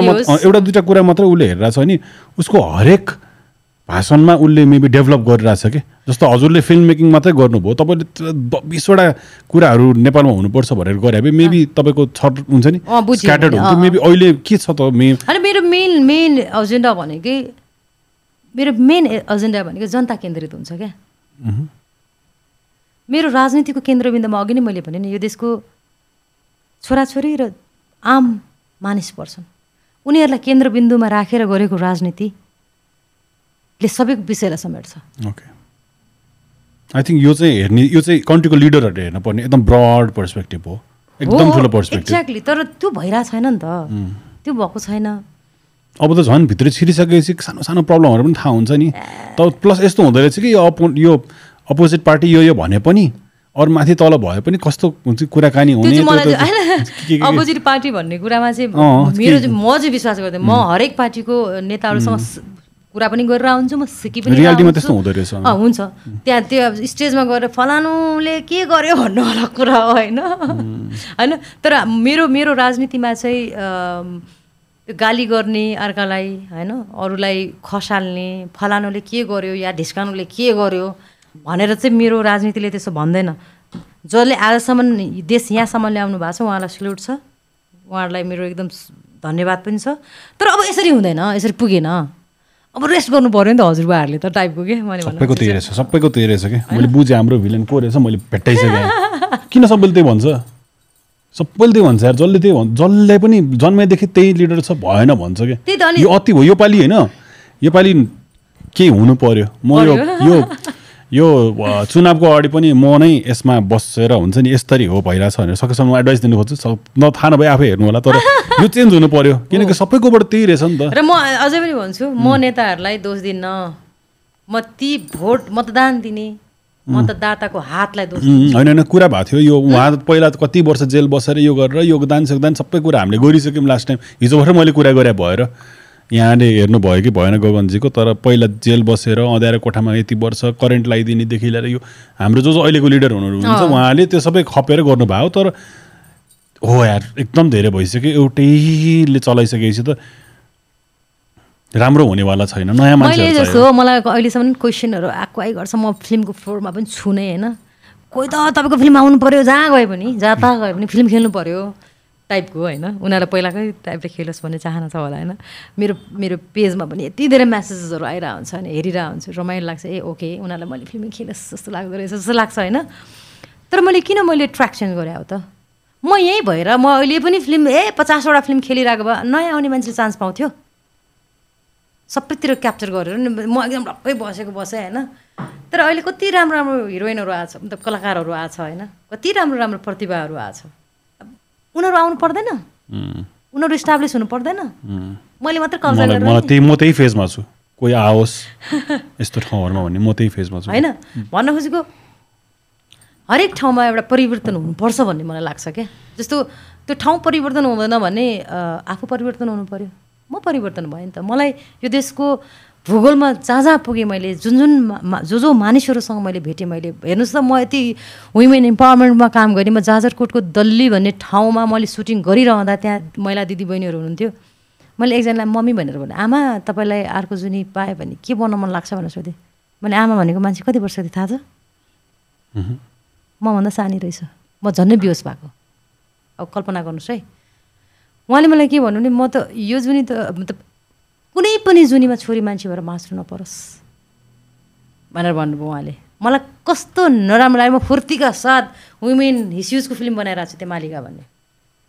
म पुरा त्यहाँ सान देखाइरहेको छु। थरथर कामिरहेको छ टेक्निसियनहरू भन्न खोजेको मतलब भइरहेछ तर त्यही ठाउँमा जसको कानमा मेरो मोटिभेट मोटिभेसन पुगोस् भन्ने चाहन्थेँ म त्यही कान चाहिँ बैरी भइदिएछ क्या।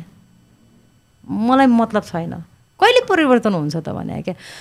तब परिवर्तन हुन्छ जब उनीहरूको रियल जनप्रतिनिधिहरू त्यो ठाउँमा पुग्छन्। कहाँ देख्नु भएको छ तपाईँले रियल प्रतिनिधि भन्नुहोस् त मलाई ल। राम्रोसँग।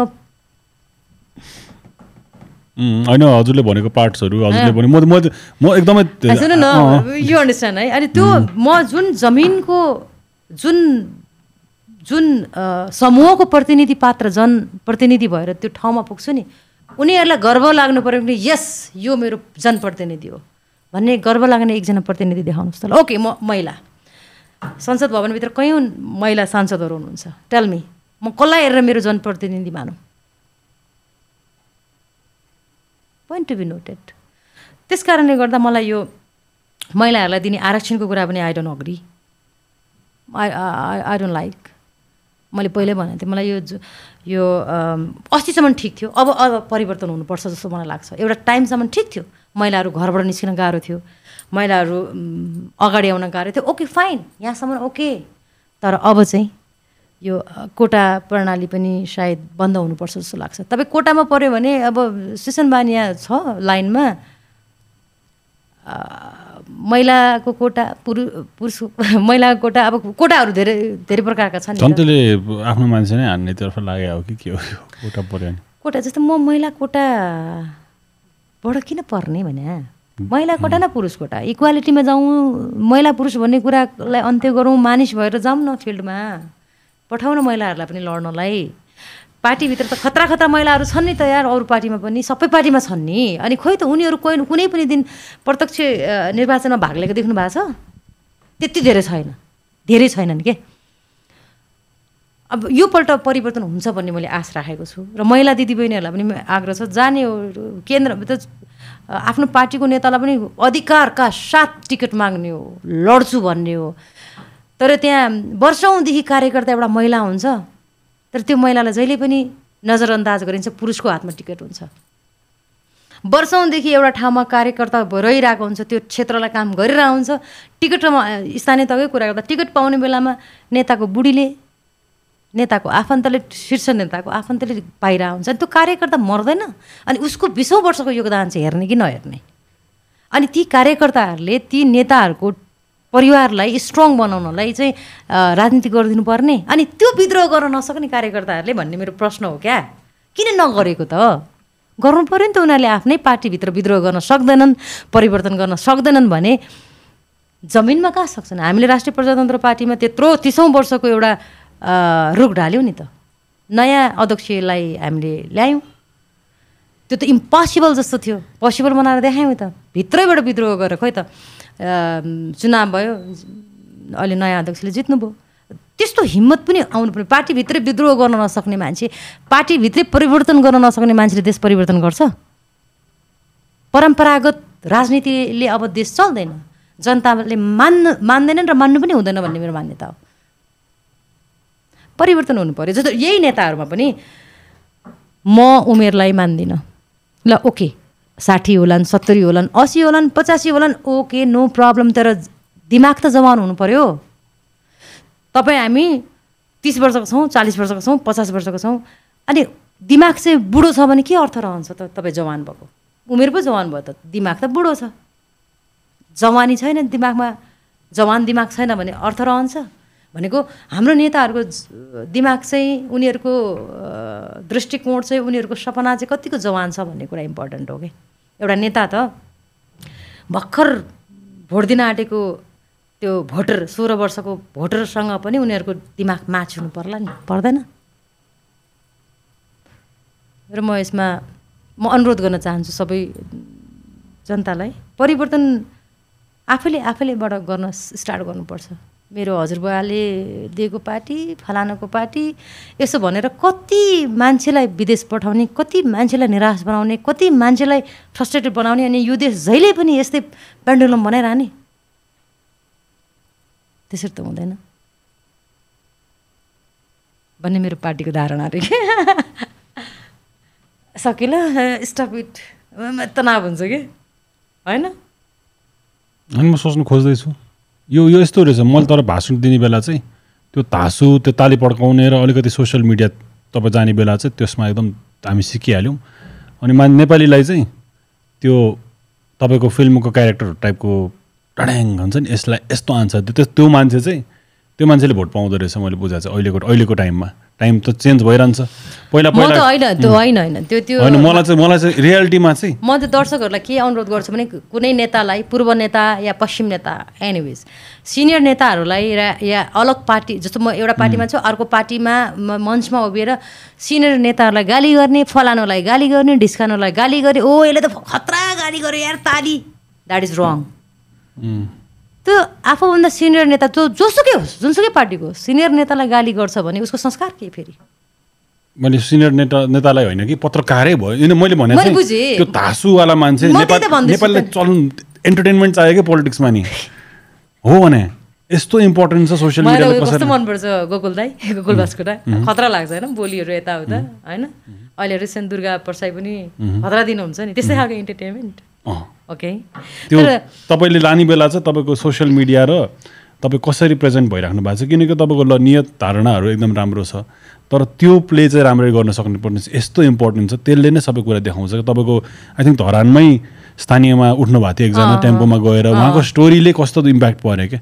त्यो स्टोरीमा आयो कसैले थाहा पाउँदैन थियो नि त। तपाईँलाई एडभान्टेज छ छुट्टै एडभान्टेज छ तर हाम्रो देशमा चाहिँ हामी एकदम भावनात्मक छौँ कि। छिट्टै भावनामा बहकिन्छौँ। छिट्टै एउटा मान्छेलाई प्रधानमन्त्री बनाइदिन्छौँ। छिट्टै एउटा मान्छेलाई राक्षस बनाइदिन्छौँ। यो मान्छे खतरा यो मान्छे त प्रधानमन्त्री हुनुपर्छ भने भोलिपल्ट राक्षस बनाइदिएर हुन्छौँ होइन सुन्नुहोस् है मैले पोइन्ट टु बी नोटेड अनि एउटा मान्छे आउँछ टक्क लाएर खतरा गाली गर्छ बडाङ बडाङ यो देश यस्तो हुनु पर्थ्यो यस्तो हुनु पर्थ्यो यसलाई म ब्ला ब्ला गरिदिन्थेँ यहाँ यहाँ त्यसको केही महिना पश्चात को हो यो भन्ने हुन्छ। होइन? राजनीति राजनीति अलि राजनीतिमा अलिकति स्थिरता गम्भीरता पनि चाहिन्छ होला जस्तो लाग्छ मलाई। र यो गम्भीर चिज हो। राजनीति भनेको मात्रै यस्तो ठाउँ हो संसारकै सबैभन्दा सर्वोत्कृष्ट सेवा गर्ने ठाउँ हो राजनीति। राजनीति पेसा भएर मात्रै हामीले गलत ढङ्गले हेरिरहेको छौँ राजनीति बहुत सुन्दर चिज हो। सर्वोत्कृष्ट सेवा हो राजनीति। तर यसलाई गलत तरिकाले बुझाइयो र गलत तरिकाको व्याख्या व्यवहारमा देखिएको भएर हामीलाई यो राम्रो नलागेको तर बहुत राम्रो चिज हो। एग्री हो।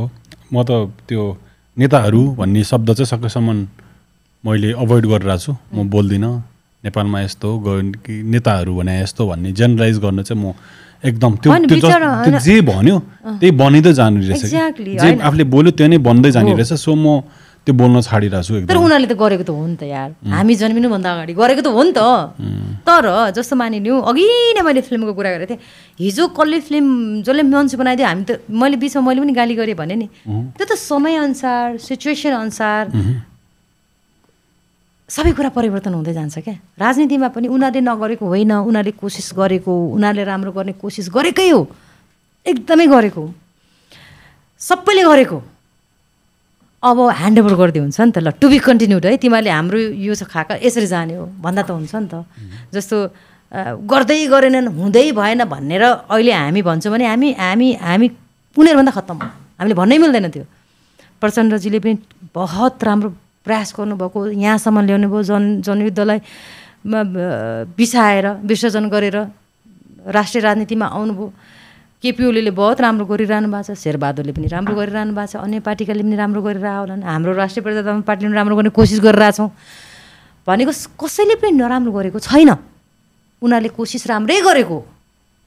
तर कहिलेकाहीँ लिडरै चाहिँदो रहेछ क्या। लिडर चाहिँ लिडरै जस्तो हुनुपर्छ। र समय सँगसँगै हरेक कुराहरू परिवर्तन हुन्छ। त्यो परिवर्तनलाई स्वीकार्नुपर्छ। ह्यान्डओभर जेनेरेसन ह्यान्डओभर गर्दै जानुपर्छ। पार्टीभित्रैका अन्य मान्छेहरू नेता बन्ने लाइनमा त छन् नि त।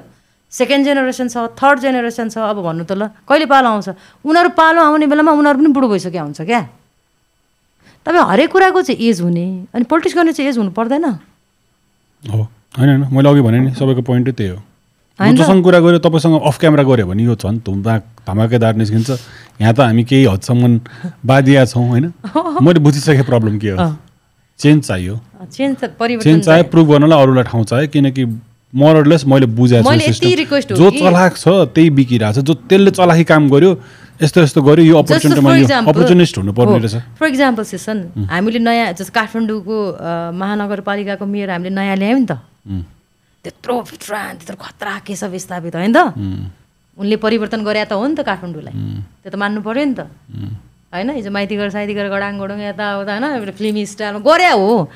तर त्यो चिजलाई पनि विस्थापित गरेर एउटा नयाँ मान्छेको उदय भयो काठमाडौँवासीले जिताए। फर इक्जाम्पल भोलिको दिनमा उनले अपेक्षा अनुरूपको काम गरेनन् भने त सक्यो नि त चेट। भनेको जनताले नै सजाय दिने हो कि फेरि? नदिने अर्कोपल्ट। नजिताऊ नगर कन्टिन्यू गर्दै नगर। त्यो भयो भने त म कोही न कोही ए यसपालि मैले राम्रो गरिनँ नेक्स्ट टाइम त मलाई यिनीहरूले जिताउँदैन भन्ने नै डरले पनि राम्रो गर्थ्यो नि त इमान्दारी त हुन्थ्यो नि त। त्यो पनि मलाई अब अब आउने समयमा धेरै कार्यकर्ताहरू बनेर हिँड्ने समय पनि धेरैजनाको हुँदैन जस्तो लाग्छ। पहिला पहिला जस्तो। त्यो अब झुन्ड झुन्ड। त्यो भन् त्यो जस्तो गाडी का गाडी ल्याएर तपाईँको त काठमाडौँ नै रोक्दै नि सात सात आठ दिन होइन र? एक समयमा त। म त त्यतिखेर फोटो खिचेर हिँडिरहेको थिएँ। त्यतिखेर आफ्नो लागि जर्नलिजम हल्का फुल्का सानातिनो स्टुडेन्ट थिएँ सो त्यतिखेर सात दिने काठमाडौँको बन्द हुँदाखेरि मैले सबैको स्टोरी लिइरहेको थिएँ कि। ह्यान्डिक्याम थियो अनि खै यत्तिकै बसिरहेको थिएँ लिएर आइदियो भने अब त कसैले सक्दैन त्यस्तो गर्नु। हात बाँधेर यसरी गरेर सिस्टममा। मैले कसरी कहाँ खाना पकाएँ के गर्छु यिनीहरू कसरी सबैहरू क्लोजली फलो गरेको थिएँ। त्यतिखेर देशको चिन्ता भन्ने कुरा मलाई पहिलादेखि लाग्दो रहेछ कि। मैले सुन न दे- त्यसको चिन्ता लिने अनि पुरा बैराकी पनि हुने अनि परिवर्तन हुने बेलामा चाहिँ हात काम्ने त भोट दिने बेलामा चाहिँ त्यस्तो पनि हुन्छ। म त एनी टाइम अब म त नयाँ मान्छे तपाईँ थाहा छ फेरि जस्तो म माने change। टु- क्षेत्रमा होइन अब कतिपय सिनियरहरूलाई त थाहा हुँदैन नि त होइन। होइन त्यसलाई छिनाएको छ त्यसलाई दिउँ एउटा नयाँ मान्छेको नदिउँ। त्यो हिम्मत हुनु पऱ्यो नि त। ठुलो मानिलो मेरो एकदम चिनेकै मान्छे रे एकछिनको लागि। फर इक्जाम्पल गगन दाई उठिरहेछ। म टिनेजर हुँदाखेरि पनि गगन दाईलाई भोट दिएको मान्छे है म फेरि। होइन दाई जस्तो मान्छेहरू आउनुपर्छ। एकदम राम्रो लाग्ने कि? लाग्छ अहिले पनि नलाग्ने भने होइन। जो गगन दाई उठिरहेछ मान्यो त्यहाँ कोही युथ पच्चिस छब्बिस वर्षको खतरा केटा उठिरहेछ या केटी उठिरहेछ। म त ट्राई गर्छु नि गगन दाईको त कार्यकाल हेरिसकेँ। गर्नु हिजो उहाँले- गगन दाईले के भन्नुभएको थियो? युथले चान्स पाउनुपर्छ भन्नुभएको थियो। गगन दाईसँग कोही युथ उठ्यो भने गगन दाईको फलो त गर्नु पऱ्यो नि त मैले। म त युथलाई दिन्छु या चाहिँ मलाई दिन्छ युथले? उम्, गगन दाई भन्दा म सानो होइन सानोलाई माया गर्नुपर्छ सानो युथहरू अगाडि आउनुपर्छ भने त दाइले। अनि नदिने त मलाई। तर जस्तो मान्ने पच्चिस छब्बिस वर्षको खतरा मान्छे छ क्या त्यहाँ? मान्छे है मैले केटा होस् चाहे केटी होस्। ऊ उसले चाहिँ भयङ्कर उसको भिजन राम्रो छ। भिजन भयङ्कर पनि मलाई सिद्धान्त सैद्धान्तिक हिसाबले बाँध्नु पनि परेन। मैले मात्रै नै सबैले दिन्छ नि त। त्यो हिम्मत चाहिँ छ कि छैन त हाम्रो भन्ने कुरा हो कि? क्यालकुलेसन गर्ने कि नगर्ने? चुनावमा उठिरहँदा यो मान्छेको पृष्ठभूमि के हो? यो मान्छे कस्तो मान्छे हो? यो मान्छेले हिजोको दिनमा के गर्यो? अब आउने दिनमा यसको सम्भावना के के छ त? यसले के के गर्न सक्छ भन्ने कुराको मूल्याङ्कन गरेर दिँदा त पाप लाग्दैन नि त। तर हामी रिपिटेड फेसलाई बढी जिताएर आउँछ अनि जितेको भोलिपल्ट मन नसकेको यसले के गरेर? दिने चाहिँ आफै हो कि फेरि? यस्तो हाँस उठ्छ मलाई यो कुरामा। अनि अनि तपाईँको पाँच वर्ष सरापेको सरापै हुन्छ फेरि। होइन त? एकपल्ट यो देशमा मलाई जहाँसम्म लाग्छ मेरो देशको दाजुभाइ दिदीबहिनीहरूको आत्मा जागेको छ। त्यो आत्मा जाग्न जरुरी छ। हामी होसभन्दा बाहिर थियौँ। अब हामी होसमा आउने बेला आएको छ। हामी बेहोसमा बाँचिरहेको थियौँ। अब एकपल्ट हरेक जनताहरू जुरुक्क चेतनाले उठेर होसमा आएर एकपल्ट खुल्ला आँखाले हेर्ने हो भने परिवर्तन भइहाल्छ क्या। त्यो त्यसमा कन्जुसाइ गर्नु भएन। देशको माइन्ड सेट चाहिँ लगालग धोका खाए जस्तो भयो। यो रिसेन्ट पोलिटिक्सले यो यो रिसेन्टले देखायो कि होइन हामी चेन्जमा आउन सक्छौँ नयाँ मान्छे आएर कस्तो कुरा गर्यो? नयाँ मान्छेले म मलाई त मलाई त इज्जतको सवाल हुन्छ नि। विभिन्न प्रोफेसनको मान्छेहरूलाई त इज्जतको सवाल हुन्छ। हिजो त्यहाँ पहिचान बनाएको त गुम्छ नि त यहाँ मैले गलत काम गरेँ भने। होइन र? अनि तपाईँ कार्यकर्ता भएर वर्षौँ वर्ष एकदम चप्पल फटाउनै पर्छ र। मैले यो देशको लागि बिस एक्काइस वर्ष दिएको योगदान चाहिँ बिर्सिदिने। कि कला क्षेत्र भनेको त्यति या डक्टरी पेसा भनेको या चाहिँ समाजसेवा भनेको या चाहिँ पा कुनै पनि पेसा होस्। तपाईँ जे पेसा गरेर त्यो ए त्यो चान्चुने कुरा हो यो देशमा बसेर यो देशको लागि हितको लागि सुसूचित गर्ने कार्यमा लाग्नु भएको छ। म कला संस्कृति जगाउने फिल्डमा हो नि त। हाम्रो हाम्रो नेपाल भन्ने देशमा यति सानो देशमा एउटा फिल्म क्षेत्र पनि छ है। त्यसले नेपाली भाषामा चलचित्र बनाउँछ त्यो त्यो ठुलो योगदान हो कि होइन देशको लागि? भनेको आफ्नो आफ्नो क्षेत्रमा पहिचान बनाएको मान्छेलाई त त्यो क्षे त्यो ठाउँमा गएर सेवा गर्ने ठाउँमा गएर सेवा गरेन भने त त्यो भएको पहिचान पनि गुम्छ नि त हामीलाई त त्यो डर हुन्छ नि त हुँदैन र। ह्या रेखा थापा भएर बसेवा हुन्थ्यो या सिसन बानिया नै ठिक थियो त राजनीतिमा आएर त बदनाम भयो यार। गर्न नै सकिएन गर्न सक्नु पऱ्यो क्या? जाँदाखेरि गर्न सकिन्छ के कुराले चाहिँ अड्काउँदो रहेछ भन्ने भन्नको लागि पनि जानु पऱ्यो नि जनतालाई भन्नु पऱ्यो नि त। ल मानिलियो म गएँ। म क्याबिनेटमा पनि गएँ। त्यहाँनिर काम गर्ने वातावरण छैन र के तत्त्वले दिँदैन भनेपछि मैले नेपाली जनतालाई भन्न सक्नु पऱ्यो नि त। यही कारणले मैले गर्न सकिनँ हजुर भन्न सक्नु पऱ्यो कि परेन। त्यो पनि नभन्ने नगर्ने पनि। र यति भनिरहँदा यो निराश हुनुपर्ने कुरा केही छैन है फेरि। म यति मात्रै चाहन्छु कि परिवर्तन अब गर्ने बेला आएको छ इतिहास फेरि रच्ने बेला आएको छ। हिजो इतिहासको साक्षी र इतिहासको निर्माताहरू भनेको नेपाली जनता नै हो। नेपाली जनताले चाहेको खण्डमा हर कुरा सम्भव छ। सम्भव हुन्छ नै तर हात काम्नु भएन। मतदान भनेको तपाईँको एउटा हामी रुद्री लाउँछौँ हामी पूजा लाउँछौँ हामी धर्म गर्छौँ हामी विभिन्न तर देशभन्दा देशको धर्मभन्दा ठुलो धर्म त केही पनि छैन नि त। देशै छैन भने त हाम्रो पहिचानै छैन भने त के अर्थ रहन्छ? र देशको अभिभावक चुन्ने बेलामा नेता चुन्ने बेलामा या आफ्नो जनप्रतिनिधि चुन्ने बेलामा त्यो हात सही ठाउँमा जानु पर्यो भन्ने मेरो मान्यता हो कि? हात काम्नु भएन। धर्म गर्नु छ भने नेपाली जनतालाई एकपल्ट राम्रो मान्छेलाई मतदान दिएर धर्म कमाए हुन्छ। त्यो राम्रो मान्छेले राम्रो काम गर्छ। भने मेरो पार्टीको मान्यता हजुर। भयो ल होइन अब मलाई मलाई यति धेरै तपाईँले यति बेर बोल्नु भएको छ यसको बारेमा म त्यो फ्रस्ट्रेसन बुझ्छु कि? किनकि तपाईँ त त्यही सिस्टममा हुनुहुन्छ नि त। अनि त्यो ब्रेकआउट चाहिएको छ। मैले अस्ति मैले भने नि हामी धनगढी गएको थियौँ एउटा उपमेयरजी हुनुहुन्थ्यो। उहाँ पनि युएनमा यति काम गरेर टन्नै भइसकेको महिला। उप पाएँ मैले माथि। उहाँ त फुङडुङ भन्नुभयो। यही तपाईँको जस्तो एनर्जी थियो। त्यही हो। सिस्टमलाई हामी ब्रेक गर्छौँ गरिरहेछौँ जस्तो रहेछ। होइन त्यो त सबैको हात हुन्छ सिसन। तपाईँको हात हुन्छ टेलिभिजन अहिले यो ब्रोडकास्ट हेरिरहनु भएको दर्शकहरूको हातमा छ। हरेक मान्छे मालिक छ नि त यो देशमा। हरेक मान्छेको हातमा मान्छे बनाउने कार्ड छ क्या? त्यो भनेको मतदान दिने बेलामा। किन प्रयोग नगर्ने भने? अनि किन पाँच वर्षमा झडै गरेर बसिरहने त? ए भएन फलानाले यसो गरेन ढिस्कानले यसो गरेन। अनि हामी कतिले छौँ त? हामीले परिवर्तन चाहिरहेछौँ त? तर मलाई अब चाहिँ म आशावादी के छु भने अब चाहिँ नेपाली जनताले सही ठाउँमा सही व्यक्तिलाई पठाउनुहुन्छ भन्ने कुरा मलाई विश्वास छ। त नत्र भने फेरि उही देश फेरि ठिक छ होइन ठिक छ। यो यो पोलिटिक्सको कुरा यस्तै हो। We can go forever हामी. त्यो गइराख्न सकिन्छ। मलाई मलाई हजुरले यो एनर्जी दिनुभएको नै मलाई फेरि कस्तो एकचोटि सोच्न बाध्य बनायो। हो ड्रिमर हो नि त म त एकदम ठुलो ड्रिमर हो कि। लाइक अँ? म त राम्रो राम्रो हुन्छ यस्तो हुन्छ भने। म युट्युब सुरु गर्दाखेरि मेरो पहिलो भिडियोहरू जुन चलेको थियो त्यो नै ब्लकेटको बेला थियो। जब बाटो रोकेर म गएँ त्यतिखेर म सबै कुरा खिचिरहेको थिएँ। ब्लकेट के भयो यो त्यो किन के हुन्छ? अनि त्यो एकदम मन लगाएर सबै कुरा गर्ने कुरा हो। कसरी के कता के हुन्छ अहिले चाहिँ मेरो आँखा तपाईँको यो चुरामा छ यो वर्ष आई थिङ्क तपाईँको ऊ, नयाँ जीवन सुरु भयो। फेब्रुअरीमा वेडिङ भएको थियो। हाउ इज लाइफ गोइङ कस्तो छ? एकदमै राम्रो छ। क्ल्यारिटी भयो होला। सबै के रहेछ भने मलाई के लाग्थ्यो नि सुशान्त? म एकदम फुर्ती आउँथेँ ए विवाहको यो पुरानो संस्थामा आबद्ध पनि हाउ टु एडजस्ट जस्तो लाग्थ्यो कसम होला मलाई। ए यो यो हुँदैन। भने जस्तो मलाई लाग्थ्यो। तर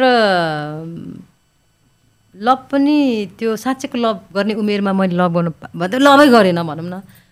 प्रेम भनौँ न। अनि तर योपल्ट अम, योपल्ट होइन पहिलो र अन्तिम पटकै यही हो भन्छु म होइन। त्यो बहुत रमाइलो हुँदो रहेछ मलाई थाहा थिएन होइन? बहुत तपाईँको लागि एक्चुअल लभै नयाँ कुरा भयो। अँ।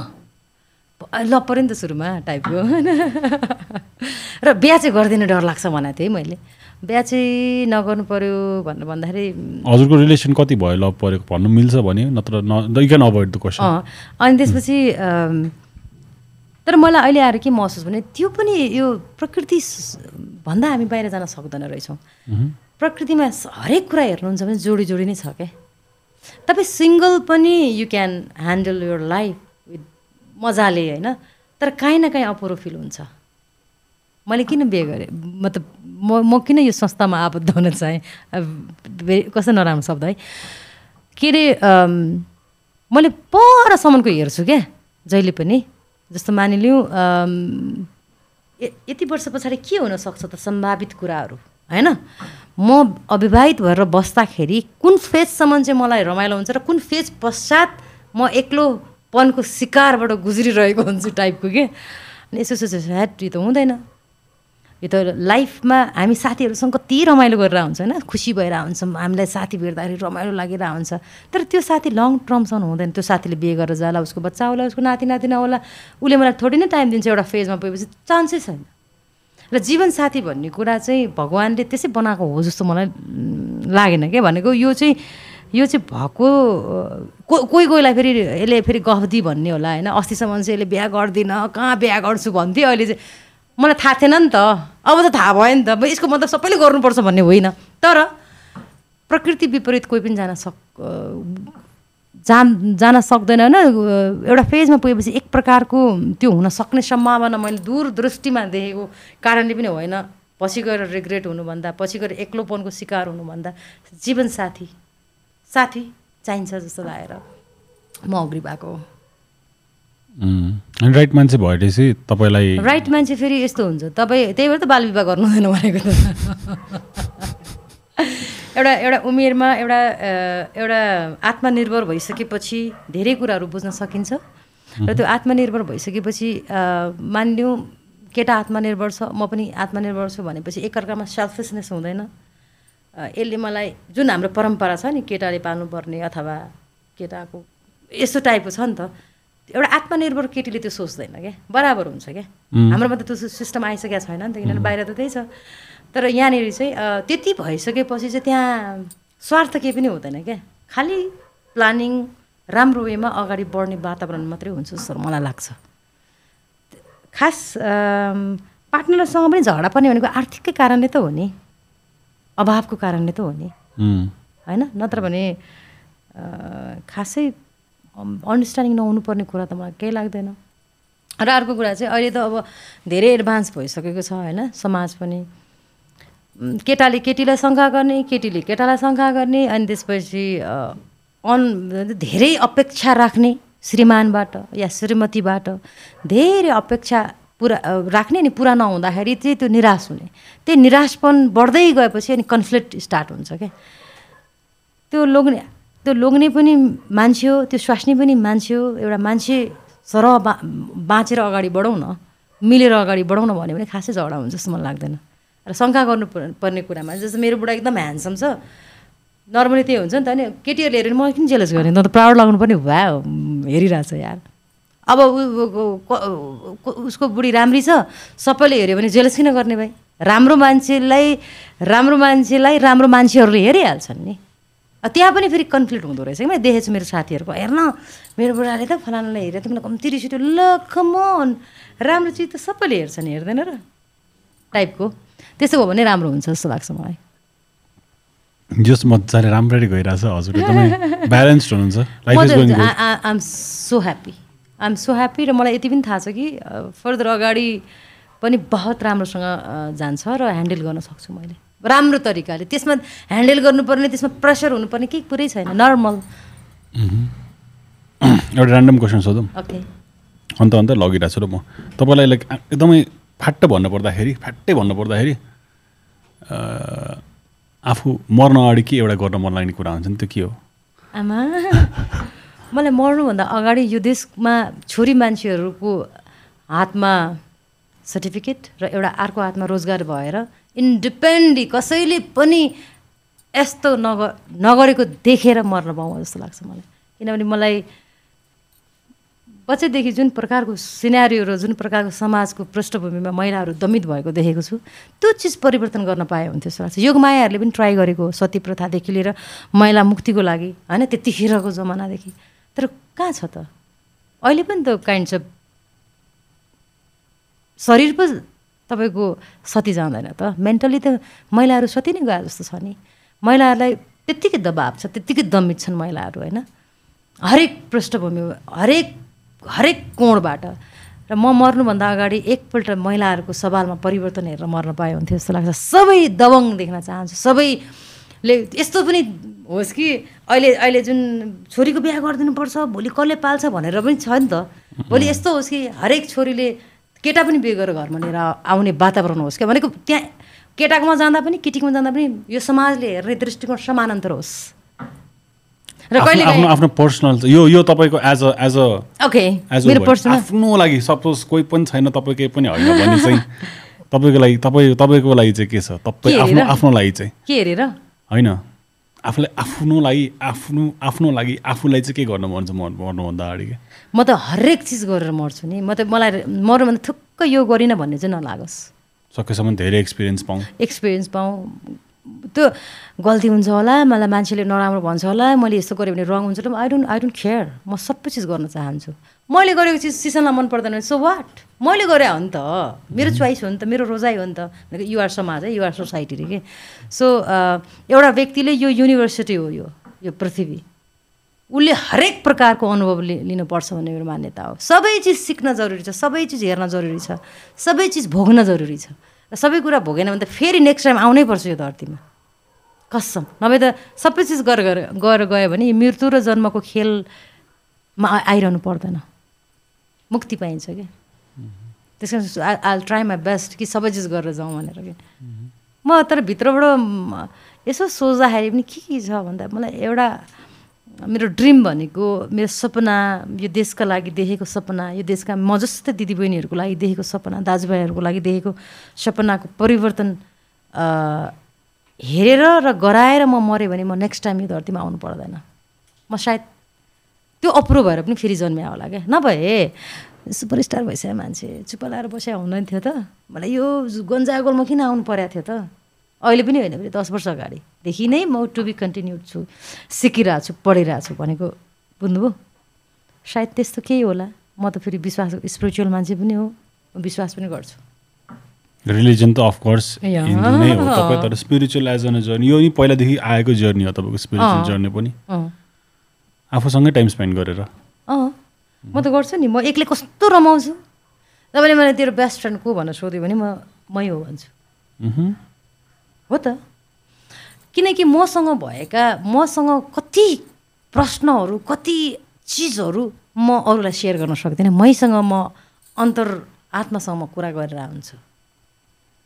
संसारमा तपाईँ जतिसुकै प्रेम गर्नुहोस् तपाईँको प्रेमिकालाई या तपाईँको श्रीमतीलाई तपाईँको श्रीमानलाई जब गुड नाइट भनेर सुत्ने बेलामा यता फर्किने बेलामा तपाईँ आफैसँग रमाइरहेको हुन्छ आफैसँग कुरा खेलिरहेको हुन्छ भले त्यही लोग्नेको या त्यही स्वास्नीको कुरा खेलोस् चाहे उसको बिजनेसको कुरा खेल्ला या करियरको के के कुरा खेले पनि आफैसँग कुरा गरिरहेको हुन्छ क्या आफूभन्दा बेस्ट फ्रेन्ड यो संसारमा अरू कोही हुनै सक्दैन।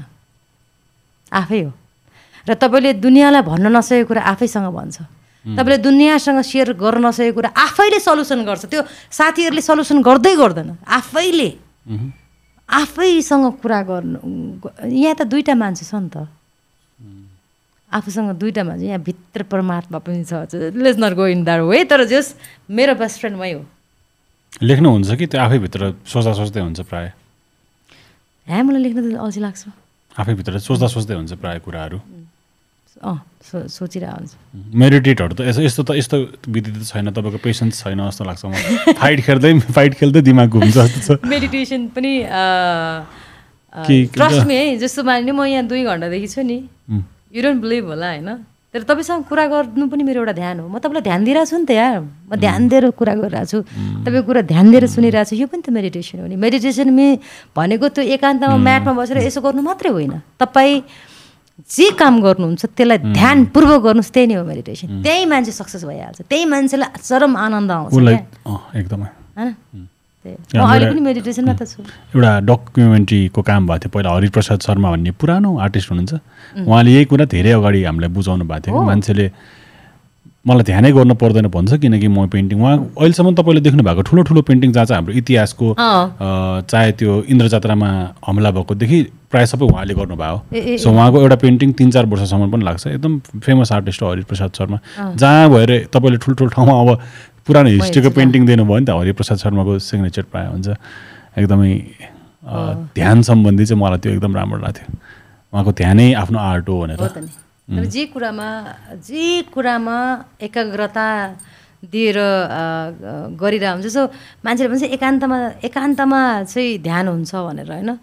एकदमै मासमा जस्तो म कति ठाउँमा गइरहेको हुन्छु नि होइन? आमसभातिर कति धेरै मास हुन्छ। म त्यहाँ स्टेजमा बसेको बेला म हेरिरहेको हुन्छु। मेरो मलाई त्यहीँ ध्यान हुन्छ। मान्छेहरूले भिडभाडमा ध्यान हुँदैन भन्छ कोलामा ध्यान हुँदैन भन्छ। एकदम आवाजमा ध्यान कसले पनि हुँदैन। एउटा ध्यानी मान्छे तपाईँ आफैसँग आफैभित्र फोकस छैन भने त हुँदै हुँदैन। तपाईँ एकान्तमा पनि हुँदैन।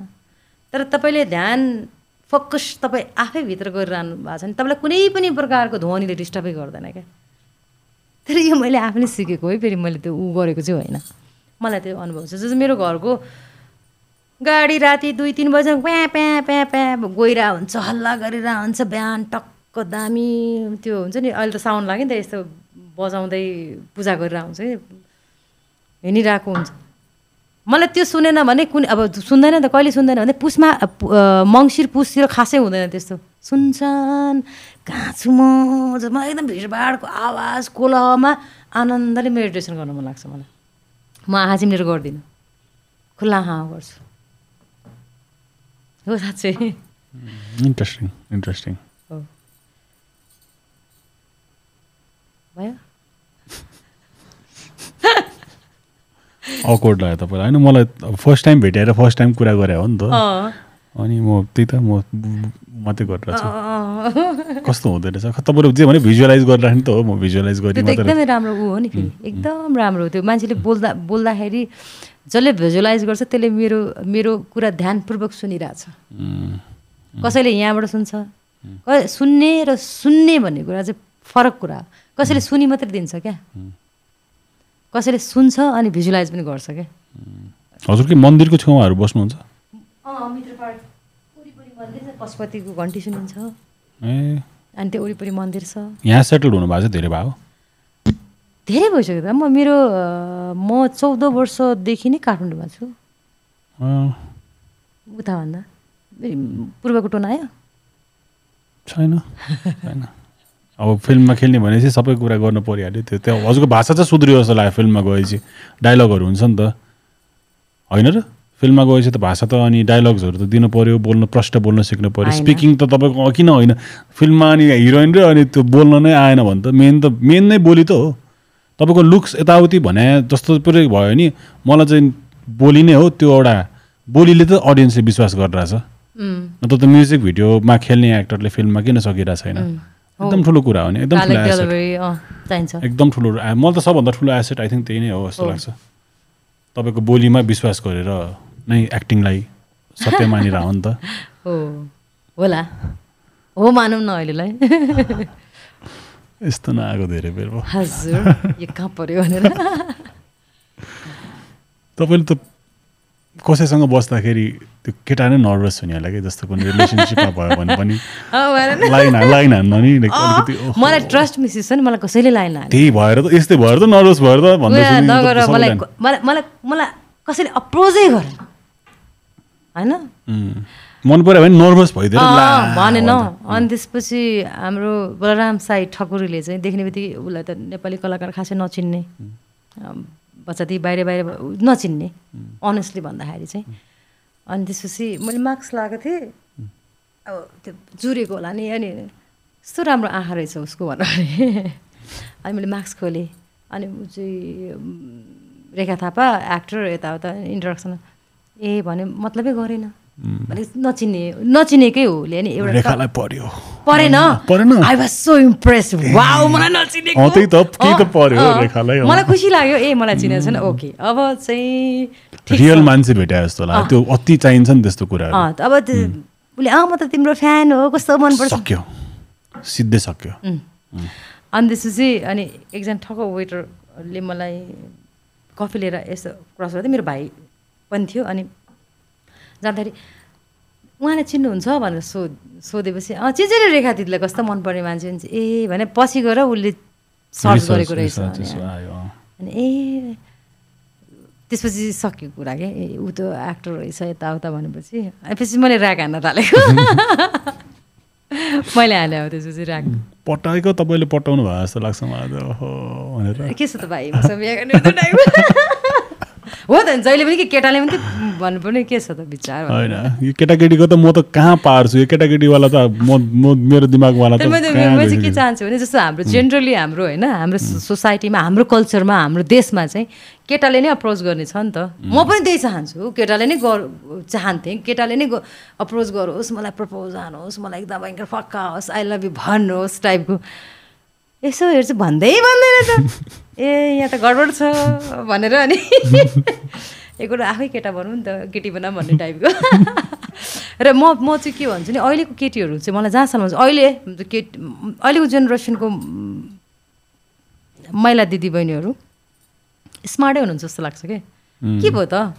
उसलाई मनपर्छ। मलाई तिमी मनपर्छ भनिदिन्छ जस्तो लाग्छ कि अहिले चाहिँ. पहिला चाहिँ थिएन फेरि त्यस्तो।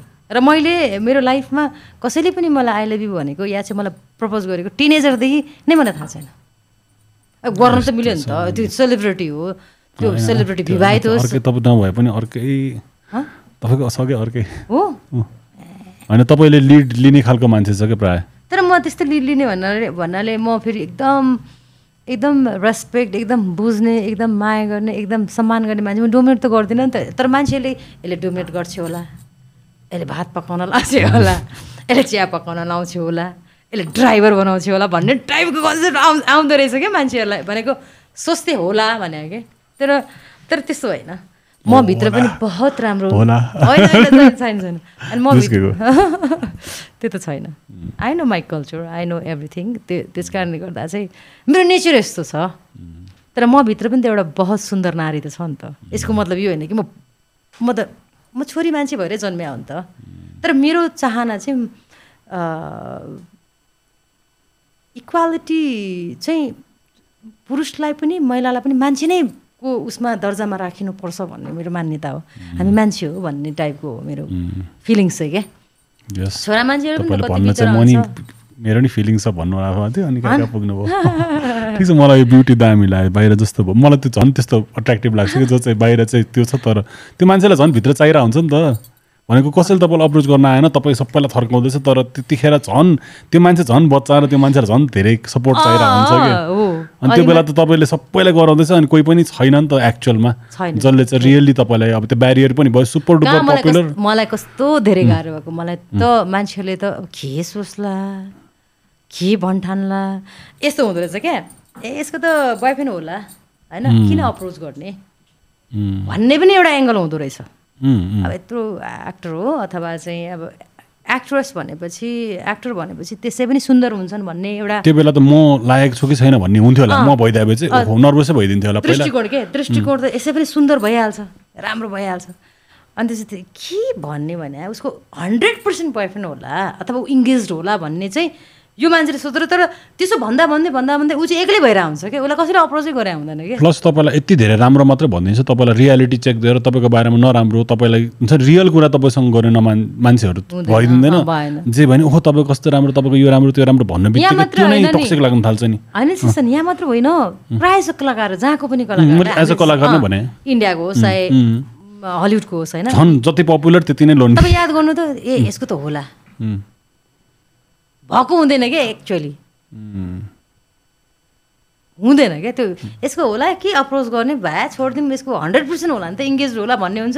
तर इनफ्याक्ट भित्र हुँदैन क्या त्यो बिचरा बिचरा उसलाई कसैले अप्रोचै गरे हुँदैन कि? प्रपोजै गरे हुँदैन क्या तपाईँ कति वर्ष सिङ्गल बस्नुभयो? म ten years ten years single uh. लौ न कसरी? अब हेर न उनी। लौ न ओइ त त जान्छु भन्दा त्यस किन बसिरहेछ आधी मैले निस्किन्छु भने दस वर्ष सिङ्गल। लौ न। काममै बिजी भयो। लभ गर्नै बिर्सिन्छ होला त्यसरी है? हो भने। अनि त्यही भएर तपाईँलाई झन् स्पार्क भयो होला क्या मलाई त्यस्तो कस्तो अनि त्यति टाइमसम्म मान्छे नपाउँदाखेरि त झन् त्यो इम्पोर्टेन्स त धेरै बुझ्यो नि त। होइन तपाईँ यति ग्यापमा छ कि तपाईँलाई अब सबै कुराहरू मोर प्रेसियस मैले कतिजना भेटाएको छु होइन? फोर्टी फाइभ त्यस्तोमा बेबी पा हुन्छ। अनि उसलाई त्यो बेबीको इम्पोर्टेन्स यति छ कि जब ट्वेन्टिजमा पाए सक्यो याद छैन अनि फोर्टिजमा पाएको बेबिजहरू चाहिँ एकदम राम्ररी टेकन केयर अफ हो कि टाइम दिन दिएर उसले त। एकदम धेरै माया लाग्दो रहेछ क्या। मैले कतिजना त्यस्तो सेसन मलाई कालो केटा मनपर्ने। होइन? हेर मैले पहिले। अनि मैले कतिवटा इन्टरभ्यू पनि भनेको छु आम नट लाइङ यु मलाई काले काले केटाहरू होइन? एकदम इम्प्रेस हुने काले केटाहरू मेरो अगाडि नै नआउने। सबजना बिजी। थ्याङ्क गड कि ठकुरी बिजी थिएन रहेछ. स्टोरी नै सकिएर ए मेरो एकदम मेरो मेरो चोइसमा चाहिँ मलाई एकदम डार्क टाइपको मान्छेहरू मन पर्यो आफ्नो आफ्नो टाइप हुन्छ नि त। त्यो पनि फेरि सायद मैले नभेटेर होला क्या। अब फिल्म फिल्ममा त भेटेन कुरै भएन। सबै क्युट टाइपकोहरू छन् गोरे गोरे। मलाई नि बोलिराख्ने मान्छेहरू कस्तो मनपर्छ। अनि! ओइ! म त बेहोस हुन्छु अनि त्यो त्यही भएर अब ठ्याक्क लकडाउनको बेला यस्तो हेरेको ल मेरो ड्रिमवाला ल काले छ। ल ओके। सबै चिज छ। सबैभन्दा इम्पोर्टेन्ट चाहिँ कलर मन मलाई फेरि पहिल्यैबाट मलाई मेरो चोइस हो कि त्यो चाहिँ। गोरे मान्छेहरू भन्दा मलाई काले काले काले केटाहरू तिमीहरू जस्तो मलाई मनपर्ने। सरी तपाईँहरू जस्तो मलाई मनपर्ने। ठिक छ तिमी तिनै घन्टा भइसक्यो अब तिमी भन्दा नि केही छैन। अनि त्यही भयो अब त्यही हो कुरा चाहिँ। अरू केही? म त हेर्न लाज लाग्यो त कुरा चाहिँ। अयो, हो भने म नर्भस भएर छु के नर्भस ठिक छ हाम्रो फिल्म पनि सकियो फिल्म पनि सक्यो प्रेम पनि सकियो। पोलिटिक्स पनि सकियो। फेरि म बस्न मजा आएर चाहिँ त्यही भएर मात्र बसेर अनि त्यहाँ खाँदा पनि बस्नु नि त पाँच ल हुन्छ हुन्छ हुन्छ होइन? हुन्छ हुन्छ ठिक छ राम्रो next time if in case म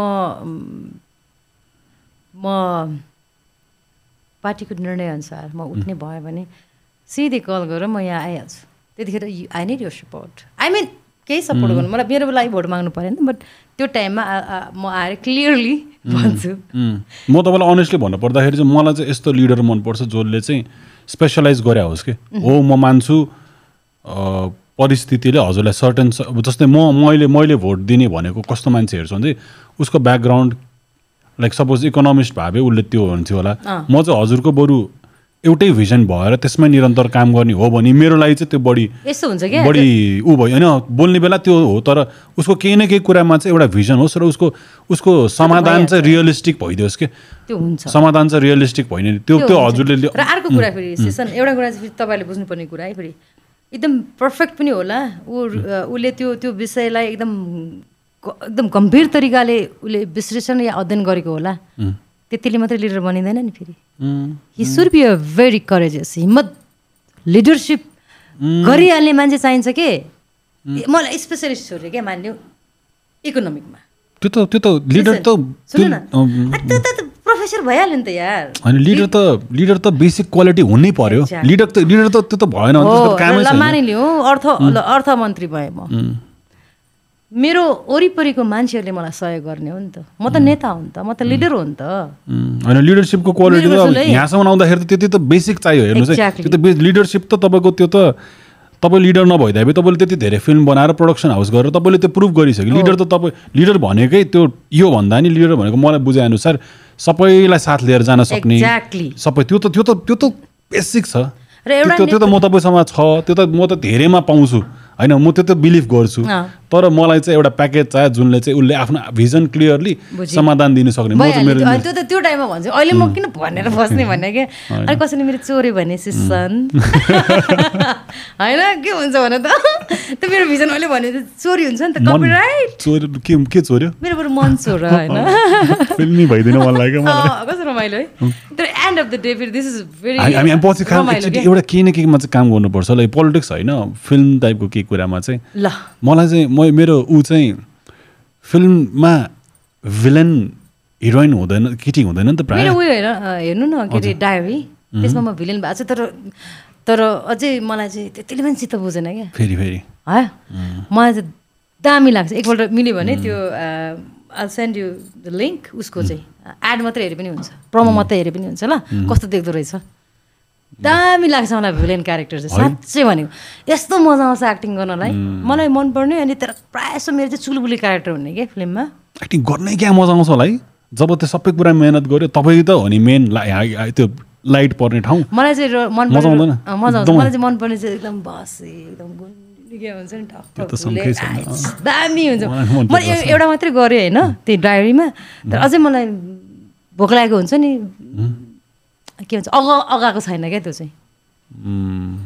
त्यो मलाई एकदम इन्ट्रेस्ट। पछि गर्नु पर्ला। छ नि एउटा एक्टरको लाइफ त आई थिङ्क असी नब्बे सय वर्ष जतिसुकै हो। गरिरहेछ मान्छेले हुन्छ। हुन्छ। हुन्छ हुन्छ। चाह्यो भने हुन्छ झन् तपाईँले चाह्यो भने त स्योरली नै हुन्छ। ल अब यसको साथै मलाई एकदम गफ गर्नु मन छ तर हामी अब फुड फुड आयो? ए ल आयो। अघि नै भनेको अघि सो एन्डै गर्नु मन छैन। त्यही त। यस्तो गाह्रो। कस्तो ढिलो भेटेको है। भने टाइमिङ छ। हेर चारै बजी आउनुपर्ने रहेछ अरे के? मैले त लाइफमै ढिला भने समयले अगाडि नै मैले ठोकाइदियो मैले ट- टन्ट हानेको हो कि? समयले अगाडि नै ठोकाइदियो के हुन्छ हेर म मलाई सिसनलाई पहिले अप्रोच गरिसकेँ हुन्थेँ हेत्तेरी कस्तो ढिलो पोडकास्ट स्टार्ट गरे त। दुई एक वर्ष दुई वर्ष अगाडि किन गरेनौ अरे है, के हुन्छ? म त्यतिखेर बिजी थिएँ। पाँच वर्ष अगाडि त सेम त्यही त ओके सो म रमाइलो गर्दा गर्दै साथ यो एन्ड गर्न चाहन्छु र एउटा लास्ट क्वेसन सोध्छु हजुरको लागि। एकदम यो पनि अघि नै जस्तो। हजुरको लागि लाइफ के हो? एकदम ऱ्यान्डमली जेसुकै पप हुन्छ। लाइफ के हो? कस्तो हुनुपर्छ होइन? लाइफ लाइफ के हो? Basic go with the flow अनि त्यो कसरी बाँच्नुहुन्छ भन्ने कुरा भयो? प्रश्न चाहिँ लाइफ चाहिँ के हो जस्तो लाग्छ। सुन्दर सुन्दर उपहार हो। थ्याङ्क यू ल यसको साथसाथै हामी पडकास्ट एन्ड गर्छौँ। I Thank think you. तपाईँले आउट्रो पनि गरिदिनुपर्छ। आउट्रो भनेको सकाइदिनु नि पर्छ। के भनेर? जे मन लाग्छ त्यही। ओके रेडी ल थ्री टू वान गो धन्यवाद मलाई बोलाउनु भएकोमा सेसनजी र यहाँ टेक्निसियन सम्पूर्ण टेक्निसियनहरूलाई पनि धेरै धेरै धन्यवाद। कार्यक्रम चाहिँ प्याराडाइम पडकास्ट होला। Paradigm paradigm paradigm podcast podcast हेरेर बस्नुहुने सम्पूर्ण मेरो दर्शकहरूलाई मैले कतिपय कुराहरू इफ इफ रङ बोलेको रहेछु मेरो केही मिस्टेक भएको रहेछ भने पनि मैले सिरियसली अथवा चाहिँ अ, कसैलाई आघात पुर्याउने या चाहिँ नराम्रो हुने मनस्थितिले बोले होइन। बो यत्रो कन्भर्सेसनमा इफ इन केस काहीँ मिस्टेक भएको छ भने चाहिँ एउटा छोरी बहिनी अ, विद्यार्थी मानेर मलाई पर्दैन गति हो। ल ल okay so we end the podcast thank you so much for listening है समात आहा, कस्तो राम्रो। आमा